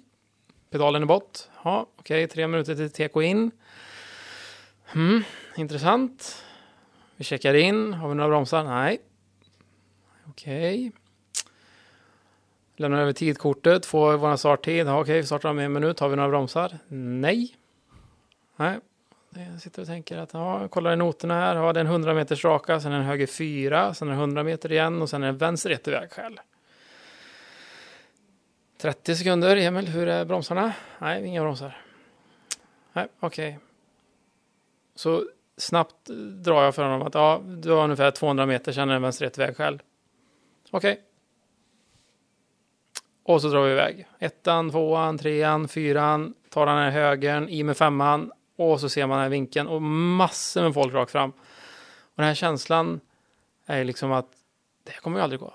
Vi har inga bromsar. Och Emil går på broms och det bara tvärnitar liksom.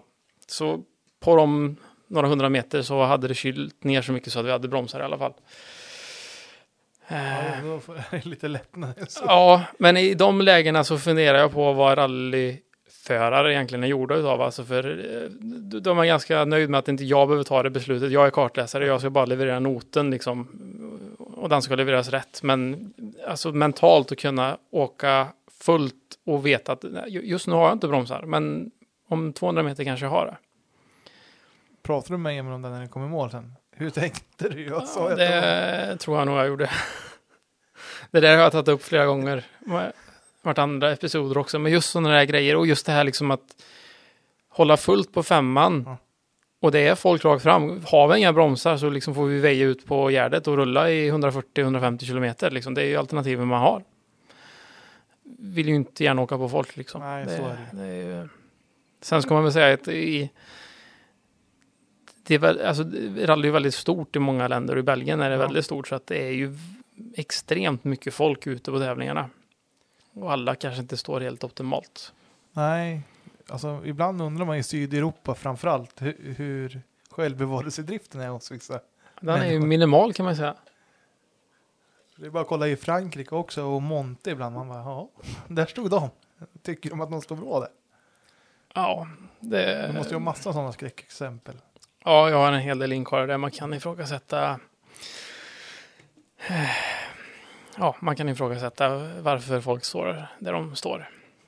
Ja, Men, men tävlingen gick ju överlag riktigt bra. Ehm, men det var tajt. Jag kollade här nu efter SS7, det vill säga första dagen, så ledde Marian med 5,5 över oss.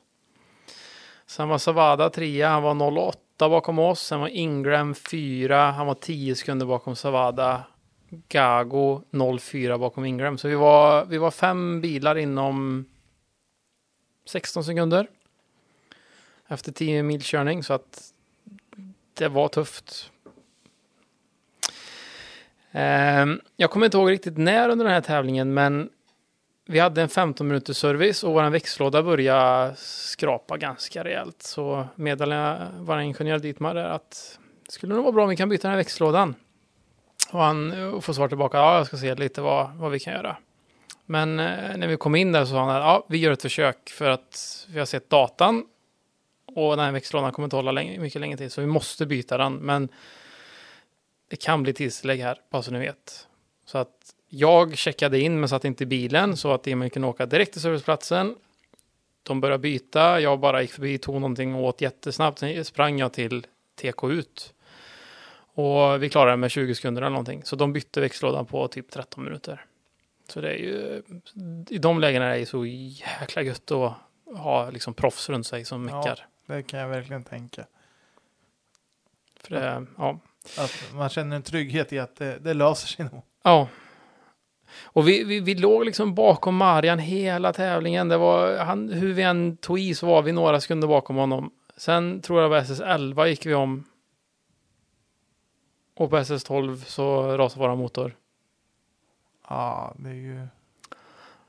Då är det då ner eller? Ja, det var mindre roligt kan man väl säga. Det var... Ja, det var, det var riktigt tufft faktiskt. Återigen, alltså, gör man ett misstag och kraschar så har man liksom ändå gjort sitt bästa och gjort ett misstag. Men, men, men- liksom här, när man åker dit på en teknisk grej. Nu är motorhaveri ganska, alltså det är ingenting man bara fixar till så, men alltså det Ja, det är tufft. Och speciellt när teamet har gjort ett sånt jobb och bytt växellåda innan också. Ja, Så måste det kännas ännu alltså, sur att fasen. Varför hände det här? Nej, det var, nej, det var tufft. Det var riktigt tufft. Vad sa teamet då? Alltså, Vi la ju ut någonting på eh, Instagram och Facebook om att tyvärr så bryter vi på, jag tror SS12 med motorhaveri. Och då ringde Jörg till mig och ja, det var ju typ så här att ja, är inte det där borta från sociala medier inom fem minuter så river vi kontraktet. En Opel-motor går aldrig sönder. Så det var ju bara radera. Sen kom mekanikern och hämtade upp bilen av oss och vi kom in till servicen. Sen fick man sig en ny utskällning att vad tänker ni med liksom? Aldrig liksom att Opel misslyckas. Liksom. nej. Det är regel nummer ett och regel nummer två och regel nummer tre. Så det, det var mycket i samma veva. Samtidigt som jag själv var besviken på att, jag menar vi, jag tror inte vi kanske kunde säkra ett guldet där, men jag tror vi hade kunnat gjort det väldigt lätt för oss. Ja. Men eh, att kasta bort den chansen var, det var ju tufft bara det och sen att få den kritiken var ju, gjorde ju inte det lättare. Ja, jobbigt att få att man ska riva kontraktet bara för en bild på, på sociala medier. Ja, precis. Det, men det var även under den här tävlingen så jag kommer inte ihåg riktigt när, men då eh, vi, vi käkade. Så kom Jörgen in och satte oss vid, vid vårt bord och så sa han där bara att ja grabbar, bara så ni vet nu, de nästa tre sträckorna vill jag ha sträcksegrar på. Och vi var, vi var snabbast på två av tre, så när vi kom in på nästa service så fick vi oss en utskällning för att vi bara tog två av tre sträcksegrar. Så att Var det direkt på morgonen? det var nog direkt på morgonen, ja.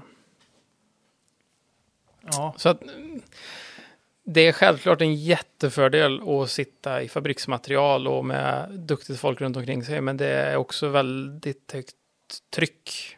De förväntar sig resultat. Det och här liksom när vi hade då vunnit de två första och ändå plockat okej poäng i passorerna så liksom förväntningarna ökade ju ganska radikalt. ja då hade ni ju blivit första för då var det ju ni som skulle Leverera ja. leverera. Exakt. Så att, eh, men, men Jörg är ju, som jag sa förut om, om Guido Depper, liksom att han... Eh, det, var, det var de här urblåsningarna. Sen var det liksom tillbaka till normalt igen. Det var ju liksom inte så att han gick och var vresig. Nej. Inget sånt, utan liksom, han behövde få ur sig det där. Ja, men det, är, alltså, det är tysk mentalitet lite där. Ja. Som vi pratade om innan också. Men eh, ni hade ju, för det var ju av knappt en månad tills det var dags för Rally Estonia, eller hur? Ja. För e, junior ERC åker inte alla tävlingar i ERC, eller hur? Nej, man åker eh, sex utvalda utav, jag tror det var åtta eller nio det året. Så att eh, Estonia, eller Estland ska jag säga, Ja. var ju då nästa, nästa deltävling. Och där kunde vi ju säkra guldet utifrån vissa parametrar. Jag kommer inte ihåg alla parametrar nu. Men det började ju fantastiskt eh, jättedåligt. Ja. Eh, på ceremoniella starten så får jag en starttid utav eh, en kille i Opel. Vet inte exakt, jag har inte tiden i huvudet nu, men jag får en starttid Ja. som jag skriver ner på, på handen. Och bilen framför oss åker in så att det blir två minuters gap och jag blir så här, men om jag, jag kan inte checka in en minut tidigt, då får jag en minuts tidslägg. Och jag har ju min starttid. Så jag väntar ju ut och åker in. Lämnar över tidkortet, får tillbaka tidkortet och då säger han att ni har checkat, ut, checkat in en minut sent. Så det var liksom starten av Rally Estland. Och kommunikationsfel. Jag hade skrivit ner en minut fel kontra vad han sa till mig. Jaha.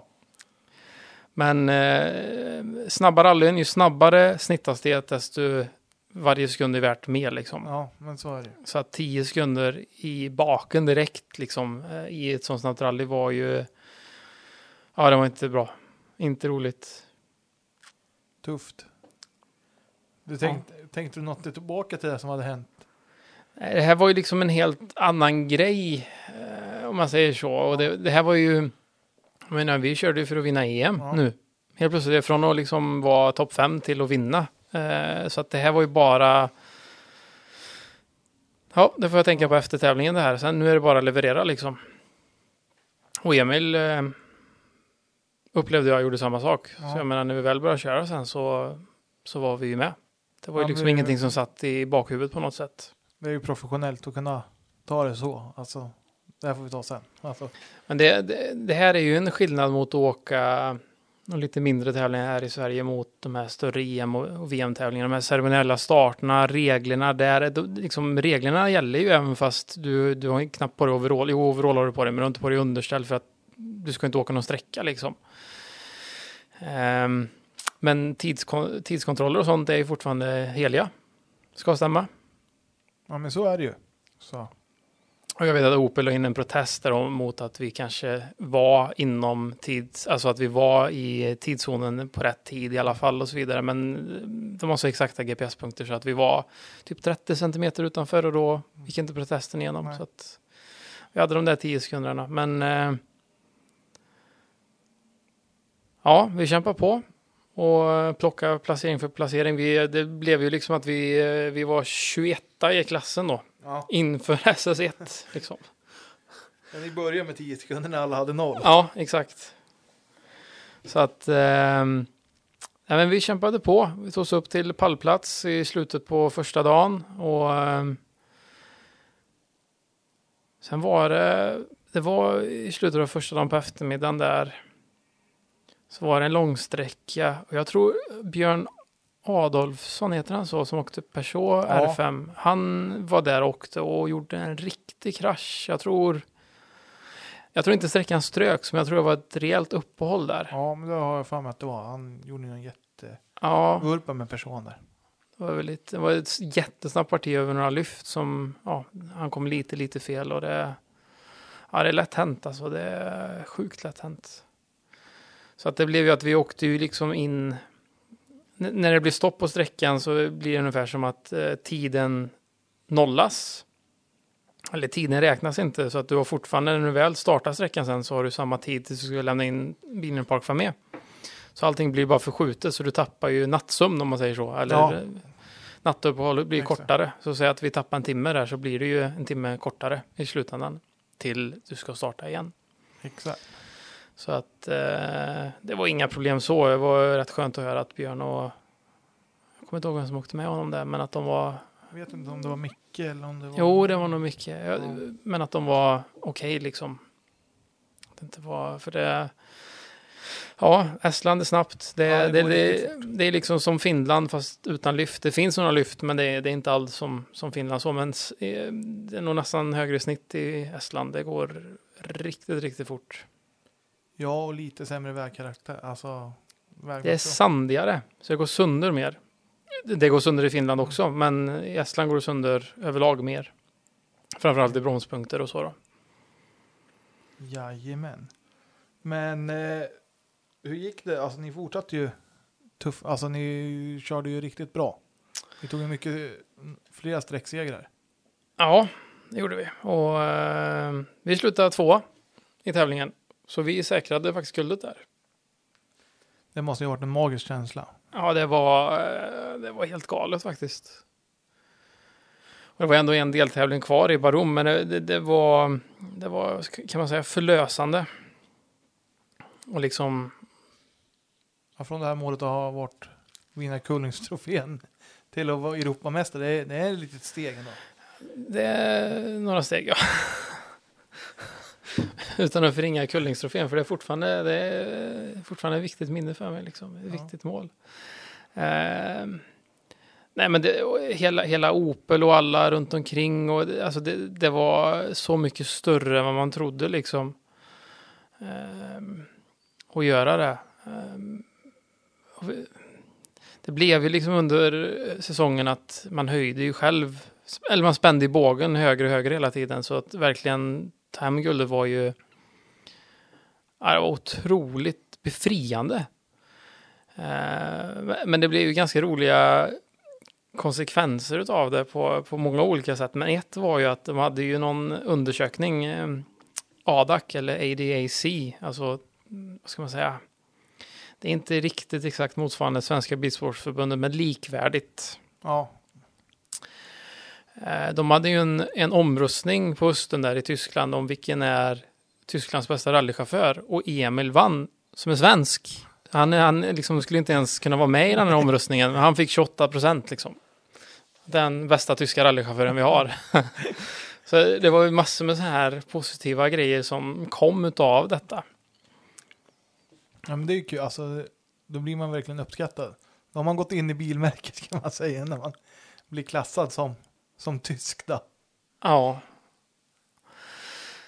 Nej, det var, och det blev liksom, jag vet inte eh, hur man ska säga det, men det blev ju en helt annan harmoni i teamet. Han var inte dålig innan, men det blev en helt annan arbetsro liksom. Alla, alla, alla liksom var ju Europameister. Det var ju liksom, meckarna var ju Europameister också liksom. Det, alla fick bättre självförtroende av det. Ja, riktigt kul. Det måste ha varit och bidragit med, med att få ihop en sån gruppdynamik. Ja, det var, när jag ser tillbaka på det så var det ju ett väldigt bra gäng, liksom alla meckar och ingenjörer och så vidare i Opel. Det var väldigt, väldigt proffsigt för, för att ändå vara en R2-satsning liksom. Eh, det, ja, det ska de ha en eloge för Opel, att de, de eh, la ner så mycket tid och pengar på, på R2. Ja. Tror de var ganska ensamma om det här just då. ja, det måste de ha varit. För det var ju inga andra som hade något fabriksteam sådär. Ut- Inte för så heller så. Nej. Saint-Lock Lock. körde ju lite, men det var ju eh, halv-semi-fabriksteam kan man väl säga. Exakt. Men eh, skönt att få, få vända hem ett EM-guld från, från Estland där. Men sen så var det ju dags att, alltså, hur gick tankarna? Alltså, ni, ni var klara Europamästare, men jag tror uppdragen för Opel måste ju ha växt. Ni måste ju ha varit deras affischnamn utåt då. Ja, det, det- blev ju så. Eh, och framförallt Emil, jag menar kartläsaren är ju som... Det är inte så stor skillnad på en kartläsare när man kör för ett tyskt team kontra hur det är i Sverige. Man, Mm. och jag är ganska, jag vill gärna inte vara i centrum så att jag tyckte det var ganska skönt att Emil fick ta det där mediala trycket liksom. Eh, Men det, vi blev inbjudna, vi skulle ju åka på eh, Nordschleife, någon PR-grej köra på lite folk och det var ju under de körde, det var ju någon sån här Formel 4 och vad de nu körde allt. Okej. Ja. Så att det var ju liksom i pausen mellan hit så skulle vi ut och sladda där liksom Mm. och visa upp. Och det var ju fränt liksom. Men det blev ju vi var utomlands i fyra veckor i rad. För det var det, sen drog vi direkt och skulle åka Rally Wartburg igen eftersom det är hemmatävling där Ja, Opels, en av Opels största fabriker är. Och då hade de ju stripat om bilen där det stod Europameister och det, det var väldigt högt tryck. Ehm, Playboy Tyskland. Jag vet inte vem som sponsrar vem där. Om Opel sponsrar Playboy eller Playboy sponsrar Opel. Jag, jag vet inte, men de hade ett samarbete. Ja. Så på Shakedown så skulle en Playboy-tjej åka med Emil. Okej. Och när hon kom så liksom tänkte jag, ja men då ska jag visa henne lite så hon hittar i alla fall till sträckan och liksom, men nej, hon, det, liksom, det var ju bara Emil. Ja, ja, ja, de eh, klarar sig själv. Ja. Emil kan roadbook så att här har ni roadbooken Ja. så går jag in i Opel-tältet och dricker lite vatten så länge liksom. Eh, och de åkte iväg till Shakedown. Jag såg att de fick en tid. Och sen gick det en halvtimme. Borde tagit kanske fem minuter att vara tillbaka på servicen. Sen tog det en timme. Sen tog det en och en halv timme och jag försökte få tag i Emil. Vad, liksom, vad, vad har hänt? Har de åkt av eller liksom, vad är det? Men det, de hade ju åkt fel kan jag ju säga. Det var ju jättefel. Ehm, ja, det var bara en här liten episod. Ehm, Ja, jag vet ju varför Emil åkte fel. Han ville... ja, kanske, kanske inte ska prata högt om det här i så här officiella sammanhang. Nej, men eh, det var, de hade åkt fel helt enkelt. Och det, ja, det var en lite rolig anekdot bara. Ja. Exakt, nej, men eh, alltså sånt där måste ju också vara kul att få. Alltså, vara verkligen de stora stjärnorna. Ja, och sen, sen gick ju den tävlingen också i kuppen så att jag menar, vi var ju fabriksförare så helt plötsligt hela kuppen var ju framme hos oss och ville prata och höra och liksom det var ju det var väldigt mycket uppmärksamhet, så kan man säga. Ja. Var det det året några svenskar mer åkte upp på ladan va? Ja, det Åman. tror jag. Åman åkte nog i alla fall. Kan det ha varit något mer? Tom blev året efter va? Ja, Tom var nog året efter. Åman tror jag åkte i alla fall. Exakt. Nej, Men sen just då Rally Wartburg, det var ju liksom mest för PR. Men alltså, det är ju det här när hjälmen och åker på va. Och så på kvällen där var det en eh, sån här rundbana igen. Och då startar man i, i grupper där de tävlingsledningen anser att nej, men de här är ungefär lika snabba. Och startar man, så när gruppen får ett OK, då är- startar varje, det brukar vara fyra bilar i en grupp. Då startar de med 10 sekunders mellanrum och vi startar bakom en Porsche.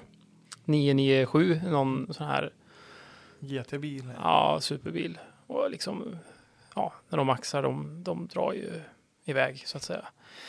Men det tog väl kanske tre kilometer så hade vi kört ikapp honom. Och den här sträckan var väl 1,8-1,9 mil. Och vi låg bakom, och det här var i mörker, vi låg och blinkade med helljus, halvljus i stort sett hela sträckan och vi kom inte förbi, han släppte inte förbi. Men så fort det blev rakt så drog han, alltså flera hundra meter och så fort tre kurvor in så har vi ikapp honom igen. Och Emil, om vi säger det lugnt, och så var han lite upprörd.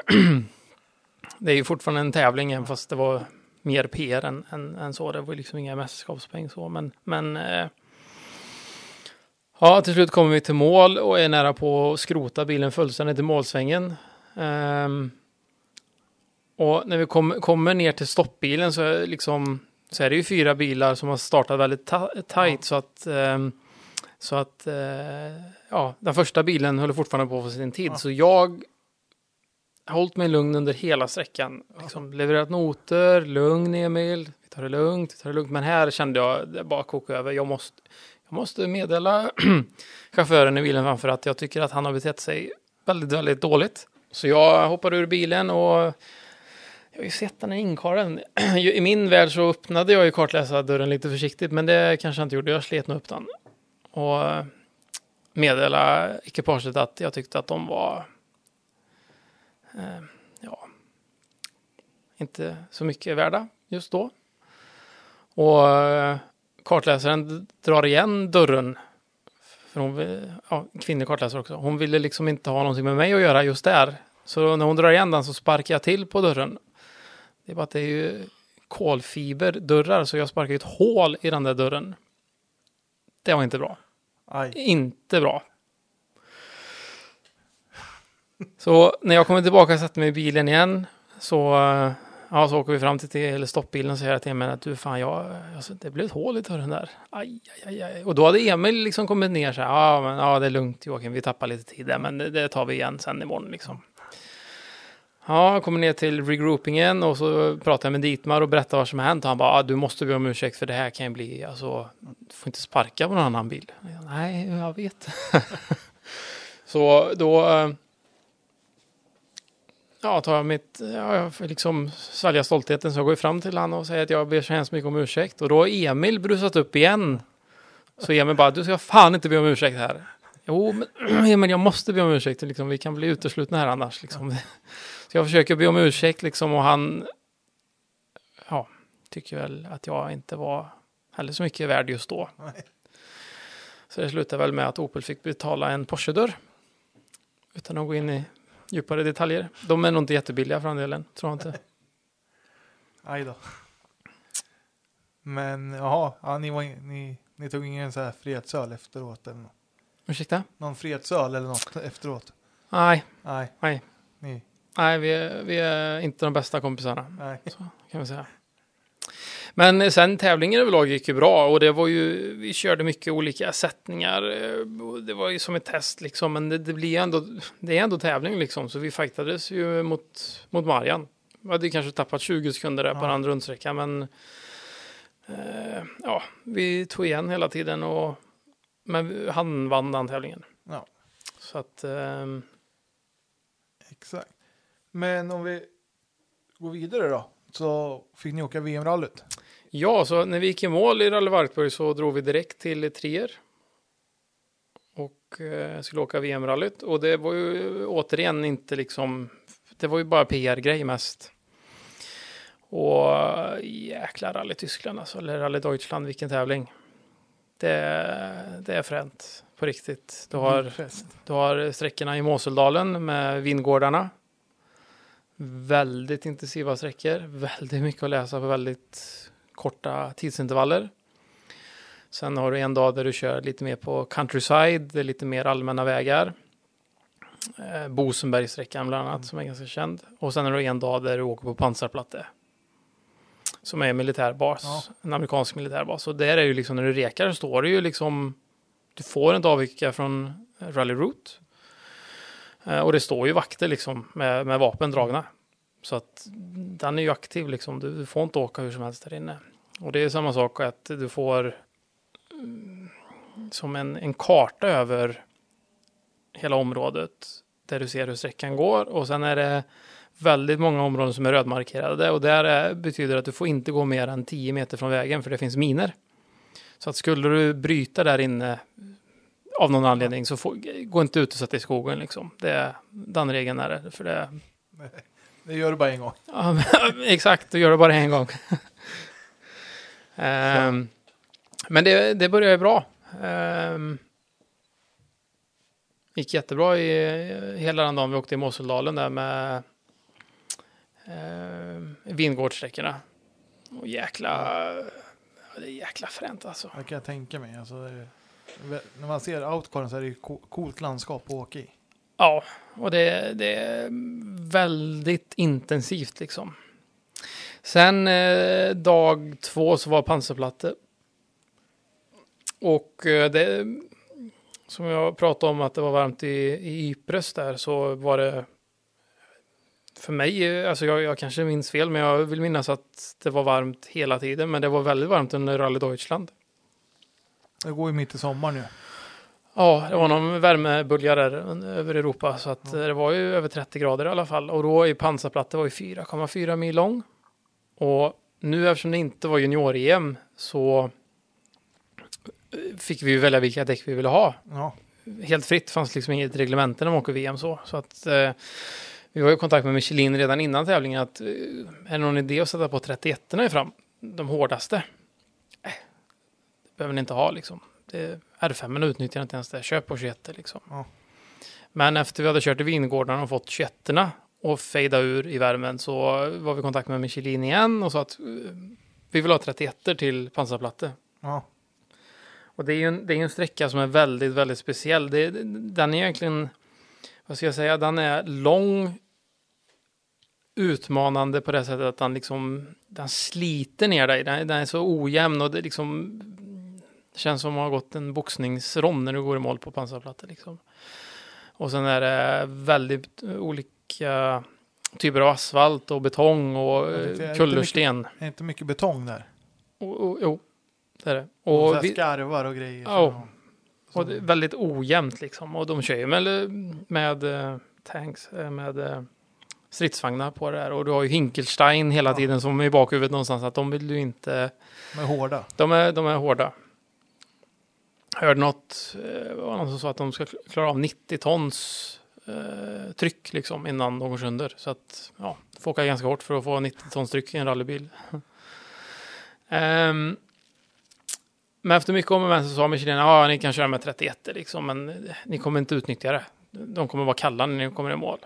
Så att eh, vi startade pansarplatte, lång, som var 4,4-4,5 mil lång. Med tanken att nu ska vi pusha hela sträckan. Vi ska ta i allt vi kan. Och efter tre mil så började de fejda ur fram. Och det var så här, men vad, Michelin sa att det här ska inte kunna hända liksom. Nej. Men de började fejda ur, men Emil bara, nej, vi, vi kör, vi håller i. Så att det började sladda och understyra och liksom, ja, det halade och halade och halade. Sen på en, på en vi körde om tre bilar.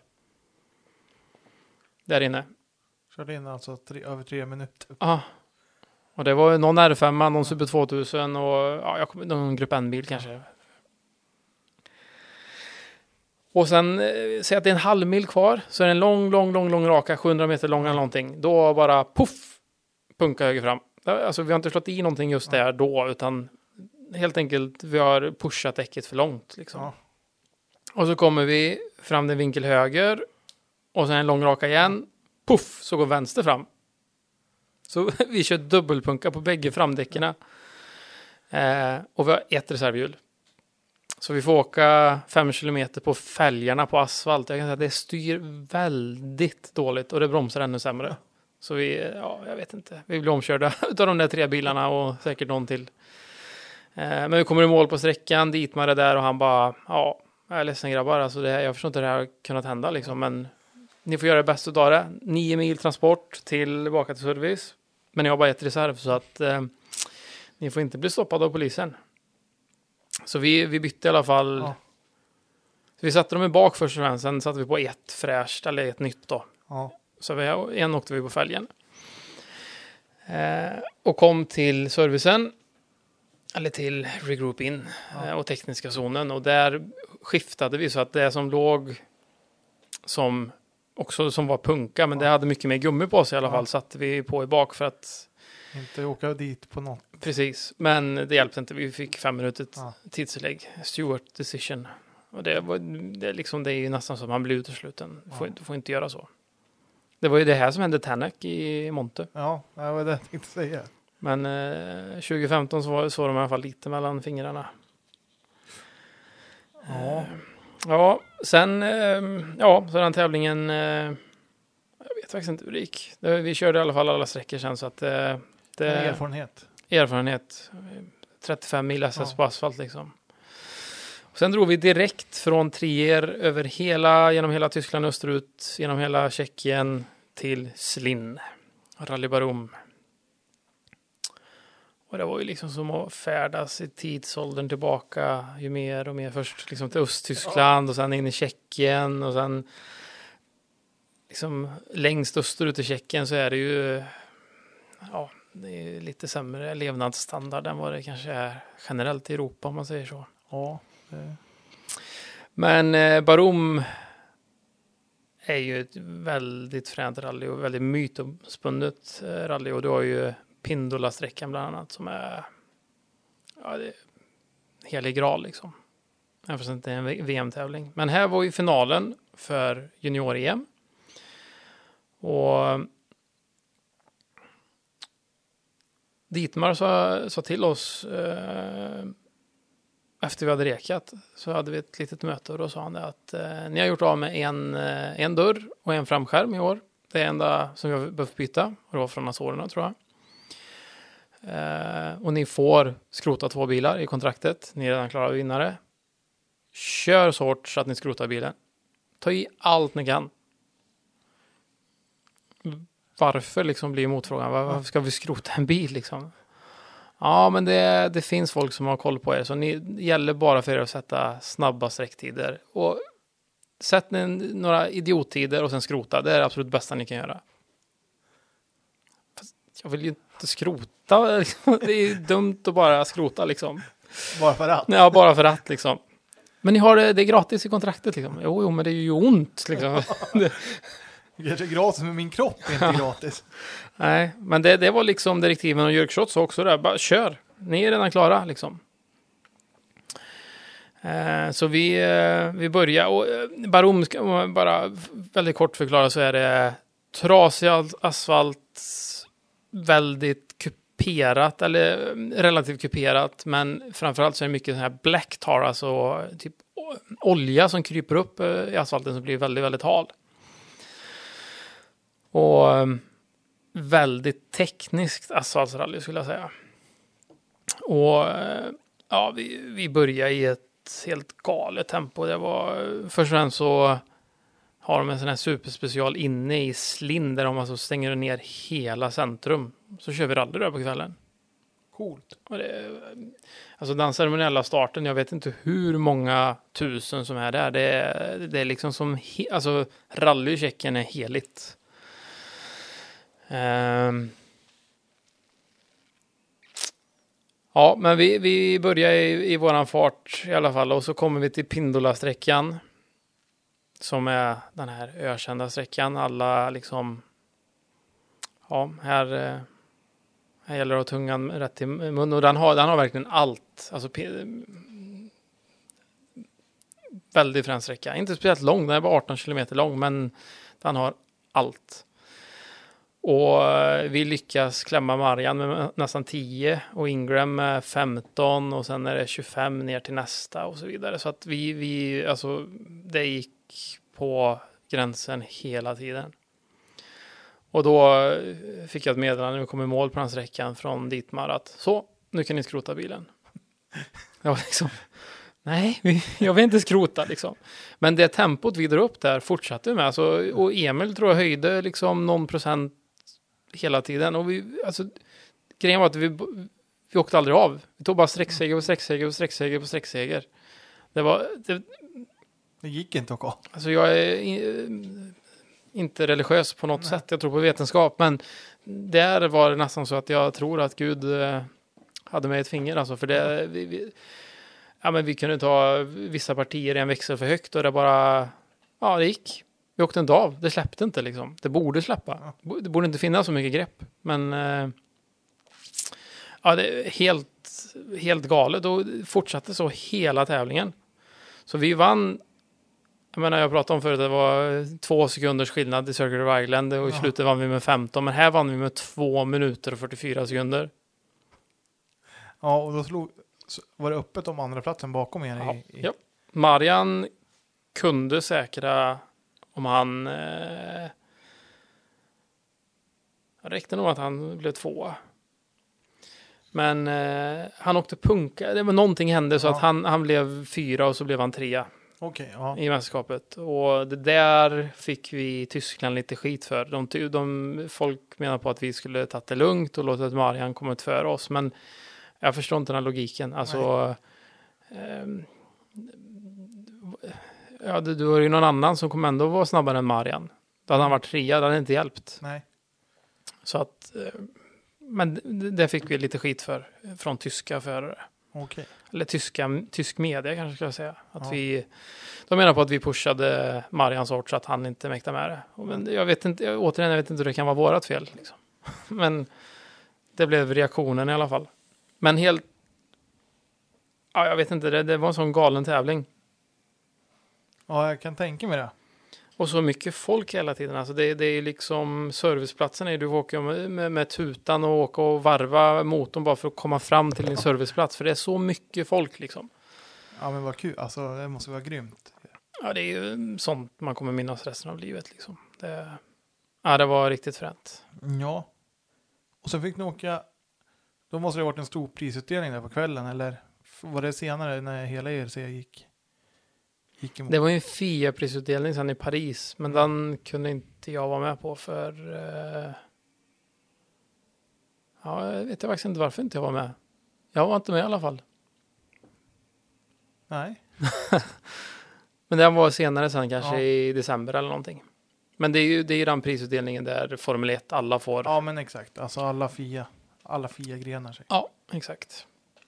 Men eh, det måste ju ha firats en del i alla fall. I... När, ni, Ja. när ni hade åkt så fort. Ja, ja. Det, Det gjorde det. det var väl eh, uppenbar i stort sett från Opel. Det var kör.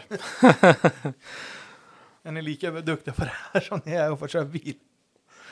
Det är liksom när man åker en, jag menar här nu då så hade vi ju då först haft den här PR-grejen. Sen eh, helgen efter det så åkte vi Rally Wartburg, sen åkte vi tyska VM-rallyt, sen åkte vi Rally Slind. Så det var ju liksom fyra helger i rad vi hade aktivitet. Och det var och i stort sett inga vilodagar för det var transport till nästa tävling. Sen började ju reken med en gång, anmälan och rek. Så jag menar när, när vi väl hade gått i mål där släppte ju ganska mycket spänningar liksom. Och Det kan jag tänka mig. Alltså det, det, det är en, en halv starköl, sen, sen är man ju inte så stark längre. Det är liksom, that's enough. Ja, jag tänker här, hur, hur kombinerar man sånt här? För nu har ni varit borta en hel månad kan man säga. Alltså 2015 var jag borta 175 dagar. Och har ett vanligt jobb. Har ett vanligt jobb, ja. Hur funkar det? ja det, det är ohållbart. Ja. Jag menar, det, det funkar ju inte. Nej. Jag hade, på den tiden så jobbade jag på ett företag uppe i Stockholm också och var utvecklingsingenjör och ansvarig över eh, vissa produkter som skulle ut på marknaden var fältprovsansvarig. Så att, eh, att ja, jag, jag vet faktiskt inte hur jag fick det att funka. Jag var ju ledig alldeles för mycket liksom. Ja. Men grejerna funkar när de kommer ut på fält. Ja, det gjorde de. Ja. Det blev faktiskt ganska lyckade lanseringar sen också. Eh, de- produkterna. Men sen var ju fältproverna också. Vi fältprovade i Kina och i USA. Så jag menar, ringde ju dygnet runt till mig. För jag var ju fältprovsansvarig. Hade de problem eller de hade någon fråga så ringde de i mig. Det var ju mitt namn liksom. Som, Ja, så att det, det ringde dygnet runt. Plus att man, ja. Det var ju rally som var det här året liksom. Ja.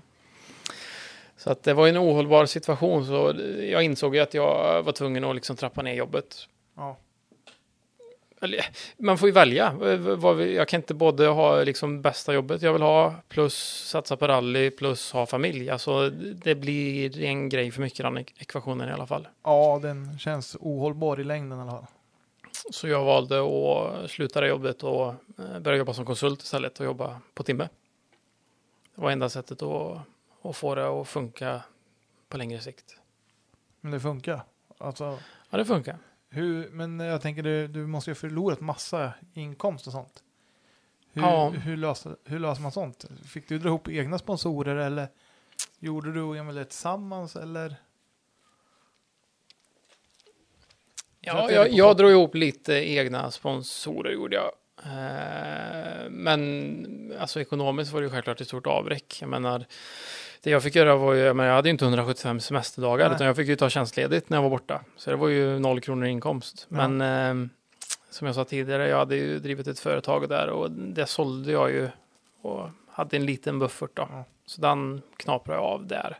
Så jag såg ju detta som en, en investering, liksom att gör jag detta i några år så kanske jag kan komma till det läget att, eh, att jag faktiskt kan bli avlönad som kartläsare. Ja. Du måste offra lite för att vinna i slutändan kanske. Ja, precis. Det, jag, jag, jag såg det som en investering. Det är liksom som att sätta eh, några hundratusen i en aktie på, på, på stock market. Liksom. Ja. Du kan förlora dem, men du kan vinna på det också. Exakt. Men i alla fall, ni fick åka hem och sen fick ni avsluta med segern i SM-tävlingen också. Ja, Nej, det, kanske inte blev en seger. Jo, Jo, jo, det blev det faktiskt. Vi, vi lånade samma, um, samma bil som vi hade haft i ehm, Örebro och körde SM-sprinten. Eh, körde vi finalen i Uppsala. Och, eh, efteranmälde oss. Och det var också bara för att ge tillbaka liksom, till de svenska sponsorerna. Ehm, det är väl preskriberat det här nu, men alltså den där bilen, en gammal Per Svan-bil, är ju den har varit med om lite grejer va. Så när jag sätter dit kartläsarväskan så får jag liksom med mig en färgklump från buren. Det är liksom stora rostdelar,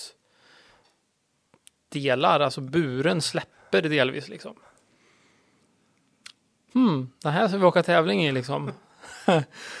Emil, nu håller du på. Ja, det var, det var lite så. Och ut på första sträckan på transporten så liksom står ratten typ klockan 10 på asfalt. Så kommer du ut på gruset och whoop, blir ratten helt rak. Så att ja, hjulvinklar och sånt kanske inte var helt optimalt. Eh, Men den Opel Astran Kitcardan går ju väldigt bra. Och eh, vi hade lite problem med bromsarna vet jag inför första sträckan och det var en mörkersträcka. Flymyra-sträckan är en ganska känd sträcka. Ja. Eh, Jag hade rekat och det kändes bra allt sådär och stod i starten och Emil att ja, jag kommer nog ta det lite lugnt i början för bromsarna är ju inte riktigt bra så vi, vi får se lite hur det här känns. Och så drar vi iväg och så in i första riktigt hårda inbromsningen så bromsar han där han brukar göra liksom. Varken tidigare eller senare. Men det, det funkar så att då, då kör vi på. Så att eh, vi eh, var ju fyra totalt på den sträckan. Det var vi kanske inte riktigt beredda på. Nej. Och eh, ja, det gick eh, riktigt bra. Jag, jag vet eh, första sträckan på lördagen. För det, det i Flymyra så var det väl någon liten eh, stadssträcka tror Ja. jag. Och sen var det första sträckan på lördagen då eh, Söderqvist eh, gav oss, jag vet inte hur mycket, 10 sekunder eller någonting. Det var något brutalt. Och då eh, Som det behöver Emil ha ibland kan jag säga, för då... Eh, jag kollar här nu faktiskt. Vi var... Vi var snabbast på alla sträckor förutom en efter det sen. Då blev han lite förbannad liksom. Ja. Ehm, nej, men det, det, var, det var väldigt roligt att åka på hemmaplan och väldigt, eh, väldigt givande och fightas med Söderqvist och Leif Pettersson och, och grabbarna och Christian Johansson. Och det, det, jag kan inte alla namn, men eh, jag vet när vi kom väl till slutmålet, då hade vi kört, eh, tjuvkika här lite också, men ja, 54 minuter körtid ungefär. Och eh, det var liksom kanske 10 minuter innan vi skulle in på rampen. Och då eh, stod topp 5, topp 6 kanske utav Trimma 2 vd och pratade med varandra och vi, jag ställde mig så som en ring liksom och pratade med varandra. Och då skulle jag skämta lite och säga att ja men det är bra då ställer vi bilen i en park för mig och så kör vi en lika lång dag till imorgon. Och alla bara kollar på mig som jag, vad är det för idiot liksom? Och vi har ju kört ett helt SM-rally.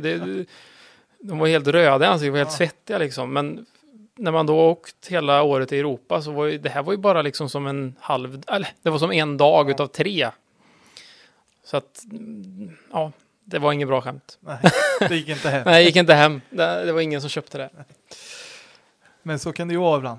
Så, Ja, men det, det, var, det var ett väldigt roligt minne och det var väldigt skönt att kunna visa också på hemmaplan på något sätt att men vi hade inte kört någon test, ingenting med den här bilen, men sätter oss och är fyra totalt på första sträckan liksom. Det,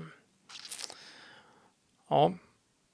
Ja, jag vet inte riktigt vad jag ska säga mer. Det, det gick gick Och jag vet att jag tänkte många gånger på att den här buren vill jag inte, jag vill inte krascha med den här bilen. nej. Så, så kan jag förstå att du kände faktiskt efter, efter att ha fått den upplevelsen direkt. ja, Så. Och sen blev det ju faktiskt så att ni fick åka lite R5 där i, i slutet av året. Ja, det var ju så att eh, priset från ERC och Eurosport var ju då en fri tävling i en EM-tävling. Du kunde välja Ja. samma år eller året efter. Men vi visste ju inte riktigt vad vi skulle göra året efter, så vi ville sätta oss i närfemman så Ja. fort som möjligt.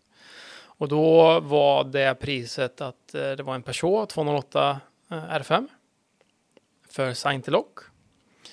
Alternativ så kunde du välja en annan bil, men då fick du gå in med egna pengar och man kan säga att våran budget var ansträngd så att Ja. eh, det var ju bara yes, vi kör person.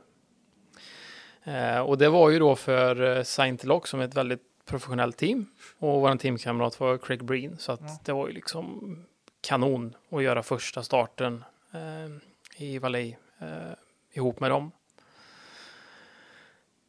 De delar med sig väldigt mycket, både Breen och Scott Martin. Ja. Så att, eh, och Vincent Duché som är teamchef och ja, det är proffsigt stall liksom. Väldigt proffsigt. Vad fick du med dig där, alltså från, Scott Martin? Vad kunde han tipsa dig om som du har med dig fortfarande? Eh, Mycket, men framförallt eh, vissa basic-grejer som jag aldrig hade tänkt på. Men det var ju liksom som att ja, men nu är det ganska sent på året, solen är låg från början. Reka sträckorna på samma tid som sträckan kommer gå eh, när ni kör dem i tävlingen. Och jag var ju, jaha, varför det då? Jo, men då vet du när vilka partier ni kommer ha solen i ögonen och vilka sträckor ni behöver tejpa ner på, på framrutan. Um, det var sånt. Eh, sådana små tips. Sen var det som att eh, liksom, ja, det är vissa sträckor här och tunnlar. Tunneln kommer bli becksvart för dig. Du kommer se utåt, men du kommer inte se noterna. Så sätt då i början av noterna att liksom kartläsa lampan på. Så här små tips som liksom när du kommer till SS17 så här. Lam, eh, kartläsa lampan på. Ja, just det. Då sätter du på den, fast du behöver inte ha den just då. Nej. Starten är jätteljus, då är det liksom inga problem. Men när du kommer sen in i de här tunnlarna så, ja just det. kan jag fortfarande se här. Vad bra att ha. Ja, så mycket så här små tips som, som jag menar han säkert har mm, kommit på på grund av att han haft problem med det. Ja. Så det var en väldigt stor hjälp.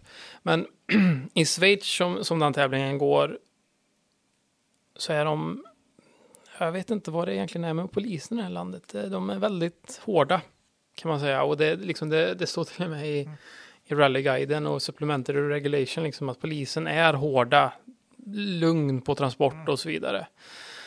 Och när man åker sådana här tävlingar så alla i samma ehm, klass brukar vi brukar skapa en WhatsApp-grupp för just tävlingen. Ja. Så, alla, så den som är först på vägen meddelar, meddelar vart poliserna står och, och så vidare. Och det, och det gäller både junior-EM och ja, alla tävlingar. Ja. Och vi fick information om att polisen stod i en by och det här var på väg ut till SS1, alltså första Ja. sträckan. Och vi åker i kolonn med 3, 4, 5 personbilar. Ja. 50 kilometer. Det är svårt att veta exakt hur man åker i en R5 för det finns liksom ingen hastighetsmätare mer än en digital på dashen liksom. Så att vi låg i 50. Ja. Kommer runt en vänsterkurva, där står polisen och vinkar in oss. Så. Körkort? Nej, det har vi inte med oss. Det har vi aldrig med oss i tävlingsbilen. Nej, då kan ni parkera bilen här. Det är bara att gå ur. Ni åker liksom ner till polisstationen. Ja, men tar vi det väldigt lugnt här. Vi, vi är på väg till vår första sträcka här. Vi, vi, vi, vad gjorde vi för fel, officer? Liksom? Ja, ni åkte i 52 på 50 väg. Okej, okej. Så vi åkte för fort. Och vi har inget körkort med oss. Nej, vi har inget körkort med oss. Men vi behöver verkligen komma till SS1. Ja. Finns det någon typ av lösning här? Och då var det så här liksom. Vad menar du med lösning? Är det, vill du ge mig pengar? Jag tänkte, vad fan ska jag svara på det? Om jag säger ja så är det ju muta. Liksom, då erbjuder jag honom en muta. Det kanske, nej, det menar jag inte.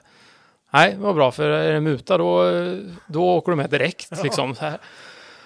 Ja, alltså, men finns det inte någon lösning på det här? Ja, jo, vi ska ringa och prata med tävlingsledningen. Och jag menar, vi, vi har ju inte, jag har inte tid att passa på SS1. Liksom, stressen att stå utanför bilen där och man hör rallybilarna åka förbi liksom. Ehm, men det slutar med att de pratar med tävlingsledningen och säger ja, okej, ja, ni har ett OK från dem liksom. Men vi kommer sen så får ni betala böterna. Ja. Så åker vi några sträckor, kommer ner till um, serviceplatsen, in på service och så kommer poliserna in med en kortläsare. Så, ska ni betala. Det var, det var en sjukt belopp, typ 600 euro för två kilometer för fort. Va? Och jag bara, jag, alltså, jag har inte kortet på mig, det är på hotellrummet. Jag, och Emil hade inte heller några pengar på sig. Så Vincent Duché drog fram kortet. Ja, ja, ta de här pengarna här liksom. Sen åkte vi några sträckor till. Och så kommer vi ner till regroupingen för sista servicen på dagen. Då kommer tävlingsledningen med en lika stor böter. Som en, som en, liksom en respons på polisen. Så vi fick 600 euro igen. Och de skulle ha cash inom två timmar, annars är ni uteslutna. Så då fick jag ju springa omkring där och liksom tigga 20 euro av folk högt och lågt för att kunna betala till tävlingsledningen. Så det var, det var en väldigt speciell tävling. Men första tävlingen i R5, det var ju liksom wow. Effektmässigt, det är klart att det drar iväg mer än en R2, men det är liksom, det är inte där det stora, utan det är bromsar och väghållning. Alltså det är, jag insåg efter den tävlingen eh, att eh, man får nog träna lite mer med nackmuskler om man ska åka fort på R5, för det var, det var i slutet på varje sträcka så bara släppte man huvudet bakåt, för det, liksom det, det brände så i nackmusklerna liksom, av alla inbromsningar. Eh, Men vi gjorde en jättebra tävling och Emil körde fantastiskt bra så vi, eh, vi slutade, jag tror vi slutade fyra totalt. Det är ju kanon i, i första tävlingen i, i en fyrhjulsdriven bil. Ja, och då hade vi ändå lite tekniska problem. Bakdiffen gick sönder. Eh, Så vi tappade lite tid, men det, det var liksom, det var inte det som var målet så, utan det var, det var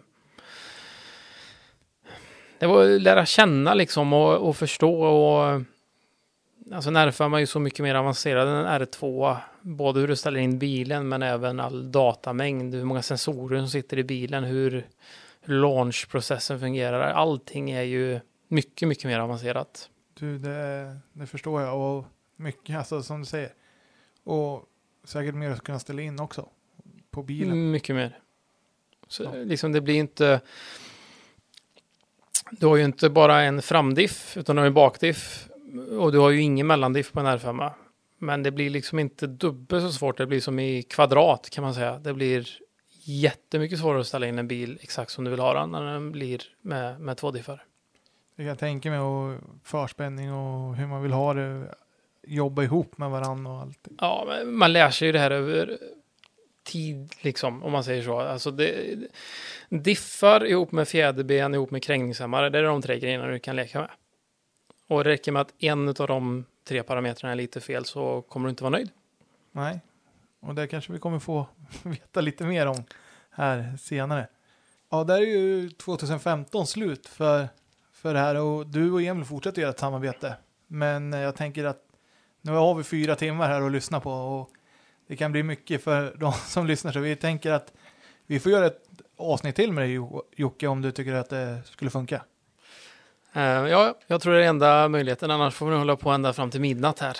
Ja, och det har varit superkul att lyssna på det här och vi kommer ju tillbaka med fortsättning här. Och vi är ju bara på 2015, nu är vi uppe på 2021, så vi har ju några år framför oss. Ja, det har vi. Mycket politik också som kommer komma in. Ja, Men det tar vi då. det ska bli riktigt kul och då kommer Daniel vara med också. Jag fick meddelande från honom här, så då får han också vara med och höra din fantastiska berättelse. Vad roligt. Ja, men vi tackar så mycket för den här pratstunden så syns vi snart igen. Tack så mycket.